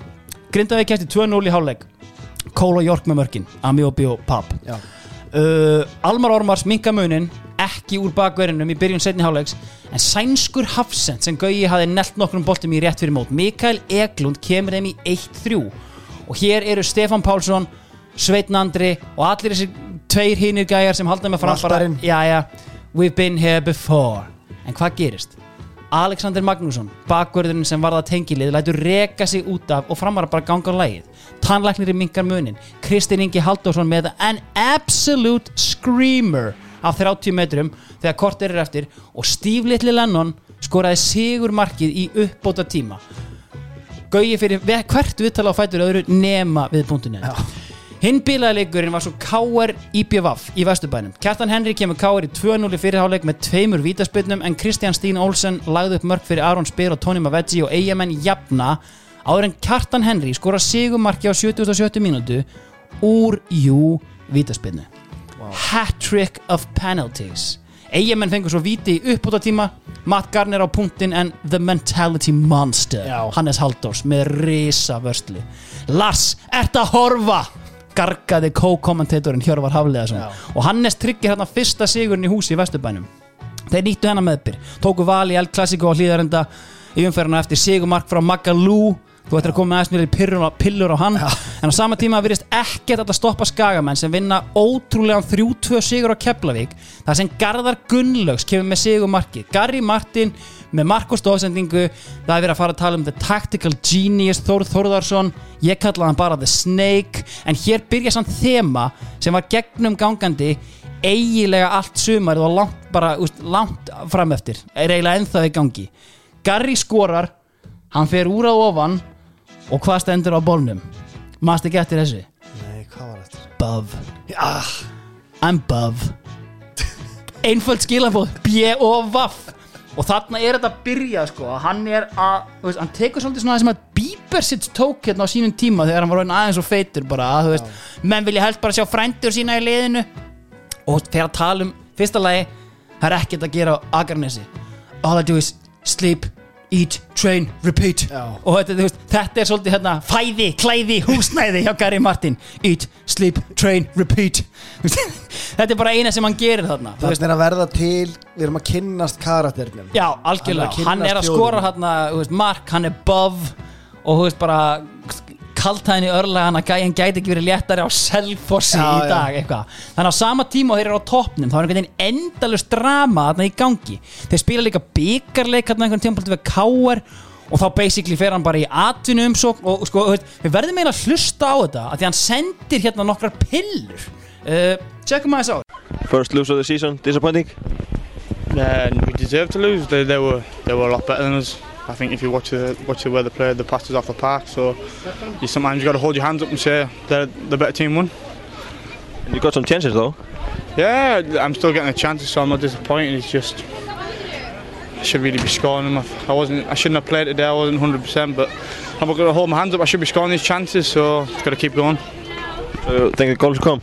Yeah, they'll come. They'll come eventually. Just got to keep working hard and keep going. I didn't expect uh, Greta to let me through, so then I got the ball stuck under my feet. But another day I put them away. You want to take the penalty? Yeah, it's just it's the way it is, isn't it? He's the golden boy Joey. He gets he takes them, takes free kicks, so he's got to The hold on. Golden Boy Joey Disappointing with that? Þetta er pilla No, just let get on Þú with veist, það er, úst, sko, eitt í þessu líka Það er, sko eins og ég hef alltaf sagt að ég elska mest við Gary Martin er að hann talar um íslensku dildina eins og The Premier League. Já. Það er, skilur, Allt hérna- annað perspektíf. Og bara líka, veist, og hann er svo all in. Já. I didn't expect Greta to Já. let me through. Hann hefur aldrei hitt hennar hann hefur aldrei séð hann á æfinni hann er samt búin að kynna sér hvað hann heitir og þú veist bara Talar um hann eins og Sol Campbell já, eiginlega sko. Það er svo ógæðslega að finna sem að við ættum að vera að gera líka. Við hann er bara með annað perspektíf Við gerum það ekki, Nei. Garri gerir Já. það. Og Garri er held ég sko fyrsti gæinn sem ég, hei- ég sko heyri tala um sko The Magic of the Cup. Já, Það er engin íslendingu kveikt á þessu áður sko. Allavega hana uh, Þetta er bara aðeins Players of the Park að fá 2-1 Þetta er algjör skýta sigur þetta, þetta var í byggarnum. Já, byggarnum. Já. og þetta er fyrsta tabbi er að þannig að þú veist, þeir eru ennþá tablausir í deildinni. Sko, F-fáingar höfðu ekki verið með neina flugaldarsýningu upphæði móts en unnu fagmannlegan 3-0 sigur á blikum og eru tablausir eftir fjóra leiki. Þú veist hvort þeir eru 1-3-0 eða 2-2-0 eitthvað svo leiðis uh, og það voru stjörnumenn líka eftir stór sigur á Grindavík 1-4 Bjarni Jó Ég held hérna hann sé að vera fyrsti þjálfarinn til að vinna 100 leiki sem þjálfari eftir deild. Og þú veist bara enn og aftur, virðingu á nafni. Já, Guðjón er í brasi uh, Þórðarsson uh, kemur kannski ekki mörgum ávart en fyrir tímabilið það hefði verið talað um svona the race to 100 W's. Ok. Gauji, Luigi á bóndabílinu Já. og hérna Bjarni Jó. Og Bjarni Jó fyrstur. Uh, sko Gauji þurfti bara einn leik og hann er að brasa með að ná honum en býðið bara, uh, valsmenn fylgja eftir tapi gegn Káir eftir með tapi upp í árbæ þar sem að Átni Freyr Guðnason er allt í öllu með tvennu, Davíð Áskbjörns með signature negli úr aukarspinnu Sindri hefði nú mátt gera aðeins betur og Vaður eru hérna komin á kunnulega slóður búin að tapa þremur leikjum í röð og nákvæmlega ekkert að frétta. Grindavegnaða loksins í stig með 3-3 jafntöfli gegn Selfossi. Selfisingar höfðu samt byrjað þetta mót ágætlega veist, sjö stið eftir fimm leiki veist, bara þannig sé frekar respectable einhvern veginn sko, og hérna Uh, Óli Bjaldur, Baldur Bjarnason er enn og aftur að poppa upp í tegnum og augustundi fyrir grindinginga, grindaði voru 3-1 undir nánast þangalli uppláðtíma þegar gaujalegast í heimið tvö först leikadriði klinsuðu punkt. Uh, og stjarnan verður fyrsta leið til að stöðva í þetta er heldur bara í sjött eða sjöndu umferð. 1-1 jafntefnilega sem að Garðar Jó skoraði sitt fyrsta vangar tímabunnu hann var sko fjórum mínútum frá því. Þetta er sko Óskar Vintage, Óskar Ófegur hann er fjórum mínútum frá því að vera sá leikmaður sem vinnur guldskó og á lengsta mómentið frá upphafi næsta tímabils í að skora. Ok. Það, sko, þetta er geggjuð tölfræði en það var enginn að pæla í þessu sko. Nei, og Óskar hann var ekki, veist, hann náði ekki eins og Nei, nei, nei, nei, nei, ok, hann náði þessu ekki en hendum þessu samt í loftu þetta var bara, veist, hann, hann gaf okkur einhvern tíu manna lista þetta, var svo Þetta hefði ekki geggjað, orðið svona narratífan ef hann hefði farið þessar fjóra Einmitt, Nei, sínum Þetta þetta samt met. Uh, uh, En stórleikurinn hérna er í Vesturbænum Það sem að KR og FH mætast. FH hefðu basically geta skilið KR-inga vel eftir með sigri En KR-ingar er að vakna Og þeir vinna hennar leik. Smalinn með fyrsta markið Kjartan Henry með mark 2 Mark sem skráðist reynda sem sjálfsmark á gullagull Og hér skapaðist áhugaverð umræða. Uh, Kjartan mætir í viðtal eftir leik og hann tekur svolítið hérna skítu hann Pál Gunnarsson á þetta MPG, okkar mann, kóngin uh, veist, við þekkjum það öll veist, sjálfsmark, þetta er mitt mark. Já, já. þetta var sjálfsmark magi, en veist, allt í góðu. Og hann segir bara, þetta er mitt mark. Uh, við skulum algjörlega skauti við þá staðin, þetta er aldrei hans mark. Okay. þetta er bara fyrirgjöfin í tegin sem Gulli slær inn. En það sem að Á við hann fyrirgjöfina? Já, Já, og þú veist hann er að senda út í tegin. Þú veist, þetta er bara aldrei stefnir hans ekki mark. átt að marki einu sinni. En hann, hún er tekst samt að hérna KHF-a yfir sig í því að búa til umræði og sko hinn árvakli fjörmjölamæður Hjörvar Haflegason fer bara að pæla í þess að því hann segir ég er mjög ósáttu með þetta að því ég ætlaði að gera þetta. Gummi Hreyðars var búinn að segja mér að Gulli eigi þetta til og þetta er auðvitað fáránlegt að því að Gummi Hreyðars er markmannstjálfari Káer og greinilega líka að tala við sóknarmennina með við þetta. Já, hann er líka markmannstjálfari íslenska landsliðsins. Já þetta er bara innherja upplýsingar. Ég myndi, þetta er bara Baldur Guðlason í FME veist, þetta, er bara, þetta er bara eins mikið insider information trading Já. sem ég hef heyrt. Og þú veist, þetta er hérna ég ætla að spila hérna klippuna sem kom úr hérna, Pepsi mörkunum með þetta Sko, við skulum segja óheppileg ummæli hjá Kjartari Henry eftir leik. Um, já, Gummi, hérna, Gummi Heiðar sagði mér að Gulli tæki alltaf sénsinn. Þetta er hann að tala um Guðmund Heiðar som markværi þjálfur K.R. og landslýsins og, og þannig er hann að benda sóknamanni K.R.inga á veikleika Gunnleifs. Ég veldi því fyrir mér ef að Gulli með einhverja veikleika á þá ekki Guðmundur Heiðarsson landslýs, markmannstjálfur landslýsins að vinna í þeim veikleikum með Gulla staðins að vera að segja sóknarmönnum káringa frá því hvar, hvar, hvar Gulli sé lélur. Uh, hann, hann vel, uh, núna verður Ögmundur Ólafsson í, í Ögmundur Kristinsson í, í hérna valin í, í landslið á móti svíjum og Gummir Heiðars er að fara að vinna með honum. Er hann þá að fara að vinna með honum til að finna veikleika á honum því að næsti leikur káringa er á móti þeim? Nei, þetta er bara óefilegt. Ég held að það eigi ekki að vera þannig að, að markmannstjálfara landslýsins eigi líka að vera markmannstjálfari besta liðsins á Íslandi. sammála því, þú veist, þetta Já, er ekki frábær hægt punktur. sko. það sem ég skil ekki alveg í þessu já, er hvaða veikleiki er þetta nákvæmlega sem að Kjartar Henry þykist hafa nýtt sér? það er síðan annar mál sko, að því að þú veist tekur, ég ætlaði að gera þetta þannig að hann myndi slá hann inn. Já, það er, veist, þetta er svona allt við þetta er óhefnilegt því að hann hefði aldrei þurft að segja Nei. þetta hann var aldrei að fara að fá þetta mark skráð Nei, og hann, hann augljóslega er ekki að reyna að láta Gulla slá boltan inn. Nei, þú veist þannig að, nei, þú veist hann er líka bara að gefa út í tegin og Gulli er að lesa þetta. Þú veist, er hann í alvörinu bara búin að segja veist, þetta er það díteilaðar upplýsingar Gulli er veist, vondur í höndunum ef hann fær cutback sendingu út í tegin nálægt markinu. Veist, er það það sem hann segir við hann eða? hann hlýtur að vera að segja við hann að Gulli reynir að lesa sendinguna út þannig að reynda að skjóta á mark eða það hlýtur að vera upplýsingar Já, að hann fylgdi þeim ekki eftir en ákvað samt að koma með þetta í svona tilrönd þú sem er sko bara Gummi Reyðars á að vera brjálaður til Kjartan. Henry fyrir að henda sér fyrir rútuna. En eins og færði ekki fleiri tips frá mér Nei, Kjartan það er klart, það koma hendur í handastað eins og hann sagði sko. Herri, þetta er náttúrulega leikur sem að Viktor Guðmundsson vil gleyma sem allra fyrst ég horfði þarna á Pepsi mörkin og fekk að hérna, ég fekk það staðfest já að Kjartan Henry út á væng er bara alvöru mannsúkitt pæling, bara BG4 og Viktor Bjarki eru að hengjan þeir eru að hengjan háan þarna yfir á kantinn sko. Það sem að Kjartan er að bullja Viktor gjörsamlega sko. Og hann áhældi þátt í báðum mörkunum og þetta er, þetta er gott síksson hjá Viktori en veist, þetta var ekki góð leikur. Allan að K.R. stretsa áfram sigur hann í fjóra leiki og eru komið bara við toppin eftir úti sigur gegn fram sem eru auðvitað í tómu tjóni. Hver hefði getað séð það fyrir? Samt er Kristinn Ingi Halldórsson endurast að tikka inn mörgum Óskar Örn Haugsson með sigumarkið sent í leiknum. Herru Valsmenn komast á sigurbraut með örugum 4-0 sigur á Keflavík það er búið að gefast upp á tilhörinni sem er Alli Heimisson, Kolbett Kárasson er komin í markið. Nei, komin fyrir framann markið. Það eru tvö mörg Kolbett fór í viðtal sem er held í styrsta viðtal sem ég hef nokkuð tíman heyrt. Allir fjölmiðlamenn landsins í kringum hann. Hvernig var leikurinn? Flottur, takk. Og, og síðan næsta spurning. Gefur þið vantalega byrjundi báða vengi? geggjað, mjög gott. Og þú ert vantalega að nýta sénsinn? Já, maður langar að vera í byrjunleginu geðvögt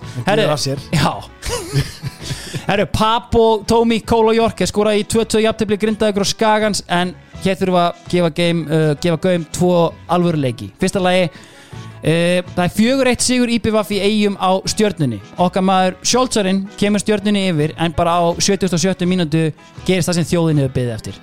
Tryggvi Guðmunds, hann er komin aftur. Hann er búin að losa sig við blóttappan hann er búin að klæða sig úr slopnum Já. og hann er mættur þrumarinn aukaspinnu í netið og er í kjálfarið orðin markahæsti leikmaður eftir deildar frá upphafi. Og veist, hér, þú veist þetta er ekki þannig að sé-momenti það er Nei, annað. það er hundramörkin, mútið val ógeðslega aukaspinna sem fór á varnamann og inn, veist, það hefði mátt alveg taka það á honum, sko það var reyna þetta, fekk tips.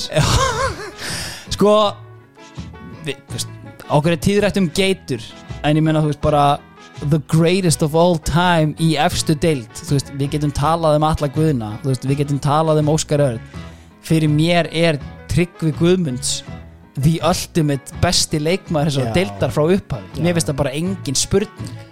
Í það minnsta í nútíma fótbolta Eða 92, ég nenni ekki að tala um fortíðina. já, já, veist, hérna- 92 og upp úr. Já. Mér er eiginlega sama hvað á marga titla? Hann á, hann á 97 hann á 2005 6 og 9 þetta eru fjórir titlar. Já.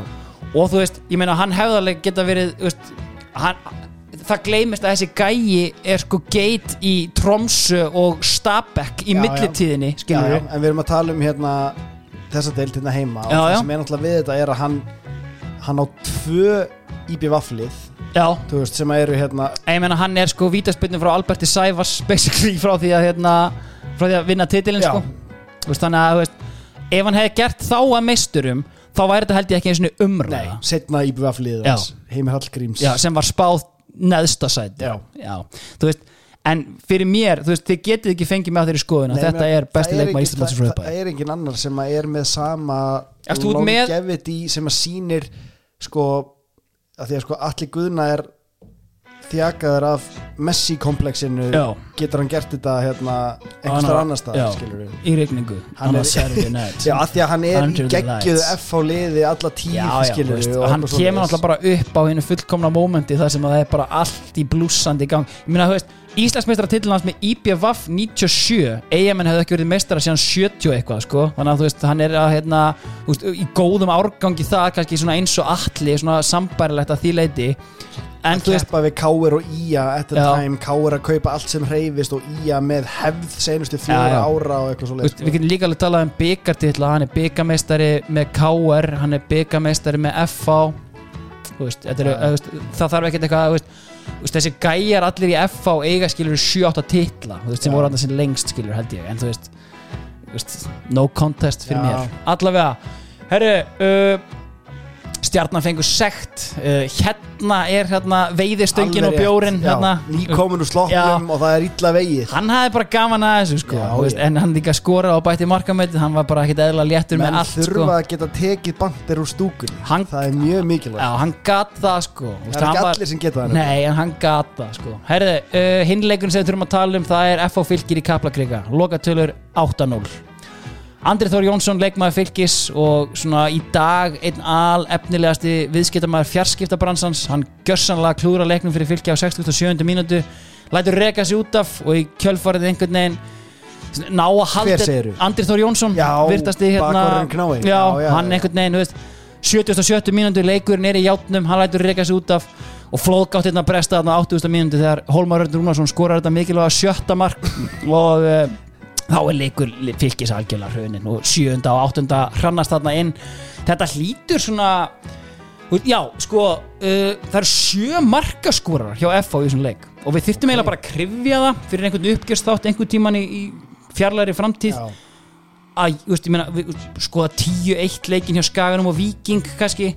E, skoða e, ég veit ekki eins og niður ég veit ekki hvað annað við erum að skoða. Þetta er bara 7-2 uh, skulum ekki tala um 9-1 leikin hérna á valsvöllinu, við skulum ekki að skoða hann. Veist, 7-2 það er hérna setna tímabilinu, það voru tvennur og þrennur sko, þannig að þú veist þetta hlýtur að vera með sjö gatti að markaskorar allavega, höldu ég til að haga, Óskar Ófegur ef þú ætti að hlusta, hafðu samband takk, herru uh, það er krísufundur í árbærum eftir þetta. Þeir rífa sig upp í næsta leik, vinna fram. Þeir eru auðvitað með aðstofaþjálfara með Ása Arnars. A little fella called the goddamn king Haugur Ingi Guðnason. Núna er hann hættur. Finally, nei, Sko, ekkert finally. það að einhver nái að gýra lið upp í sigur eftir 8-0 tap þetta er einhver bara, þetta er CV-material sálfræði mentunin Jú, jú, að ég, skila sig ég er búin að klára hérna sálfræði kursa en sjáðu hennan leik hérna. 8-0 tap, jú, jú, ég var vissilega við stjórnvölinn þá en horfði á leikina eftir. Já. þetta var brekka sem ég kom okkur úr. Ég malbyggaði yfir þetta og gerði þetta jafnsléttu, takk! Herru uh, má ég sjá. Ha, þú veist, það sé på þú veist, sem íþjóttar sálfræðingur sálfræðingur er náttúrulega ekki eins og fólk er flest. Nei, nei. hann hefur hugsað sko 8-0 tap hann hefur fengið vatn í munn oh, verkefni Hlaup í hérna, skarðið. það var líka ótrúlega Pepsi mörkin, það var hérna það var svona Doc Extra dæmi, Pepsi mörkin Extra sem að Hjörvar var alltaf að gera eitthvað anskotast rugg og hann bara fer bara daginn eftir að teimdöngum setna bara hérna upp í árbæ. Tekur viðtal bara við Ása og Haug Inga bara Jæja. hvar, hvenar var þetta farið? Og Ási náttúrulega bara Andrið Þór Jónsson klúraði leiknum og veist, þetta eitthvað svona og hérna, og síðan bara eitthvað, þannig er þið bara eitthvað að djóka já, mikið talað hérna um hvort það sé ekki eftir eitt á bóstólum og, veist, eitthvað, veist, þetta er bara þetta er svona mjög óþægilegt einhvern veginn dæmi, sko, en, en samt, þú veist, bara svona geggjað umgjörð. Herri, uh, skagablúðuran skagablaðuran, hún er sprungin. Er loksins tapa og þá heimavelli gegn IBVF uh, 0-4, þetta er alvöru brotlending. Kristján Stín Olsen, allt í öllu skora þrennu sko það er mögnuð atbyrðarás í þessum leik sem að tengist þess fjórða markinu. Uh, þetta er eiginlega algjörlega glóralöst af því að hérna er fyrirsögnuna.net Maggi Gilva vildi, láta varamannin taka vítið gegn gömlu félögunum. Sko, IPVF kæft í 3-0 á 88. mínútu og þá kallaði Magnús strax í Ragnar Leósson og sá hann um að gera sig kláran til að koma inn á. Tveimur mínútu síðar fekk IPVF vítaspinnu að broti á Þóratni Inga innan tegs. Hér hefst farsinn Ragnar var klára hliðalínu að koma inn á og Magnús kallaði hann á völlin að Ragnar tekur vítaspinnuna Þá var fyrir nokkur reykistefna á vellinum milli leikmanna um hver skildi taka vítið. Þórarinn Ingi vildi taka hana Kristján Stín Olsen on a hat-trick vildi taka hana og Gunnar Már vítaskiptaliðsins var komin inn á. Fáum að heyra hvað Magnús sagði. Það var smá rugl í kringum þetta leiðindar atvik sem ég er ekki stoltur af.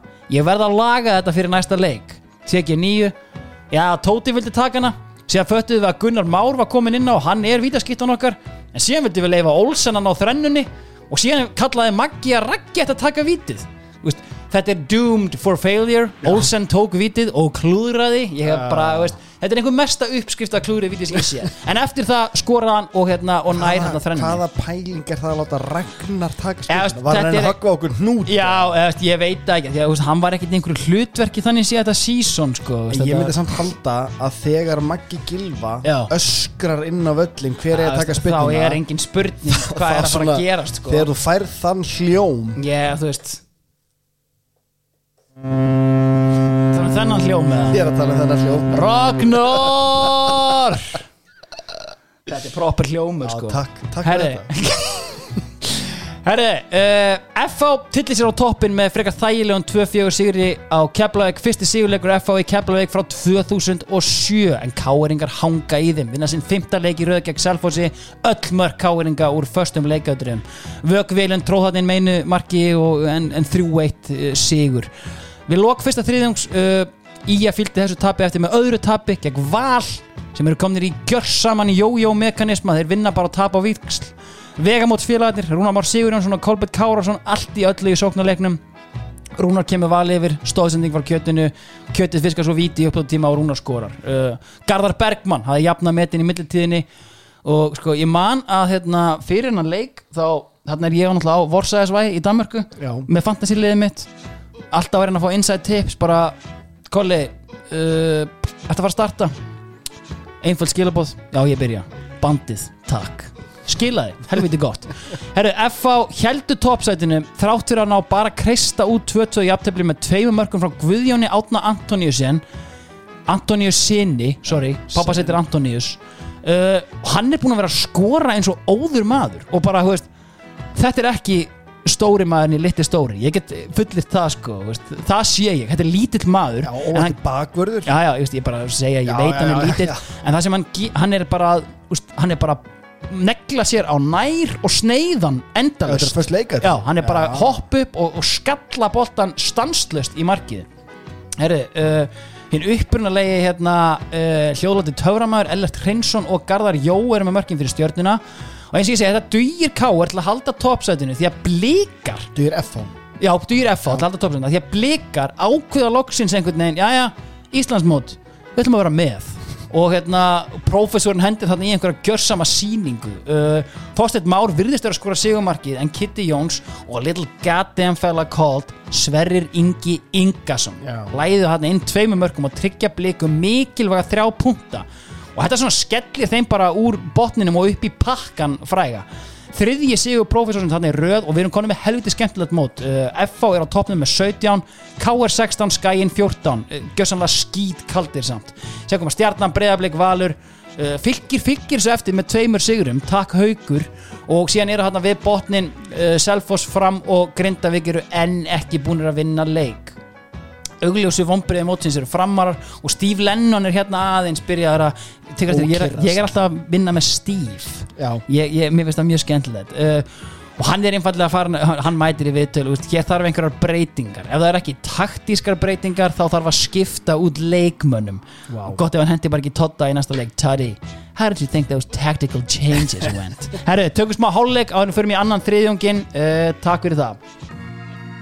Hálfleikurinn er í búið lenginar lengjan, lengjan, lukus brengjan eru verið að betta eitthvað nýlega? Já, já, appið maður. Takk. Ligg marflatur. Já, Marflatur í sófanum. Hvað hefur svona verið að tikka inn fyrir þig?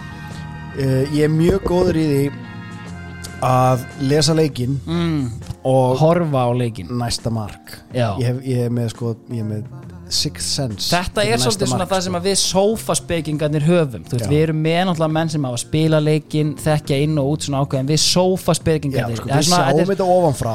Þú veist, þegar þú ert að spila leikinn þá hefur kannski ekki sensin fyrir því, er ég, þú heldur alltaf að þú sért að fara að skora og Mm. eitthvað svona skilur, þú ert, þú ert alltaf nálægt. Já, en ég held einmitt sko, þetta er svolítið svona, þetta er svona hashtag sem ég hef verið að reyna að vinna með lenginni, það er hashtag ég horfi. Uh, þú veist, það, veist, það þýðir bara, ég dæmi leikin út frá mínum eiginu augum. Já. ég þarf ekki að sjá einhverja tölfræði eða, eða Þetta er annars jafnvel svona, ég sé. Já, ég sé, Já. ég sé þig. Já. og fyrir það þakka ég lenginni fyrir. Takk lengan, hashtag ég horfi. Eða hashtag ég sé. Takk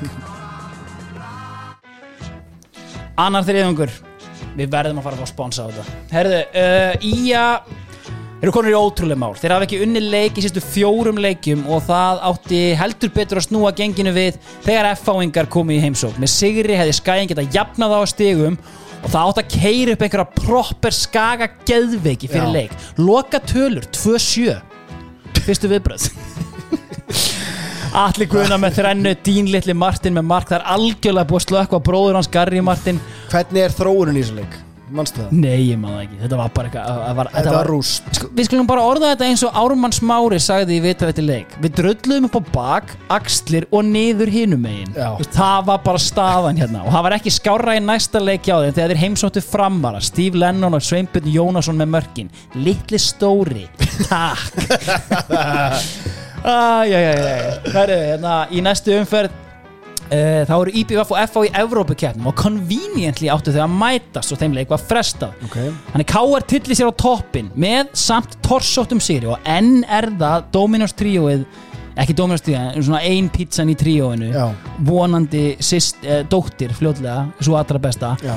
Þorsteinn Már, hann er að koma inn að bekknum fiskar viti og skorar sigumarkið uh, Í þessari umferð nær Gauði Þóruðar loksins í The 100W 100. og að sjálfsögðu er það gegn völsurum. Það er ekkert að frétta. Þar Gauði mætir bara og það er málið sko, það er algjörlega kvikna í papp hér, Já. hann er að raða inn og sko scores when he wants, syngja hérna stuðnismenn grindavíkars, ég veit endur ekkert hverjir eru.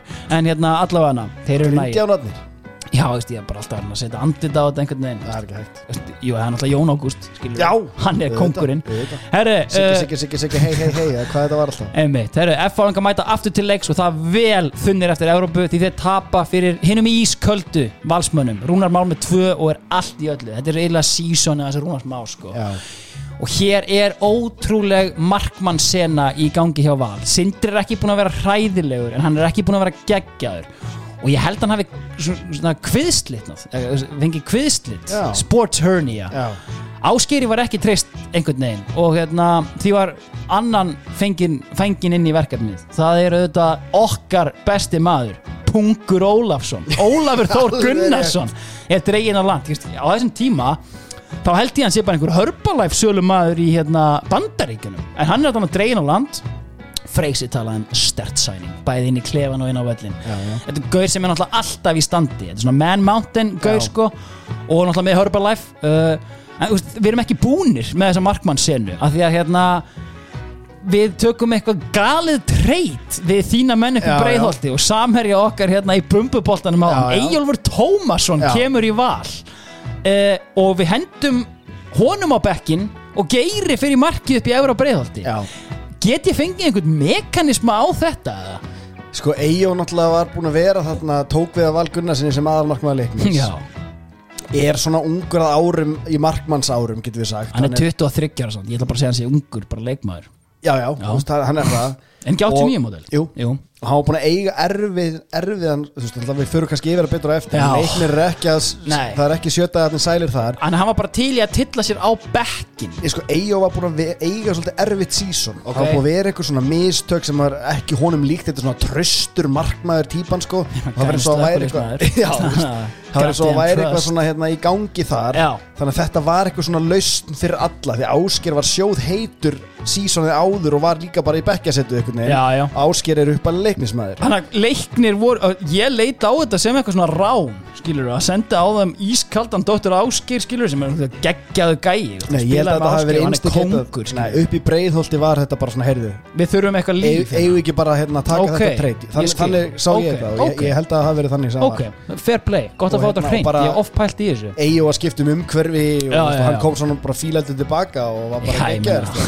Að hann. Búin að smitast af the winning DNA. Herri, uh, valsmenn lánuðu þetta fleiri menn svona hálfgerða servéttu leikmenn Hilmar Rappn og Brynja Kristmunds. Þeir hafa svona lítið verið að gera hann í liðinu.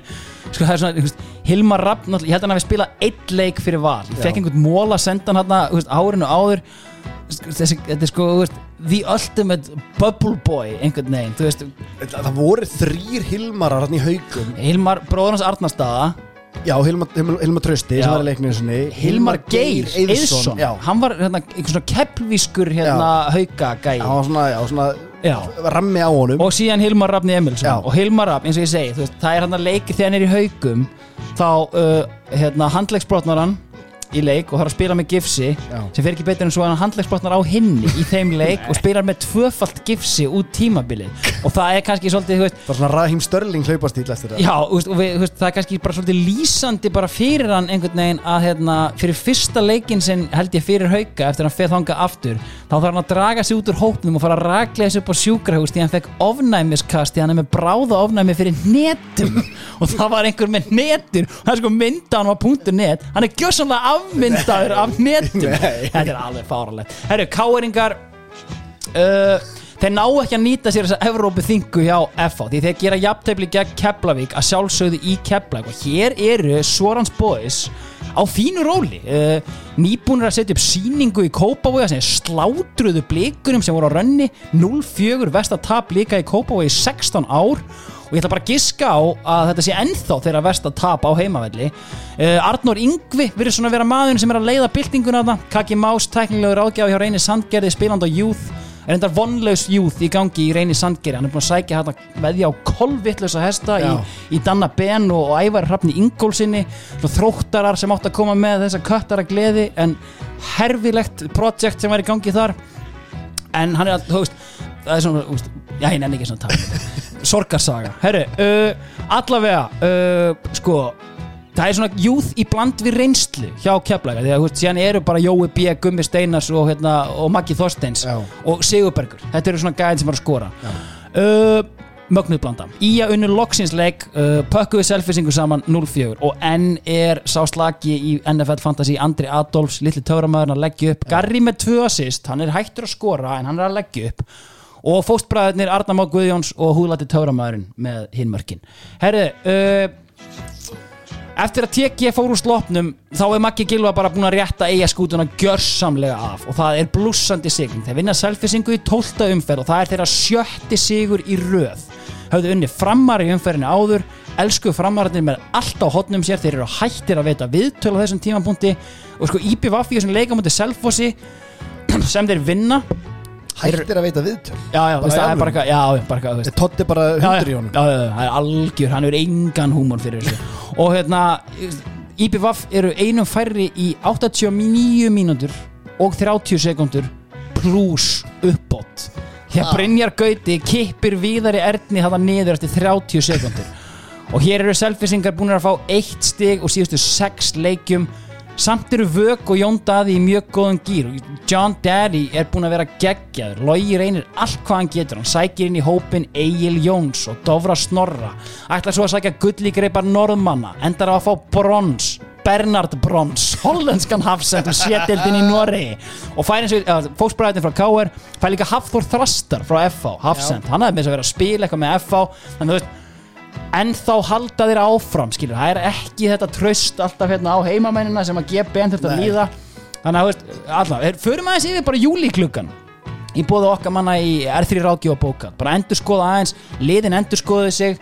Sjáum bara aðeins hvað við gerum. Já, já, já, endur skoða leikmannahópana sína. Já, já, já, já. Og, og R3 ráðgjöf voru væntanlega fengnir í það verkefni enda engin.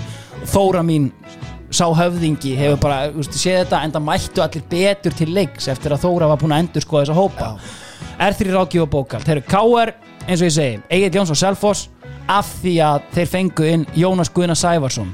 Hann fekk Pampers meðferna frá Halmstad komið gott, hann kemur aftur heim í KR Valsmenn, þeir skila haustherði Sveinsinni aftur til Keflavíkur. Spikfeit pæling sem gekk ekki upp. Það er einhver að fara að skamma þig fyrir að segja heim í káer Ég Já, ég- Ég ákvað bara að henda þessu. Ég fattaði alveg hvað ég er að segja hérna sko.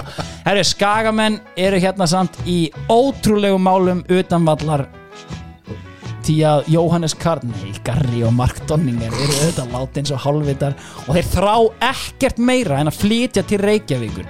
Þeir eru basically að tala um Reykjavík eins og New York.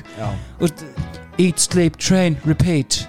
Fá yngur sælan til að segja þetta bara. Þeir eru hálftíma frá sko Það eru göng, Það eru er bara please. Garri eru auðvitað bara að gera allt til að koma sér í burtu. Það er hann einhver, þeir eru með einhvern hund eða kött. Þeir eru basically bara eitthvað svona Kardashians. Þeir eru alltaf tvítandi Fótbolti.net liggur á þeim. Það er svona, þú veist, hvort það er svona einhvern svona dagur á hérna upp í skaga. Og það er þú veist, ótrúlegt vídeo af þeim. Hann eitthvað bara eat, sleep, train, repeat með köttinn og eitthvað. Og þetta er bara algjört bíó og þeir, þú veist, Garri er náttúrulega búin að leggja inn starfsumsóknir hér og þar og hann er orðað við Val og IPVAF sem segja ekkert til því. Garri er ekki að koma ynga því að Garri vill bara fara á eitt stað og það er Káur ég held að Káur hafi ekkert verið með hann á radarnum fyrir en hann er bara búin að tala sig einhvern veginn inn í Káur það eru viðtöl við Kitta Kennist og hann er svona já, já, já Ég meina, við viljum alltaf fá bestu leikmennin í Káur sem er einhver mest að kitta kernast þetta lína sem ég veit um sko. ef það eru leikmenn í bóði þá hérna, viljum við fá það. En sko, þú veist og, og Káur er ekkert hætti, þeir taka Gary Martin. Uh, og reyna síðan að fá stíflitla Lennon sem er enda svona aðeins fagmannlegri í sinni nálgun. Þú veist, veist, leggur fram tilbóð og því er bara hafnað uh, af fram. Og honum er ekkert sagt og Lennon mætir hérna í viðtalli hjört hjartar á exinu og bara, þú veist ekki ánæði með þetta, veist, auðvitað er ég með samning hérna, en þú veist, þeir vita að ég hafa, hef metna til að fara lengra og ekki vera í þessu þú veist, einmitt, hann er búin að kalla eftir því að skipta út leikmönnum sko. þannig að þú veist, hérna, hann villar ég Herri, Skagamenn, eftir að Garri fer þeir reyna að fá Andra Rúnar Bjarnason. Það er samþýtt kauptilbóð, takk en neitt takk. Geta verið áfram hérna að geta pítsur og spila tölvuleiki og horfa á NBA Já, hann var ekki tilbúin Nei, hann var alls ekki tilbúin og ekki næstu því orðin tilbúin heldur, meirum það síðar. Herri, Þóruður, Þóruðar uh, fyrir Mark Donningar sem fyrir stjörnuna þá sækir hann Jesper Jensen hérna miðjumannin danska sem hafi verið í stjörnunni tvö orðin á undan. Aðspurður að því hvort hann myndi ekki bara vilja flytja til Reykjavíkur Jesper þar að segja og vera með vesen eins og síðustu útlendingar þá sagði Þóruður bara, veistu, nei þessi strákur virðist vera með heila. Pilla. Já, já. Síðan fenguðu sko gauðra frá Sauðorkróki gæja sem vildi vera fjöl nei, hérna Theo Furnes Já. og Ben Everson Já. er þetta ekki einhver svona lengi til þetta getur Jú. Jú. og þeir komu hérna bara og reyðu hús Já, þá- Eddi vinnum við vantilega að spila þetta með þeim Það var þarna bara 2-3 tímabil Já. þar sem að þeir hittu bara helviti vel já, já, Þeir tóku ykkur þegar að Donatello bræður já, Theo, Markmann og, Dominic og e, þetta voru þrýr Já. held ég Furnesar og, og sko þessi Ben. Everson var eftir sko ég, ég held að sé allavega tveir leikir sem hann spilar á mútið leiknum og skorir í báðum með mannrétt Bara- og hann var sko held ég bara með áberandi. 7-7 og blikar takkan sko. Já, Uh, og þeir voru á einhverjum skuffu samningum Donatello, hérna, Já. Donni allir trilltur eitthvað fyrir að kenna KSI um þetta. Þeir ráðluðu okkur að semja svona við veist, hann ætla bara að vanta know-how og winning DNA hérna upp á krók. Það er svo sem ekkert nýtt. Herru, uh, blikar reyndar hérna sækja meira. Uh, því þeir fá upp á topp með Ben Everson. Ég held þessi búin að senda hinn vonlausa Rankovits heim. Já. Niklas Röði, tvítugan Dana. Og hér er Já, Dana er blætið Röði. Við er Niklas Röði. Hér er Dana blæti, það er eiginlega bara orðið það mikið að Við verðum að ræða það. Sko, já, ég væði til að ringi Böttger að Því mig langar bara í Sko, proper greiningu á Bara svona Hvaða Dani erum við að sækja? Og það sem að ég tók fyrst eftir Sjálfsarinn, já, eins og ég sagði Þetta er Köpendani já. Og ég fór að skoða það og við höfum ekkert verið með marga köpendana hérna. þetta, er, þetta er sko mjög limited research Já, já, sem þyrfti að kafa betur onni.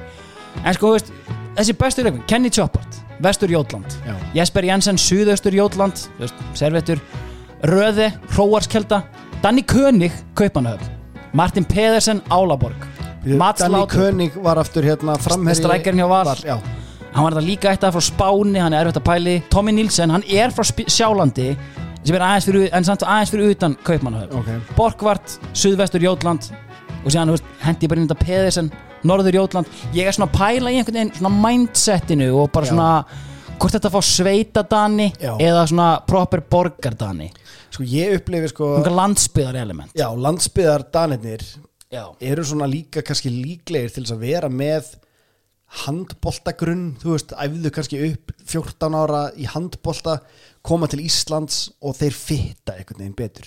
Þú veist, þeir eru svona inn í líklegir til þess að klefan fitta. þá eða? Já, bara svona í kúltúrin þannig handbólta kúltur Nei, nei, ég er að meina bara að þú veist, þeir koma hingað og Já. að því að sko handbolti er bara hérna Geitin jaðarsport já, já, í heiminum kannski í, hei, Já. í heiminum skilur Já, en já. hérna koma þeir inn í samfélag sem að metur handbolta eins og jótlendingur metur Já, handbolta þetta er frábær pæling Þetta er eitthvað svona hérna, þú, þú þekkir einhvern veginn bara, þú veist að hverju þú gengur þannig Já. að þeir eru líklegir til þess að fitta hérna Já. Sjálfsarinn er einhvern veginn bara svona ef maður tekur hennar lista hann er algjörlega uník Já. hann er algjörlega einstök saga í Já. öllum þessum hérna Já. dúttum algjörlega Þú veist, Pedersen fer síðan hérna til Sheriff Já. sem er akkur allt annar heimur og, Það er og, engin handbolti Nei, og þa þar er bara hérna þar fær hann bara ekkert að gera og getur ekki neitt og Nei. bara kemur síðan aftur, aftur hingað Já, sko. algjörlega og hann á, hann á, var hann ekki vend Sissel eða eitthvað Jú, hann kemur þaðan sko, við kaupum hann þaðan. Þetta, þetta er, þetta er hérna uppgjörstátturinn hérna í fjallari Já, framtíð Herru, næsti leikur eftir þetta uh, K.R. Stjarnan. Uh, Gary Martin ragleði sinni byrjunlið að því að Kjartan Henry var meittur það er líka kannski svona íttið þeim í þessar Lennon Martin pælingar sko. uh, og það hafði þetta vantað eitthvað annað bit en í först leikadrið svona hjá K.R. fjár undan Emil Atla, byrjaði hann ekki ágætlega? Ég- Hann læðir inn hann einhverjum tveim, þreim mörgum held ég yfir allt Já. sísonið skilur en þú veist, hérna er annar flokkstrákur algjörlega, og þeir vilja náttúrulega þeirra veist, proper line-up er náttúrulega, skilur núna, veist, Kjartan út á Væng Garri og, og hérna Óskaröld. Sko. Allavega uh, uh, Garri með fyrsta mark leiksins á 53. mínútu í sínum fyrsta leik uh, Guðmundur Reynir verður síðan fyrir Ólan að gera sjálfsmark e, e, e, þessi leikur fer 1-1, já Mark Donninger á bekknum hjá stjörninni kemur inn á á sama tíma vinna F.A. engar sigur á Grindavík 0-1, þeir eru fættin að harka aðeins inn sigurum, Guðmann Þórusson með markið og F.A. engar nú stíja á eftir K.R. en með leik til góða Fylgir sá að það var sjens þeir eru búin að vinna þetta nokkru leiki löð Haukur Ingi er bara í einhverju gæðastjórnun á andleiri vegferð höframæður sækjum hérna Sigurvinni Ólafsson wow. Já, hérna hér er, Andlegur leiðtogi. Hann gerir auðvitað ekki nokkuð skapaðan hlut Bak við 37 ára, ekki spilað í eftirdeldi í 5 ár uh, Hlúir að mönnum Er næsta umferð Þá skilja F.A. og K.R. sig frá Því að stjarnan gerir 3-3 játtöfli við fylki þar sem að Ingimundur Níels uh, er með tvennu ef ég mann rétt og Ingimundur Níels er að raða inn Hann er algjörlega hérna, on fire hérna. Mark Donninger skorar fyrir stjörnuna og sama tíma skoraði hver annar en Niklas Röði Sigumark Blika og IBVF og stöðvaði þar með þessa imreið sem Maggi Gilva búin að setja á laginnar Keflaði grindaði 2-1 papp á skotskónum en nýji bjargvætturinn Magnús Sverri Þorstensson með Sigumarkið Káur og F er að stinga af.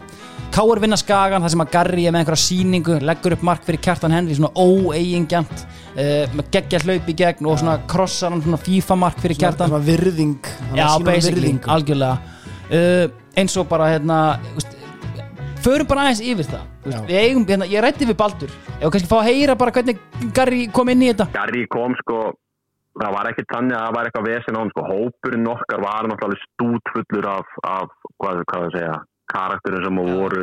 Það skipti ekkit máli þótt að, að veist, hver hefði komið inn af, af hérna og Garri í rauninni allavega það sem ég man eftir kannski fæ ég einhver, uh, einhver símtur eftir þetta sem að menn haldi einhver öðru fram en, en ég man bara hann og það er yfirleitt þannig að, að hérna svona fyrsta árið þú kemur inn og ég meina Garri bara bar mikla virðingu fyrir liðin og hóknum og var mjög stoltur af því að hafa fengið þetta skref. Og hérna hann kom náttúrulega vel inn og það kannski bara það eina sem að hérna, mér minnir hann að hann alveg skora einhver mörg sko. Já, já, og það, og, já, hann hafa svo sem ekkit út á, út á hann að setja sko. En hann bara eins og segja, það sem að gera samt held ég aðalega þegar hann kemur inn er að, að hérna, minningunni að þá voru við að lenda þá aftur í því að það var alltaf ákveðin svona samkjæfna á milli kjartans og gauja. Hvor væri upp á topp? Og kjartan var eiginlega svona fornað á hægri kantin ára undan. Einmitt. Og stóð sér enda þar vel, það vel að hún heldur bara maður mótsins og hérna og, en svo sem mér minnir að þarna hefur við lendir kjartan í því aftur 2012, Garri kemur settur upp á topp og þá er einhvern veginn kjartan aftur farður út á kantin og, og ég held nú að kjartan hafði ekkert verið neitt rosalega sáttu við það. Þannig að hérna, að náttúrulega að lenda einhvern aftur í því að fá hann inn sendir og það er líka svona veist, þetta er líka Garri var svona allavega þá mann lítið síðan kannski síðust ára en svona allavega í, í, í, í Selfoss og þar, hann var rosa mikið að draga þessu út af kantana og svona, en þetta var svona kannski svona einhver blanda sem að við þurftum að læra inn á. Áhugavert. Vægast sagt. Að því að sko þetta hafði gengið í mannsjúkins hlutverkinu með hérna Guðjón Baldvins. Já. Uh, en það sem, just, en sem við komum inn á að hérna kjartan alltaf meiðist. Já. og er þar með, veist, kemur út úr liðinu Garri kemur inn, Garri byrjar að skora uh, og kjartan, ég held að þetta sé endur komið leikur hans kjartan á mútið skaganum. Þannig að þú veist þetta er svona riðl einhvern veginn. Já sko, Gary Martin líka komið hérna og stormsveipurinn íslenska fótbolta og, og allt það ætla hann hafi nokkuð tíman hagað sér betur heldur en þetta, þetta hálfa sísón í KR eftir að hann fær múfið, það er svo gaman að heyra að Baldur segir sko að hann kemur inn og hann virðir alltaf, hann er búin að haga sér eins og trúður í fjölmiðlum að reyna að komast þarna burt og eitthvað Já. en svo fattar hann bara, heyrðu, ok nú er ég búin að fá múfið mitt, Já. nú ætla ég að haga mér Þetta er líka bara svona blanda af öll einhvern veginn Hann kemur í fangið á Rúnari Kristins. Hann er, þú hann er ekki nema 22 ára þarna. Hann er að koma úr skaganum Goddammit, hann veit það sko. Að þú veist, hann er að labba inn í lið með Greta. Íslenska Sol Campbell Já, og þú veist hann einhvern veginn, þú veist, hann bara verður að haga sér. Og Garri er, þú veist ég hef heyrt margt um Garri, skilur já. en það sem ég hef líka heyrt er að hann er a professional, skilur og hann æfir drullu vel, skilur og þú veist, bara einhvern veginn, þetta hefur bara fitta fullkomlega að við bara, þú veist fyrir hvar- allir nema Kjartan Henry Já, sem að, já, sem já. að ru- þetta ruggar einhverjum bát þar aðalega bara þú veist, út frá Garri skilur þetta er bara, þú veist, einhvern veginn þetta var bara nákvæmlega tímapunkturinn fyrir hann til að shut up and play Já. og, og árið eftir 100% líka eh, verkefnið veist, eða, jú, og jú bara þú veist, einhvern veginn öll árin undir rúnari er Garri mjög þægur sko Já, já. það er ekki fyrir hann að BG4 mætir hann Já, og já. hérna, kveikir í honum aftur sem að við fáum Garri í ham herru, uh, hvað eru við komnir í þessu? Sko, úst, manni finnst svona aðeins eins og bara með þessari tilkomu hérna, Gary Martin og bara, þeir eru Íslands og byggamestrar, þeir eru með Hannes í rammanum sem að þó hann hafi látið reka sig út af þarna móti IPVF, hann var alltaf að læða því inn að hann lét næstu reka sig út af móti stjörninni líka gaf Já. víti þar, en þú veist og þeir eru skilur búin að sækja Garri þeir voru bara inches frá því að semja við Steve Lennon skilur, ja. bara er eitthvað unstoppable force í gangi. Manni finnst þeir massívari Jú, just, við erum alltaf að FA er búið að vinna tvo leiki 8-0 og 2-7 sko. En, en eru svona á þessum tíma einhvern veginn að harka inn sigrana sko.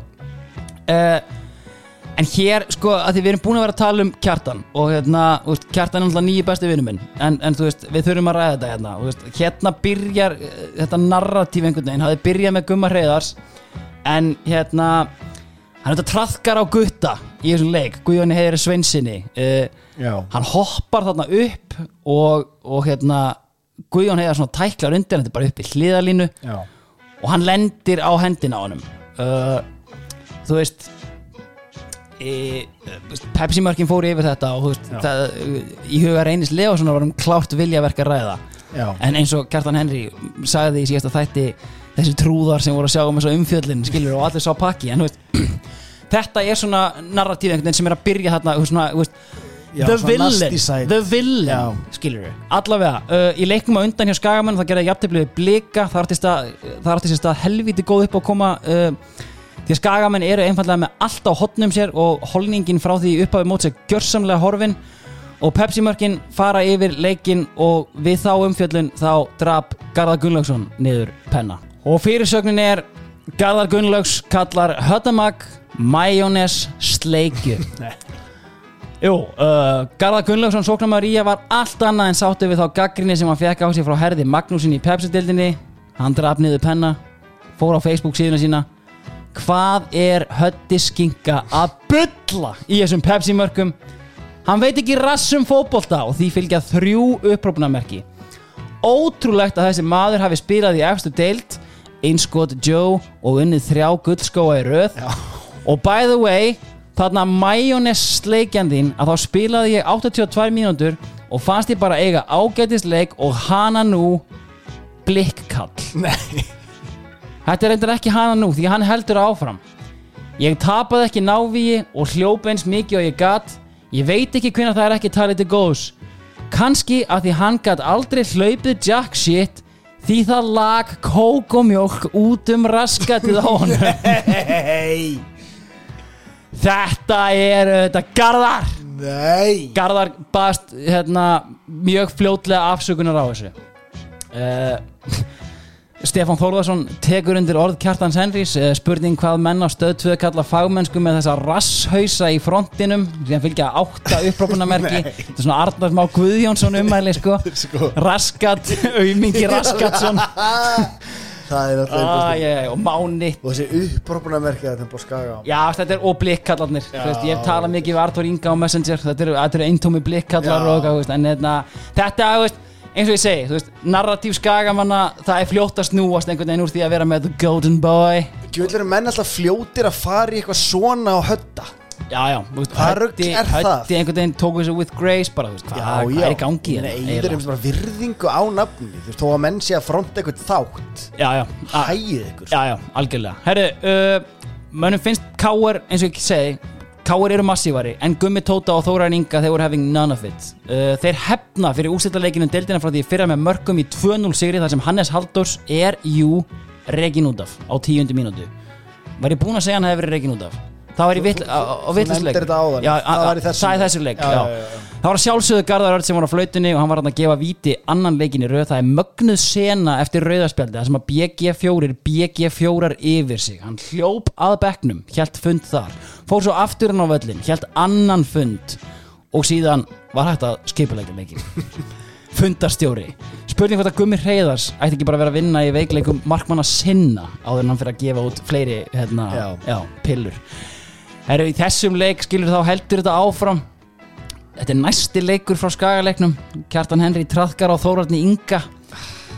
Uh, skapaðist mikil umræða líka um sko áskorun fótbolta.net sem Kjartan Henry senda á Björn Daniel hann baði um að syngja rappa bara rúna á sviði á 17. júni eða eitthvað. Þetta er allt svona Kjartan. Þetta er svona, það eru- það eru tilburðir. En hann hefur bara fílað þetta. Sko það sem meira er hérna þessi leikur hérna hjá uh, IBF og KR þetta er fyrsti leikur eftir þjóðáttíð og það hafði allur anskotin gengið á hjá IBF því að Eithor Helgi Birgisson er leistur undan samningi og Tryggvi Guðmundsson er settur aftur í sloppin eftir að þeir hafi brutið þjóðáttíðarreglur drukku hérna einhverjum tveimtöfum fyrir leika eitthvað svo les og, og TG er settur í ótímabundi bann og meðan Eithor er bara rekin sko. Herru F-fáingar vinna á sama og það var sko gegnum gangandi einhver ummæli eða einhver svona orðrómar um bara endalaus agabönn þarna og þú veist, Maggi Gilva var alltaf þú veist, þetta var, þú veist, talandi um að hafa allt á hotnum sér. Maggi Gilva hafði allt á hotnum sér einhvern veginn jafnvel í hérna sexleikja sigur hinnunni Ok. Þá var alltaf að mæti viðtöl og þú veist, það var leik með meittir eitthvað. Já, við fengum í daginn Tryggva Guðmunds, Gumma Tóta og Gunnar Má. Munaðu þetta ekkert um þá. Var, hann sagði þetta fjórum sinnum held ég hann viðtali. þreyttur á gæjunum sko. já, það eru allir er búin að vera þarna og hann það er á sama tíma stórsigur 5-2, það sem hver annar en Guðjón Átni er með tvö mörg og Atli Guðna þrennu. Atli Guðna er óstöðvandi ég held sér önnur þrennan á svo tímabilinu besti leikmaður fyrir umferðinar og hér eru F-fáingar konið með tveggjastega fórustu og leikti góða sem er þetta alvörleikur gegn IBVF svo við rifjum það upp. Uh, og IBVF eru komin í þriðja sætið með alla í sloppnum og búin að reyka helmingina liðin og eitthvað. Herru, fram og grinda að gera 20 jafntefli. Fram eru án Stephen Lennon sem hafði þarna þrý rista brotnað eða þrý brotnað á rist held ég að maður segi eftir að Jón Jónsson tók einhverja glóru lausa tæklingu. sko. hann hafði líka verið bara veist, frábær í þessum leik eitthvað veist, hafði ekkert fengið að spila var bara að halda upp í stemmingun í klefanum. Já. fær svo hann einhvern leik, leggur upp mark fær raukt spjald. Og peppast algjörlega. Algjörlega. Og þar var endar á að gefa Steve Lennon einhverja 15 tölvuleiki og fjóra DFT myndir og eitthvað sem er fyrir hann lag og eitthvað. Mér finnst, þetta samt svo skemmtilegt element á Jóni Jónssoni sem er ágætur fótboltamæður og svona karakterinn hans gerir það að verkum að hann er eiginlega geggjaður fótboltamæður fyrir FH á Já. einhver leiti Já, já. svona hérna John O'Shea, Gary Neville Mhm. típa einhver Já. svona, þú veist það sem heitir ekki hendra en, en sko það að hann sé þessi rosalega straight shooting Já. fullkomni maður Já, já. með þetta sturdlaða keppniskap Já, já. sem gerir hann eiginlega að einhverju ómenni inn á Já. vellinum Já, já. mér finnst það mjög skemmtilegt Algjörlega, herru valsmenn, þeir tapa fyrir blikum 3-4 og það er enn einn fáranleg heitin í gangi á hliðarenda uh, Valur eru svo lélegir þeir komast í 1-0, Kolbett Kára með markið á 67. mínu fá Valur víti og Kalle er rekin út af 2-0 uh, Kitty Jóns minkar munin það er að sjálfsögðu beint úr hotspinnu Pungur Ólafsson, hvað er í gangi? Á 75. mínútu þá gera valsmenn út af leikin Kolbett Kárasson skorar segumarkið Nei Nei, nei, prófessorinn sendi tvo menn á vettvang Rafnandar Haraldsson og The Ever Faithful Olger Sigurgeirs. Rafnandri á kross, búm Þórður Steinar Reyðarsson, já, hann er í breyðablик minkarmunin á 84 mínútu. Sekundu setna búm, Olger jafnarleikin og í uppbúta tíma Rafnandri með aukarspilnu og Ben Little Everson klínir inn sigurmarkinu. Einum fleiri, þrjú mörk á korteri, þrjú stíð kópavóin, leggjum inn á okkar heilsuhæli, ég þarf stuðning við erum í nýjunda sæti og getum ekki neitt. Prófessorinn er búinn að rífa blika upp í einhverja Evrópubaráttu á líginni einni. Ég minni á það, spáð nýjunda sæti fyrir mót. Valsmenn bregða það ráð að sækja Joe Tillen sem hafi verið leistur undan samningi hjá Selfossi. Það var hvorki gæfuspor fyrir hann nýja klúpin Herðu, eigamenn eru með hálft liði í agabanni en þeir halda bara áfram pakka fylki saman í árbænum það sem að Andri Þór Jónsson skorar sjálfsmark uh, frábær kveðjastund fyrir hann áður hann hjælt upp í flugvél til náms í bandaríkjunum. Takk fyrir þitt framlag Andri. F-áðingar harka inn sigri gegn blikum. Albert Brynja með sigumark eftir tæplega mínútu.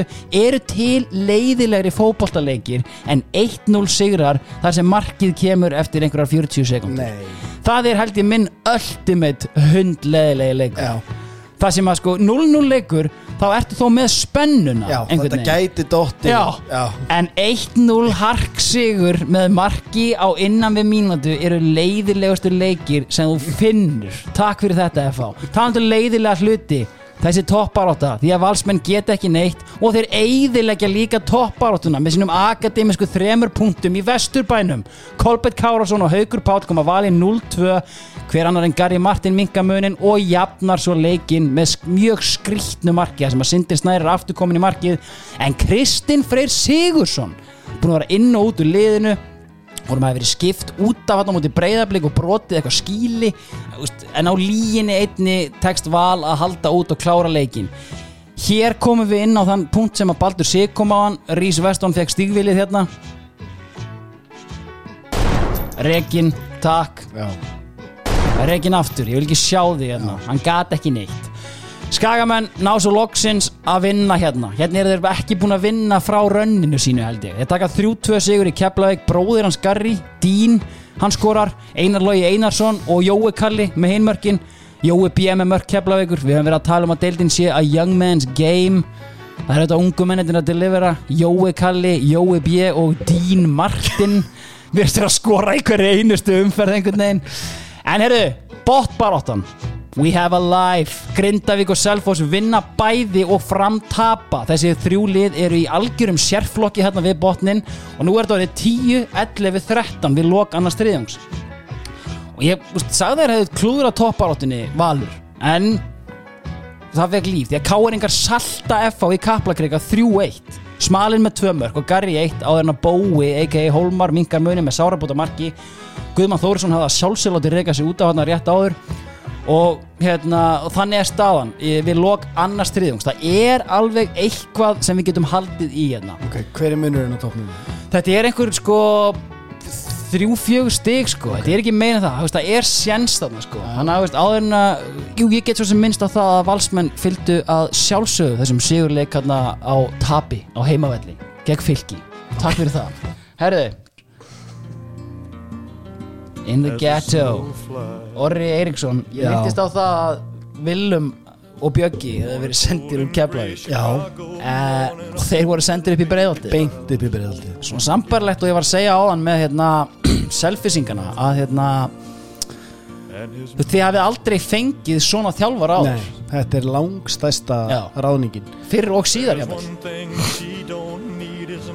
Freysi, kannski? Nei, ekki á þeim tíma. Kristján Guðmunds Ah, KG, alveg rétt levelinn sem siglist þangað Já, ok Já, Steppi Gísla var ekki Þú veist, Nei, þann, nei. er bara eitthvað leikmaður Nei, nei, nei. Viljum er klálega það stærsta sem þeir hafa fengið og, En þú veist, þetta er náttúrulega bara hálfgjör sorgarsaga sko. Já, Er það ekki? já, Þetta jú er alveg hörmulegt Alveg- tímabil já, já. Og sko, það er náttúrulega hérna Það það er hægt að ræða ímislegt í kringum, kringum hérna þetta tímabil en Uh, Don't hold back. Veist, Það var var kvartað undan því hérna um daginn að þú hefði verið að hold back. Já, og við skulum ekki sko, gera það. Willum var augljóslega ekki fitt þú þarft að hafa ákveðna eiginleika sem, sem þjálfari upp í breyðaldi leiknir klúpur sem operétar bara öðruvísi heldur en margir aðrir og kannski bara allir aðrir heldur sem að klúpar sem viljum hefur verið í. Já. Eh, Var þetta bara dauða dæmt frá upphafi einhvern veginn? Nei, ég meina, maður tilfinningin sem maður fekk náttúrulega þegar þessi ráðning er tilkynnt er bara wow Já, we're Wow. up to something wow, Já. bara hvað hérna, hvað, hvað gerist Hvar funduð þið hennan pening? Já, hvað sko- voru lengi að borga þetta? og líka sko við, við erum næstu farnir upp á þann 2010 og svo kemur þetta horror season 2011 með öllu því það er bara horror season Já. þannig að hérna, þetta átt að vera svona We're back. We're back, bara hérna, við erum með alla þessa geggjuð ungu leikmenn og þessi, þessi margfræga gullkynnslóð nú fáum við mann sem að hérna, rífar á það nýtt raskat og, og, og rífur okkur upp í hæstuhæðir. Nei, nei, við erum límdir við botnin Já, frá upphafi Frá upphafi unnuð í ekki leik fyrir bara sjöttu, sjöundu umferð Já, já, já, og, og þetta var ekki gott. Nei. og viljum held ég hafi reynt ímislegt til þess að reyna svona hérna, rífið í ganga einhvern veginn. Ég rætti við góða mann sem að sagði mér sko að helsta arfleið Willums væri svona ákveðin ummæli. Og þá er eitt sérstaklega sem ára hún ofalega á blaði. Og það er þegar Willum var að svona e, þegar einhver var að drullin á vellinum Já. þá svona snýr hann sér í bræðiskastið af bekknum og gargar hver er eiginlega agendan hjá þessum manni? Sem er geggjuð ummæli. Og svo var annað sko ef að miðjan er eitthvað aðeins svona undir í baráttunni þá snýr hann sér að bekknum. Bjöggi, turnarnir okkar er að hrinja þetta hefur svona verið helsta arfleið Willums hérna í uh, í, uh, í, Já, í svona og hann, hann reyndi mjög mikið að uh, beita harðri ást. Já. þetta var tough love tímið. Hann var, það var einhver hundur í honum hann og það var ekki að virka. Nei, nei, nei. og hérna og, og þrátt fyrir sko alla sína tilraunir þá hérna náði hann ekki að snúa við genginu. Og þegar fjóri leikir eru eftir eigum við leika á móti tindastóli Já. sem eru bara enn í svipum pakka á leiknir Já. og sá leikur tapast uh, á Mm. heima allir minni mig Já, og þetta eru meiri sig að förnasbræðurnir á skúfuðu samlingu sínum og Ben Heverson farn já, já, þannig að hérna þannig eru þrý leikir eftir Já. og við í botnsæti annarkvort í botnsæti eða Eða- næst, næst já, síðasta en einmitt. þetta er svona, þetta er allt in the mix Já. það er, al- getur allt gæst eðan þá Já. Og við eigum leiki við liðin í kringum okkur. Senstu þrý leikin eru allir við liðin í kringum Já, okkur. sem eru sko stu, höttur Höttur, uh, BI og IR Já, allt lið sem eiga að muna sinn Já, feguri IR í lokaleik. Já. það stefnir allt í einhver, einhver, einhver bilun. Einmitt. Og uh, ég er nokkuð vissu það þú veist, og hef það bara úr, úr klefanum Já. að þarna hafi viljum eftir hennan tindastónsleik Já. sagt uh, þetta er búið. Við erum fallir bara þetta er búið. Og hérna og svona væntalega verið að reyna Pakkum saman Já. okkur Bjöggi. Hættum bara. Og, og ég hérna eh, hann hef, ég veit ekki hvað taktikan var að reyna þarna en, en hún allavega taktikin skilaði því að hann var einmitt. Í kjölfarið af þessu. Já. og við taka saman Já.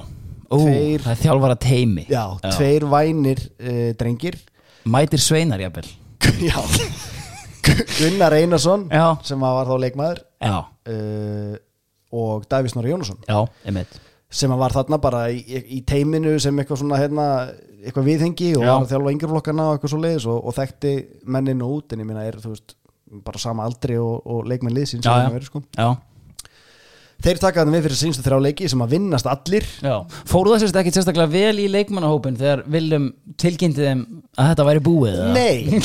Uh, Ég held að einn maður Ég held að hafi allir bara svona ha, Þú veist, ha, hvað er, hvað er hann að segja? Einhver svona, já, já, jú, jú. En það var einn sem sagði bara Ha, nei. Nei, nei. Þannig að hérna, það var Hugsalega var það það sem að hann var að búast við Frá öllum, skilur við Hann er að kveiki ykkur Já. elda. En þegar, að, hérna, þegar klefin öskrar ekki nei á móti er, þá ertu sennilega búin að missa hann. Já, Þannig að hérna, ég held að þetta hafi nú bara allt endað eins og átt að enda en, en annað ári í röð björgu okkur á okkur undraverðan hátt með einhverjum, einhverjum karakter. Já og, hérna, og í loka leik var, var ágætt að, að vinna í er og, og fella þá. Já, það var svoleiðis, bara bara áttan um breiðholtið. Já, en Ok. ég, ég er með minni reyndar Ég hafi verið fallin fyrir þetta en, uh, Já, ok. en það, var, það var ekki leiðilegt. Nákvæmlega, og við getum svo sem minnst á það sko að miðjan hjá IR er sko þryggjamanna miðja uh, að tveggjamanna miðja uh, bara tveir djúpir Nigel Quasi og Gunni Bomba. Já Það hefur verið alvöru sigur þarna að taka þá. Já, Gunnar Nigel Kristinsson, Guð spjald á 37. mínúti Gunnar Hilmar Kristinsson, fyrrum leikmaður leiknis Já. Já. Nigel Quasi er náttúrulega hérna, sér kapituli sem við þurfum að fara aðeins betur í já, 100%. af því að það er ákveðin saga Já. sem maður þarf að segja. Sko ég er hans að skoða leikmannahópin ég, ég man sko að fyrsti maður sem hann tók inn var hérna Andristi Birgisson. Það var Já. bara svona eitthvað, herru, þú kemur hérna inn, og hann var lengi vel held ég launahæsti leikmaður í söguleiknis ég, það, ég veit ekki hvort að það hefði ennþá verið sleið sko. Nei, einmitt. og hérna Hérna er náttúrulega drengur, sko, lélegir fantasyspilar hérna, til dæmis Sindri Björnsson hef ég gett nefnt einhvern einn uh, Damir Múminovits já, þarna nefnilega kemur Damir Já. uh, úr hvort hann komi úr ími eða hvort hann hafi verið komin í eitthvað svoleiðis Já, gæti alveg verið sko. Nei, maður ekki, hann allavega ferillin hann síðan, Já. þarna kviknar hann. Já. og það að horfa á gæðin, hann spilaði bara þetta eina sísón það var reynuunun Já, hann var með þessa, þessa serfnesku löpp sína í miðverðinum Talandi um og spilaði mikið djúpan líka. Já, já, já. Sjálfs, Fyrirgeða the Sjálfs way. Fyrirgeða ég grípi fram í fyrir hann Talandi um serfneska löpp. Ég sé hérna á bekknu númer 26 Slatko Kríkits Já, maður beigði eftir að hann færi í gang sko. Gerðist það ekki? Nei, hann svona komst aldrei á skrið. Nei. En hins vegar, Pétumar Harðarsson Já, einmitt. Það er maður sem að gerði góða hluti í leiknistriðunni. Já, ok. Getur sættir. Bara Proper. hrikalega mikil eftirsjá af honum á sín tíma. Uh, Af því að hann var mjög óöpum með meðsli Já. Sem bara var, var hans ferill svona kannski hnótskvörn held ég. Já, ég held að hann hafi mikið glýmt við það. En hann, hann sérst meiðist hjá okkur og við höldum treyðið henni gegnum það og svona það á að koma honum aftur á lappir því að hann Ég var, sé hérna hann var spila með spennandi KB sko. 2013 Já, veist, það átti að koma honum í gangi aftur en svo einhvern veginn klúðraðist það og Alveg ég var hann alltaf hérna mjög erfiðan leik KH-KB Það sem að Baldur Þórólfsson lítið reyka sig út á og klúðraði öllu fyrir okkur. Kitty Jak á flautinni Kristinn, það er enga myndavilar hérna Það var helviti geggjað. Herri, hérna Já, eh, en allavega, þetta er, þetta er hérna þetta eru tvö sísón í röð hjá leikni sem eru svona stórfurðulegi í kjölfarið á Steina Gísla svona, uh, sko, gleðinni og svo harminum sem að, hérna, þannig að við erum svolítið svona jafn okkur bara sem klúppur Já. en þetta er svona, hérna, já, Willum Þingan er ríl þarna eftir það var, hann, hann gerði ekki góð hluti í Euróbreyðalti og hérna stendur sér vonandi betur sem heilbyrðisvara Vonum það Höldum áfram með þetta, þetta var leiknismólin í bóði skólprinsunar áskers að sjálfsögðu. uh, Þeir losa stíplur, þeir myndalagnir og þeir meta goddamn ástand. Já, ég er sko í vesenu með brunnin heima. Aftur, aftur. Já, já, fá, fá gæja þarna. Þetta er bara eitt númer. Já, já, Hann græja líka sko Já, hann er bara með, hann, hann veit allt, hann þekkir Já, já. alla. Hann bara- beinir mig bara rétt að staði Það er það sem ég lendi í um daginn. Ég ringdi í hann, gæja getur að græja þetta Nei, ég get það ekki, en ringdu í þennan. Eða þennan, eða þennan. Og fiskaði upp úr þeim eitthvað geggja tilbóð Það var vist Takk. Herri, þessi galopna topparóta Hún svo gott sem kláraðist. Eða hér um byrð, þannig að þegar fylgir Tapa fyrir FH Sigurmark Frá Einari Karli Ingvarsinni Ágætis fantasíspilari Þó ekki mikið meira Þrjusar boltar upp í vinkilin í sínum fyrsta byrjunarlistleik enn einn hark sigurinn og sama tíma geta káeringar bara náði eitt stíg gegn fram þar sem ömvi Kristinn sem með einhverja síningu hatt undir lokleiks Kristinn Ingi Halldórsson með enn eitt markið. Svo í sömu viku koma eigamenn í heimsókum í krika þar sem að FH vinna bara þægilegan 2-0 sigur. Klukkuðu IPVF endanlega úr toppártinu númána sjö stigum á leiðinu við toppin í miðjumóðinu eða í hörmulega móðinu, þar eru valsarar Þeir vinna Keflavík 0-4 söðu með sjó, Kolbjörn Kára með 2 og a little fella called Indriði Áki Þorláksson með tvennu. Er þetta það moment? Já, þarna kemur hann inn, eiginlega ekkert sérstætt sísonið, sonur, Þorláks Arnarsson Já, bara hafa þetta hreinu uh, Og 17 ára kemur inn á tvö mörg Þægilegt. Gummi Steinars mætti viðtala eftir leik Og sagði að þetta veri lélegasta valslið sem hann hefði mætt. Það er auðvitað hár rétt hjá honum En það er helviti eðlilega umlæði eftir ummæli Eftir 0-4 tap. Já. Við skulum ekki gleyma því hvernig fyrirleikurinn gegn Valfjór Hann fór líka 4-0 Ég held að Rúnar Már hafi orðað það best Í tvíti eftir leik. Gummi Steinars Því líkur fredtólkur Herru, um, ef K.R. mistigur sig á móti fram þá veit ég ekki alveg hvað ég get sagt um næsta leik því að K.R.ingar þeir bruna á Selfoss og það eru proper remmingar sko, Jón Daði hvað gerðist eiginlega hérna? Ég man eftir að, þessi man eftir var sendingin frá Óla Finnsson og svona löng sending og, og ég, ég, ég veit for a fact að hérna, Hannes Halldór, seg- hann var reglulega alltaf að segja um að þetta hefði verið fyrirgjöf og hversu, hversu ömulega ljótt mark þetta var og, og allt svo leið. En, uh, en ég, ég, svona, ég man bara eftir þessu en svona dag í dag að veist, maður var svona, þetta var svona mitt og milli, maður var raun og veru bara að reyna neglunum í hættusvæði. átta markinu fyrir slass skástrík fyrirgjöf sko. og en að það fór inn sko, en að já, þetta var bara æðislegt, ég man eftir þessum degi vel sko, þetta var gott fyrir, þú veist, bara bæjarfélagið og, og svona móralinn að fá hann sigur og móti káir líka svona stóra lið á Íslandi og en að á Selfossi, þannig að þetta var virkilega gaman Hannes Halldórsson, eat your heart out þetta er geggjað mark já, já. hann fær hérna fyrir gjöfina frá uh, Ólakalla eins og hann segir Já. og hann tekur hann svona innanfótar bara hérna þægilega Já. þetta er svona mark sem maður getur svona ímynda sér bara veist, þegar hann snertir innanfótinn hann á þér. Þessi er að fara að liggja í samskiptinu þú veist bara Mjög þægileg tilfinning. svo tók hann hérna what's up with that, Já. fagnið. Þetta er svona, þú veist og vaggaði sér svona. Þetta er ekki sama en þetta er svona va- Van Basten Þetta er, þetta, þetta er, þetta er Van Basten. Þetta er að koma á þeirri átt Þetta, og hann þetta, setur þetta, hann þetta, er bara, þetta er bara frábær samlingin hjá þér orði Takk, bara takk fyrir hana. Þetta er eini munurinn er að Van Basten tekur hreina rist og Jón Daði tekur innan fótinn. Þú veist Þetta er bara tveir menn, proper leikmenn kongar á EM. Já. Já, tvö EM legend. Já, basically, sem eru bara að negla boltanum inn í hættusvæði Já. skilur við og úr verður geggjað mark. Hannes, hættu þessu. Herru, uh, Og Jón Já. Daði bara Já. til að klára hann sko bara, Já, já. að að það er á einhver leiti verið að sofa á honum. Já að hann sé þessi tvö ár hjá Selfossi. En hann er búinn að fara yfir þetta. Lánaður í úlingarlið AGF Já. Það er enginn að horfa þarna. Nei. Ég horfi, hashtag ég horfi.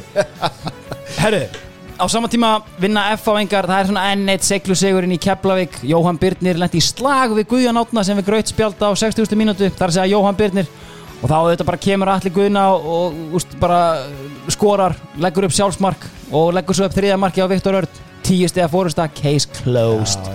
En selfisingar eru hérna algjörlega að hleypa lífi í botbarátuna uh, og framhalda sér úr bottsætunum með 4-0 sigri á fylki. Ég skil ekkert hvað fylkir er að gera þetta sísón þeir eru veist, bara tapandi 8-0 tapandi 4-0 en samt vinnandi að sjálfsögðu val reglulega. Og en veist, förum bara yfir það eftir. Herru, uh, Káringa fá svo blikka í heimsókn.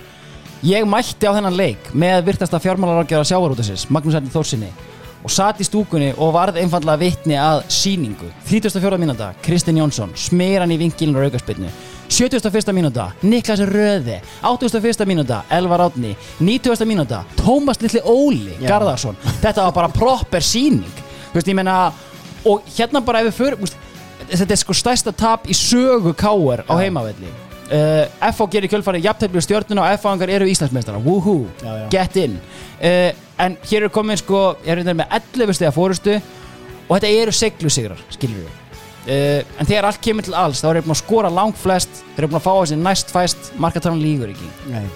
einfallega langt besta liðið, annars skipta á þremur árum sem liðið fagnar titlinum í Garðabæ það er svona Já. proper statement Heimir líka bara Þetta eru tvö titlalus ár þarna. Algjörlega og því hérna, ekki, sko. nei nákvæmlega. Og svona, úst, maður sem þurfum að ræða er náttúrulega umferðarstjóri FO-liðsins hann mittist í uppbytun í fyrsta leik. Hann er búin að spila alla leikina eftir það Bjarki Gunnlaugsson, 39 ára gammal hafði valla geta tengt leik frá því hann var 12 ára. Mætir bara Matti Villa. Úst, mér er alveg sama, Hólmar Rúnar eh, Hólmar Örn, bara aðeins ofar. Ég tek þetta bara hérna, bara svona Paul Scholes Já. late season sko. Þú veist, bara Við rættum, sko, við nefndum þetta fyrir 20 þáttum eða eitthvað. Ég man ekki hvað er langt síðan Já. Það sem við vorum að tala um þá bræður Já. Og það hefði verið þetta svona uppreist æru sísonans bjarka Já. We're here. We're here. erum komnir Finally Þetta er bara Þetta er svo innilega fallegt. Já, gjössanlega Herru, botbaráttan, framarar, þeir eru að gera allt til að láta grýta sér niður. Þeir skýt tapa fyrir Keflavík þar sem að gömlu kallarnir raða inn Magnús Sverrir, Jói B. og Jóhann Ragnar Benediktsson, fjárðarbyggðar Já, legend. löpp. Hann er búinn að vera þarna. Uh, 5-0 sigur.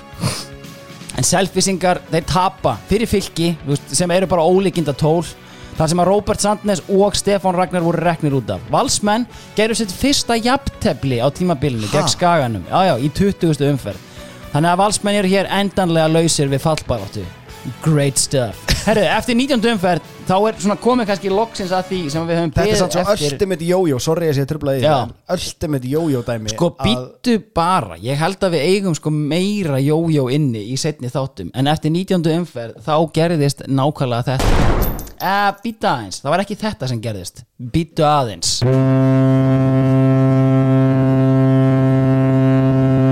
Það var þetta sem gerði Því að Magnús Gilvason rekur sjálfan sig. Hann einfallega segir upp störfum hjá uh, IBVF Komið nóg. Nei, hann var ekkert komið nóg. Það var ennþá meira sem átti eftir að bætast í sko. Það var þegar þeir voru búnir að ráða hemma reyðas Þannig að hann sá bara enga ástæðu til þess að hérna klára þetta sísón og þú veist eins og við erum búin að fara yfir eigamenn elska allt svona. Og hverja er betra að fá á þessum tímapunkti heldur en valsmenn? 0-3 sigur á hlýðarenda ekki spurning TG9 komin úr slopnum Rasmus með mark, Kristján Stín með mark. Og hérna fara þér upp fyrir káeringa sem gera jafntefli við Grindavík. Sko, káer eru 2-0 undir Emil Atla bjargar þeim jafnar metin Botbaráttan aftur, selfisingar vinna Keflavík, Egil Jóns og Vög með mörkin í 2-1 sigri og framar að gera jafntefli við stjórnuna sem þýðir að þegar tveir leikir eru eftir Grindavík eru fallni með skít og skömm uh, en Selfoss og Fram eru jöfna stigum og það munar sára litlu í markatölu. Þetta er einhver þrjú mörg 21. umferð. Selfisingar fær í heimsókn í Garðabæn og framarar upp á Skaga. Viðar Örn heldur uppteknum hætti. Kemur Selfisingum yfir en það er auðvitað æðri máttarvöld sem hanga yfir fram í septembermánuði og það er bara andi Þorbjörns Atla sem Já, svífur yfir vötnum. Garðar Jó skora tvö mörg fyrir stjórnuna sem vinna þægilegan fjögur tvö sigur the end. Baldvin Lilli Sturlu og, og hérna uh, hann er með lokamarkið upp á Skaga uh, og þá á Sam Tillen já upp á Skaga á Sam Tillen skot sem fer af litlu Skagamúsinni litla töframanninum Andra Adolfsinni og tryggir þeim 1-0 sigur munurinn er nú orðin þrjú stig og sex mörg skilja liðin að. Svo hér þarf hálfgert kraftaverk. Herðu, en samt, hér er spennan í mótinu. Ég lofa ykkur því, hún er hérna. Evrópubaráttan er orðin styrluð uh, því káeringar ger ekki annað en að tapa. Þeir tapa nú fyrir fylki og ég ætla að spoila því að káer urðu byggarmestarar uh, að því þetta skiptir máli. Þeir eru komnir í Evrópu. Já. þannig að núna ætla ég að kjúa inn Baldur sig Já. Og ég vil eiginlega bara spyrja núti hvað í anskotanum var í gangi eftir bara vestunumannahelgi hjá liðinu. Baldur! Við minnum við gerum þetta jafntefli við fram og, og það jafntefli allavega fyrir mér að þar horfðum við bara á hvern annan maður fann það bara einhvern veginn, já já, nú er þetta bara búið þú veist, nú, nú er þetta bara komið oflánt og þessu sé, virðingin var veginn það mikil að, að við vissum bara að við værum aldrei að náðum og þarna sem sagt deila, veist, bara gjörsanar rinni við og ég man líka eftir þessum leikamóti fram að, að ég hérna, ég rótast í leiknum. Og það sýnir kannski líka hvað eru breytti tímar í dag varandi svona protokól varandi að hérna, rótast að ég fer eitthvað svona upp í skallaboltinn í teig lenda á milli tveggja og neglist hún í jörðina. Og ég bara dett út og, og svo lapp er, er í fyrirsnúta hliðalínu og, og þá sko kemur Rúna Kristins og spyrir mér svona uh, hvaða dagur er í dag? Nei hann spyrir mér hvað er margi, hvað held ég á mörgum puttum Já. og eins og rotaður maður svarar þá svona grínaðist ég að segja, hvað heldur ég vitið það ekki og hljópa aftur inn á völlin og, og ég man ekki eftir meira á leiknum sko. ég var bara, bara stein rotaður inn á völlin bara hljópaðn um og ég bara og ég man bara eftir þessi tilfinningun í klefa þegar ég svona er að banka við mig bara, hvað var að gera stjarnan og við erum einhvern veginn bara með jafntefli 1-1 búin að missa titlinum og, og svo bara restin bara berengnin í hundana og, og það var svona annað moment í þessu var að eftir byggjurústuleikin þegar við vinnum stjörnuna Já. að þá uh, uh, verður ákveðin svona tókstreita því að fögnurinn eftir leikin var ekkit vola mikil það var einhvern veginn svona meiri spenna í loftinu heldur til þess árað undan að hérna, hafa búið að setja svona standardin ára undan var búið að setja svo, var setja svo hátt í fögnunum. Við höfum farið bæði eftir byggarlega úrstæðleikin sem var þá á sama tíma og eftir úrstæðleikin. Þá förum við upp á Rauða Ljón inn á Eðistorg Já. og það er bara nánast tróðfyllt Eðistorg og hafa bara þvílitt þetta og bara eins og að já, hérna, þetta veist, bara verið að kalla fram, við vorum bara kallaði fram og einn í einu og þvílíku fögnu. Já, bara 99, 99 stemming Já, bara.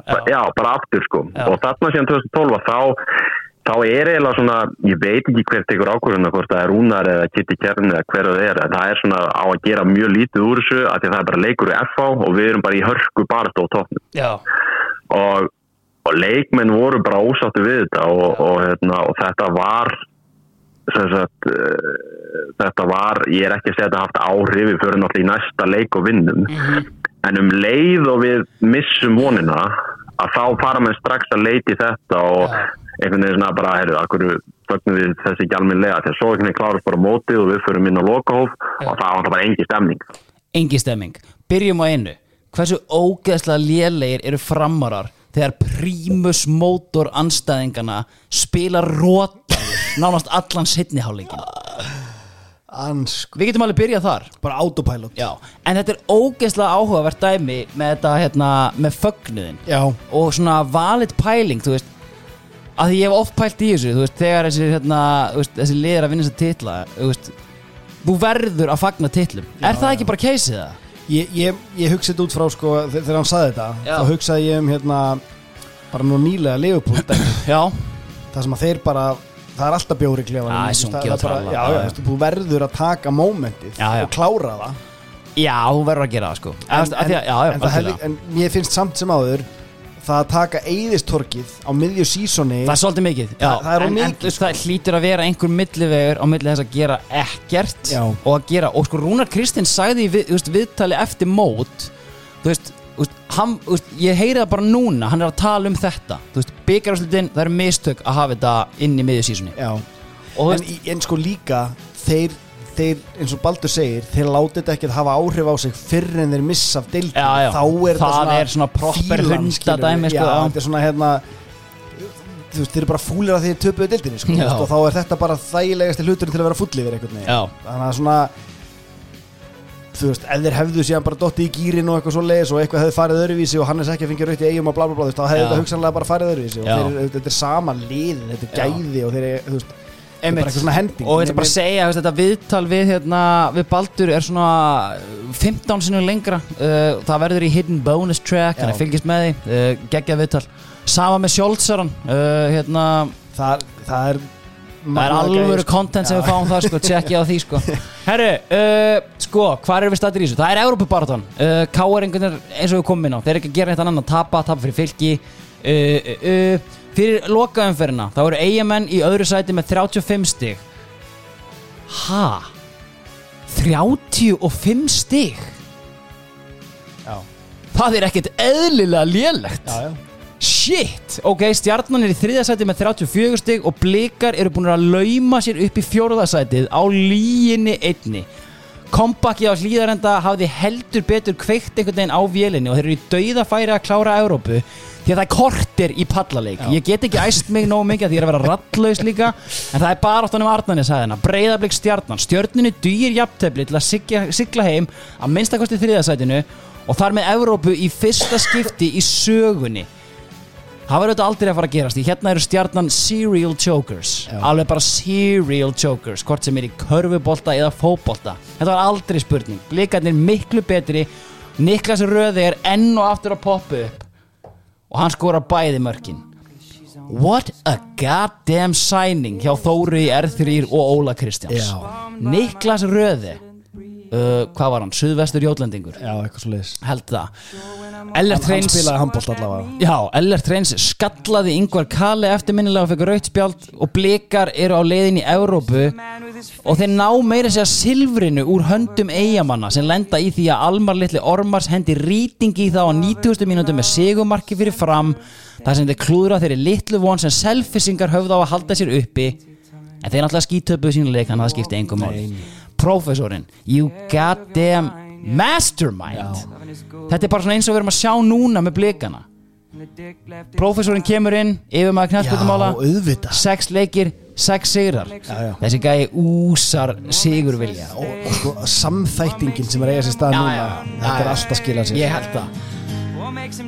To sum up, FH eru meistarar. Krifjum þetta bara að fá hérna Þannig að ganta hann aftur upp. Sko, Ég vil aðeins fara yfir þetta merkja lið Gæði sem ég er ekki búin að minnast á að fengu svona aðeins inn í sísonu hvort það var eftir að hérna, BG4 og Viktor Bjarki voru að hengjan á íslenska mannsúkits Kjartan Henry þá fengu þeir Danny Thomas. Já. Gæi sem að Jón Jónsson sagði að hefði verið innilega konsistant í að bera rakakrem á líkamann á sér. Já. Veist, Þetta er svona bara Þetta er bara svona proper 31 árs gammal bretti sem kemur hérna bara og þú veist, puts in a shift sko, algjörlega. Fórum ekki bakur hérna? Jú, vinstri bakur. Uh, Hafsendar Freyr Bjarnar smá sjátt á þangaði, hann er að kveða okkur þetta núna. Hann er svona síðasti maðurinn í gamla bandinu og það er viðengandi að gamla vitra tréð eins og ég kalla hann þú veist, klárið þetta á alvöru titli. Og þú veist, ég meina Farewell. Já, hann var held í sko, ég held meiri sem hann hafi verið með sko flest í mokkanum. Sjokker, hann vann þar. En, þú veist, ok, gamla bandið er farið. Út með Gulla í markinu. Daniel Littla Tómas, Skástrík, Viktor Öll Guðmunds. Já. Uh, Freysi Bjarnar er síðasti maðurinn Guðmann Þóris með honum Og í hægri bak ertu með Goddammit, hvernig ertu með þeim? Jón Jónsson slas Guðjón Átna, Guðjón a Árna. fucking hero Sex vá. mörk Vá. frá bakverði Pínu, pínu litlum bakverði Allt úr hotnum Herru, miðjan, þeir hrindu BTS upp í tíuna Fyrir aftan Þá ertu með hérna, Bjarka Gunnlaugs að stjórna Síðan ertu með Pétur Viðas að gelta út með Hólmar Örn Í einhver svona wide midfielder hlutverki Og svo ertu með Alla Guðna að töfra Og Albert Inga upp á topp Að býða eftir því að allir við að koma inn á fyrir hann Já. og þetta er svolítið svona, veist, þetta er svona pælingin sem þeir eru með og síðan færðu, þú færð framlag frá náttúrulega öllum rulluspilurum. Viktor Örn lagði upp helling og skoraði mark. Uh, Óli Palli kemur á bekknum og tippar í mörgum Einar Karl er að byrja leiki og vinna þá bara. Emil Pálsson, hann er þrjú Emil mörk í tólf leikjum skiluru þetta er svona, úst, og þeir vinna móti með einhverjum 13 stig. Veist, þetta er bara, veist En við getum, veist, minnum veist, Blikar í öðru sæti með 30 og fokking, hvað, 7 Fimm. stig.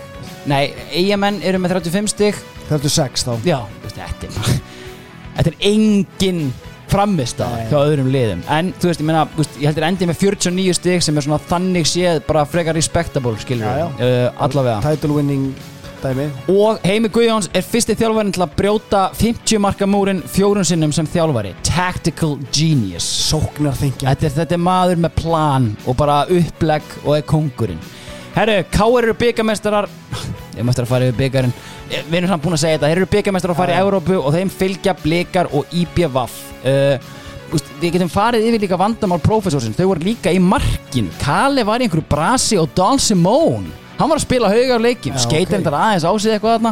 En veist, þeir voru svona einhvern veginn skiptandi á milli sín Og bara lið í öðru sæti Sem er jöglandi markmönnum. Veist, Ég verð bara að fá þetta einu sinni enn hérna. Sýnið þessu virðingu. God damn it. Herru, besti leikmaðurinn Alli Guðnason Líka sá markahæsti og stóðsendingahæsti 12 mörg, 13 stóðsendingar Já, hérna hér.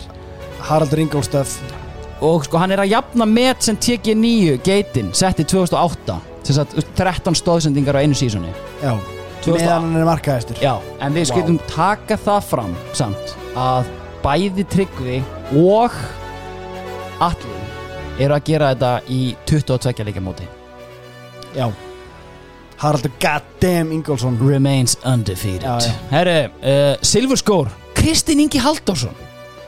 Ákveðið afreg Já. Og bronskór Ingimundur Níjals í Enigma liði fylgis Efnilegasti leikmaðurinn að sjálfsögðu John Daddy Budvarson Já. Herðu, byggarinn Byggarinn er komin hingað. Þökkum bara hérna byggarinn fyrir það Þetta er gýr, ég er ánægð með þetta. Já, ég held það. Taktísk skipting, við getum eiginlega ekki haft hérna final countdown þegar við erum að tala um 32 leða úslitin sko. Bestu umæli byggarkeppninar frá upphafi voru látin falla fyrir drátt í áttalega úrslutunum þegar Kristján Haugsson fyrirlið fram var í viðtali. Og hann var einfallega spurður að því hverja viltu fá? Já, ég vil bara fá lélegasta lið. Maður veit ekki alveg hvaða lélegasta liðið er maður vill alltaf fá lélegasta liðið Þetta er engin drauma, eða já, einmitt. Þannig það var bara er einfald, einfald skýring. Heiðalegin Sko, hérna verðum við bara því miður að ræða hluti Því að Já. það er hér rigna met. Ok. Markaðasti leikmaður byggasins þetta árið var Viktor Smári Segatta með 10 mörg Já. Þau komu öll í einum og sama leiknum í Jæja. 31-0 sigri hauka á Snæfelli.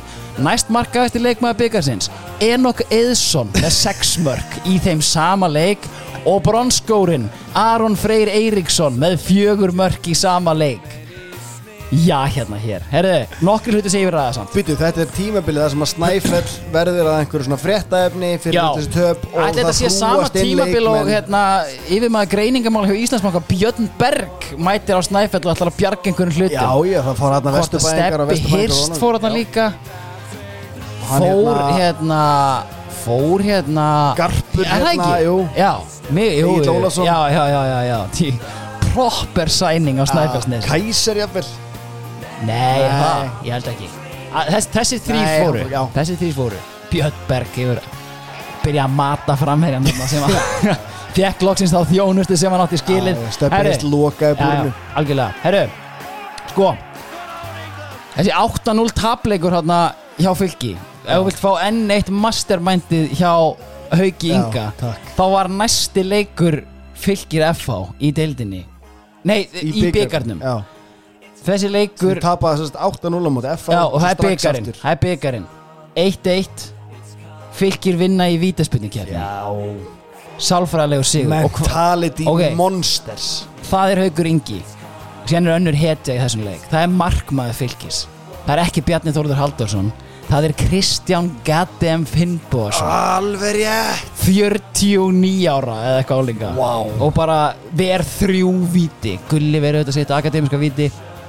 Allt annað er eftir bókin hana. Uh, Virtasti fjármálarákjaður sjávarútusins Hann var líka leikmaður. Hann lefði njarðvíkingum að dreyma uh, Gegn úrvastildaliði selfisinga Kom þeim þarna yfir Áður en að Jón Andri Rói Rane og Vög slöktu endanlega í vonum njarðvíkinga Já.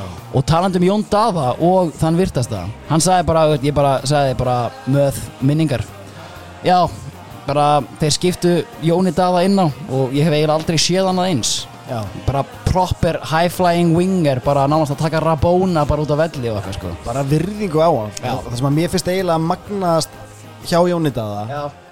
Að því að ég, ég spilaði mótunum í öðrum flokki einhvern tímann Já. og hann var leikmaður sem að þú veist var bara go- geggjaður á boltan og var mikið eitthvað svona þú veist, sprengja upp á okkur um hraða skilur svona þú veist, og taka þrýrninga og bara fimur á boltan Já.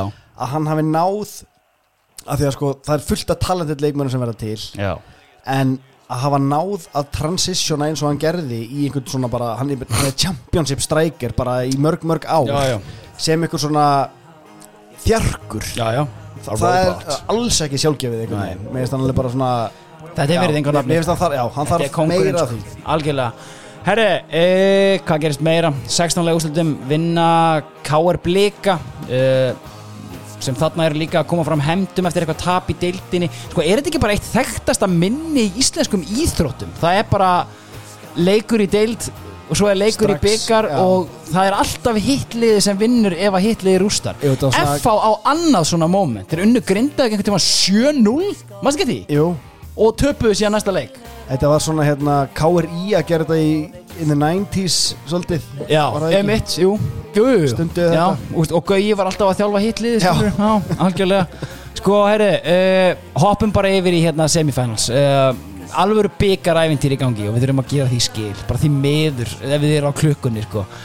Káur og stjarnan eru komin hérna Það er sko mikið ævintýri fyrir stjörnumenn sem að hérna sko, ég talaði með áðan að sá virtasti, hann leiði Njarðvíkingum að dreyma. Já. Njarðvíkingar náttúrulega eiga engan titil í, í, hérna, í fótbolta. Og þetta voru menn að eiga von hérna gegn selfisingum en það er annar lið sem á engan titil í fótbolta og það er stjarnan. Og, og þetta er auðvitað mikið ævintýri fyrir þá því að veist, þeir eru að býða eftir þessum stóra titli. Uh, en með þeim eru þróttarar líka komnir Já, þeir, þeir, þeir eru að dreyma líka Þeim dreymir líka. Gunni Helga er í einhverju euphoria Já.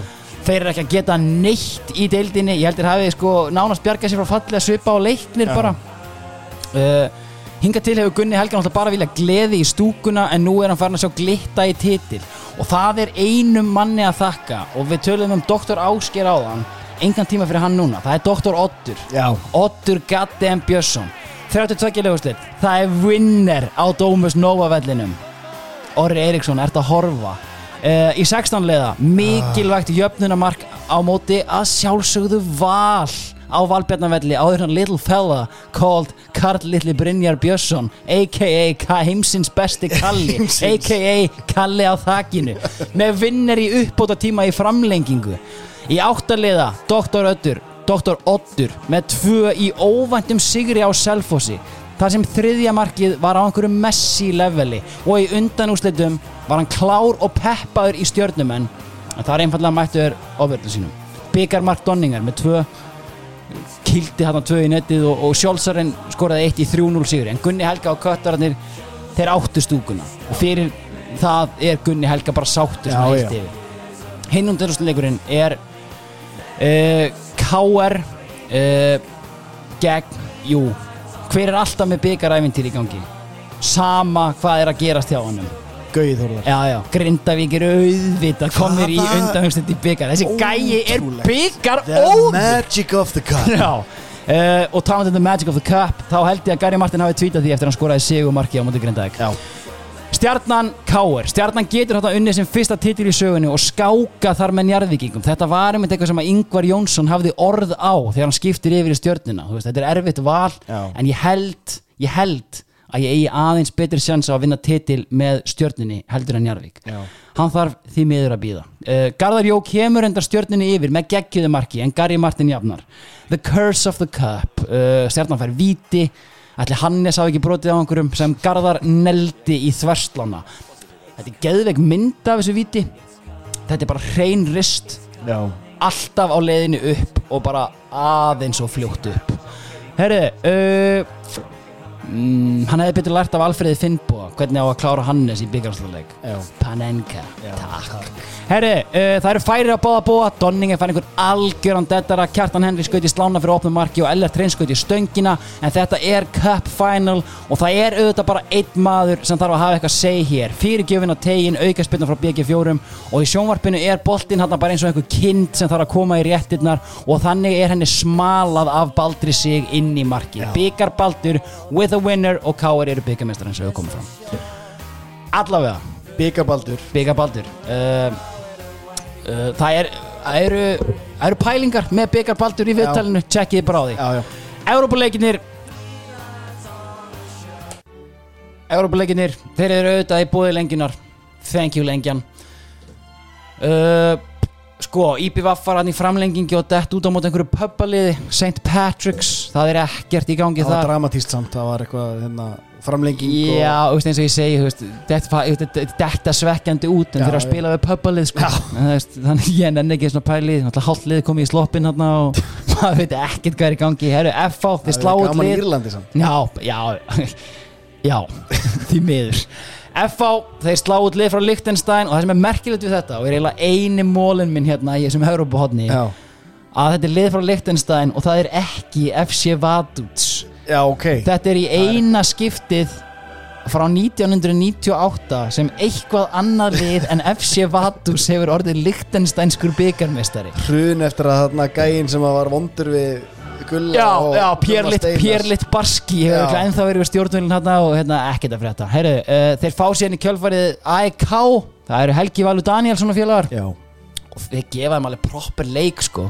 Þú veist, það er 1-1 í Solna Rósundavellinum Þarna er Heimir Guðjóns að þreyfa fyrir sér í Evrópu. Já. hann, hann er að læra. Hann er með plan. Já. það er það sem hann hefur. Uh, þeir tapa svo numlega heima. Uh, hvort það er 2-1 ja, nei, tapa 1-0 tapa 1-0 Já, 2-1 heima. Þannig að 2-1 samtals.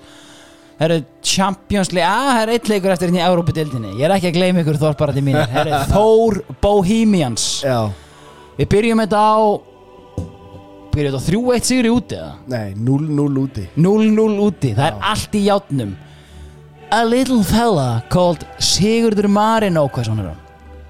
Kristjánsson. Já, Er það ekki? já, Sigurður Marino Kristjánsson einnig þekktur sem Evrópusiggi. Já. engöngu þekktur sem Evrópusiggi. Evrópu Marino jafnvel.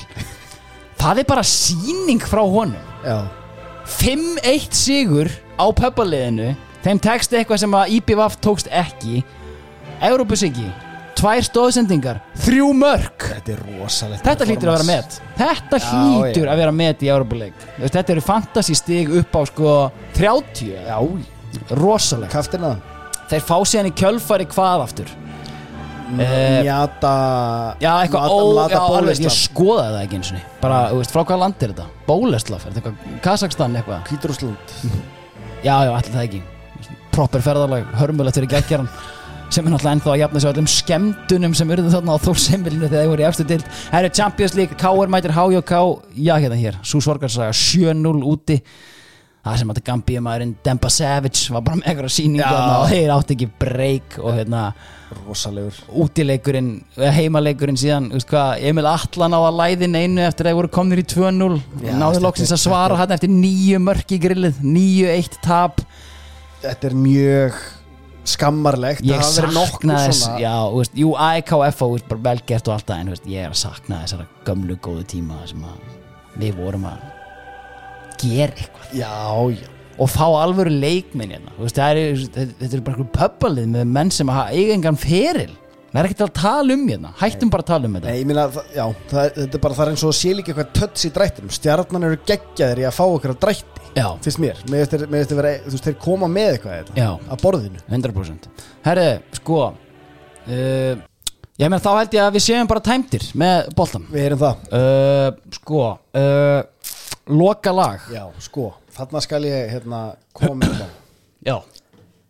Ég var búinn að gýra mig upp í einhverja sko sóðalega bjölið Já.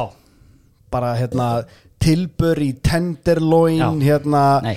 Kiriyama Family Nei, nei, nei, nei, nei, Bara hérna Það einhverja fær- algjöra snuttu Þetta er örgulega allt frábært fólk en, en nei. Það er bara eitt sem kemur til greina.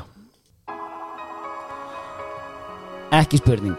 Besta lag allra tíma. Ég held að séum bara tæmtir Ég hef fundið frið. Orri, erum við ekki bara góðir? Að? Mjög góður, bara hækkaði þessu takk. Takk fyrir okkur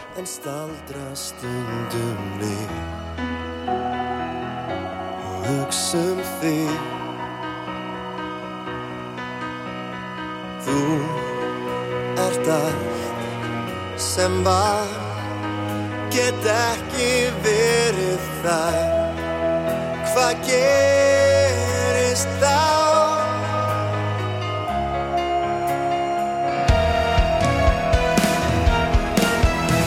Það skellur á mér blóð grefur í snjó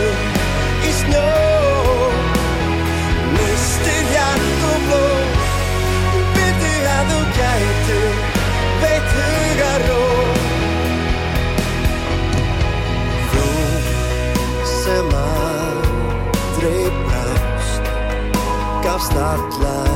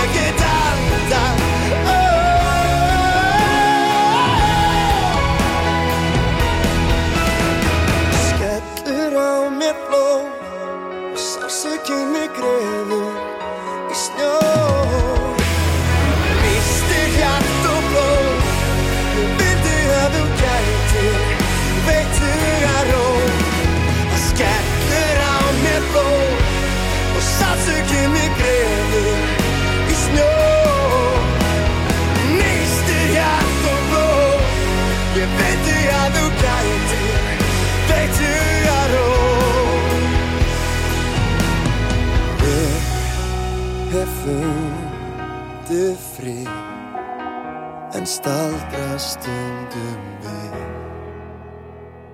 Og hugsa um þig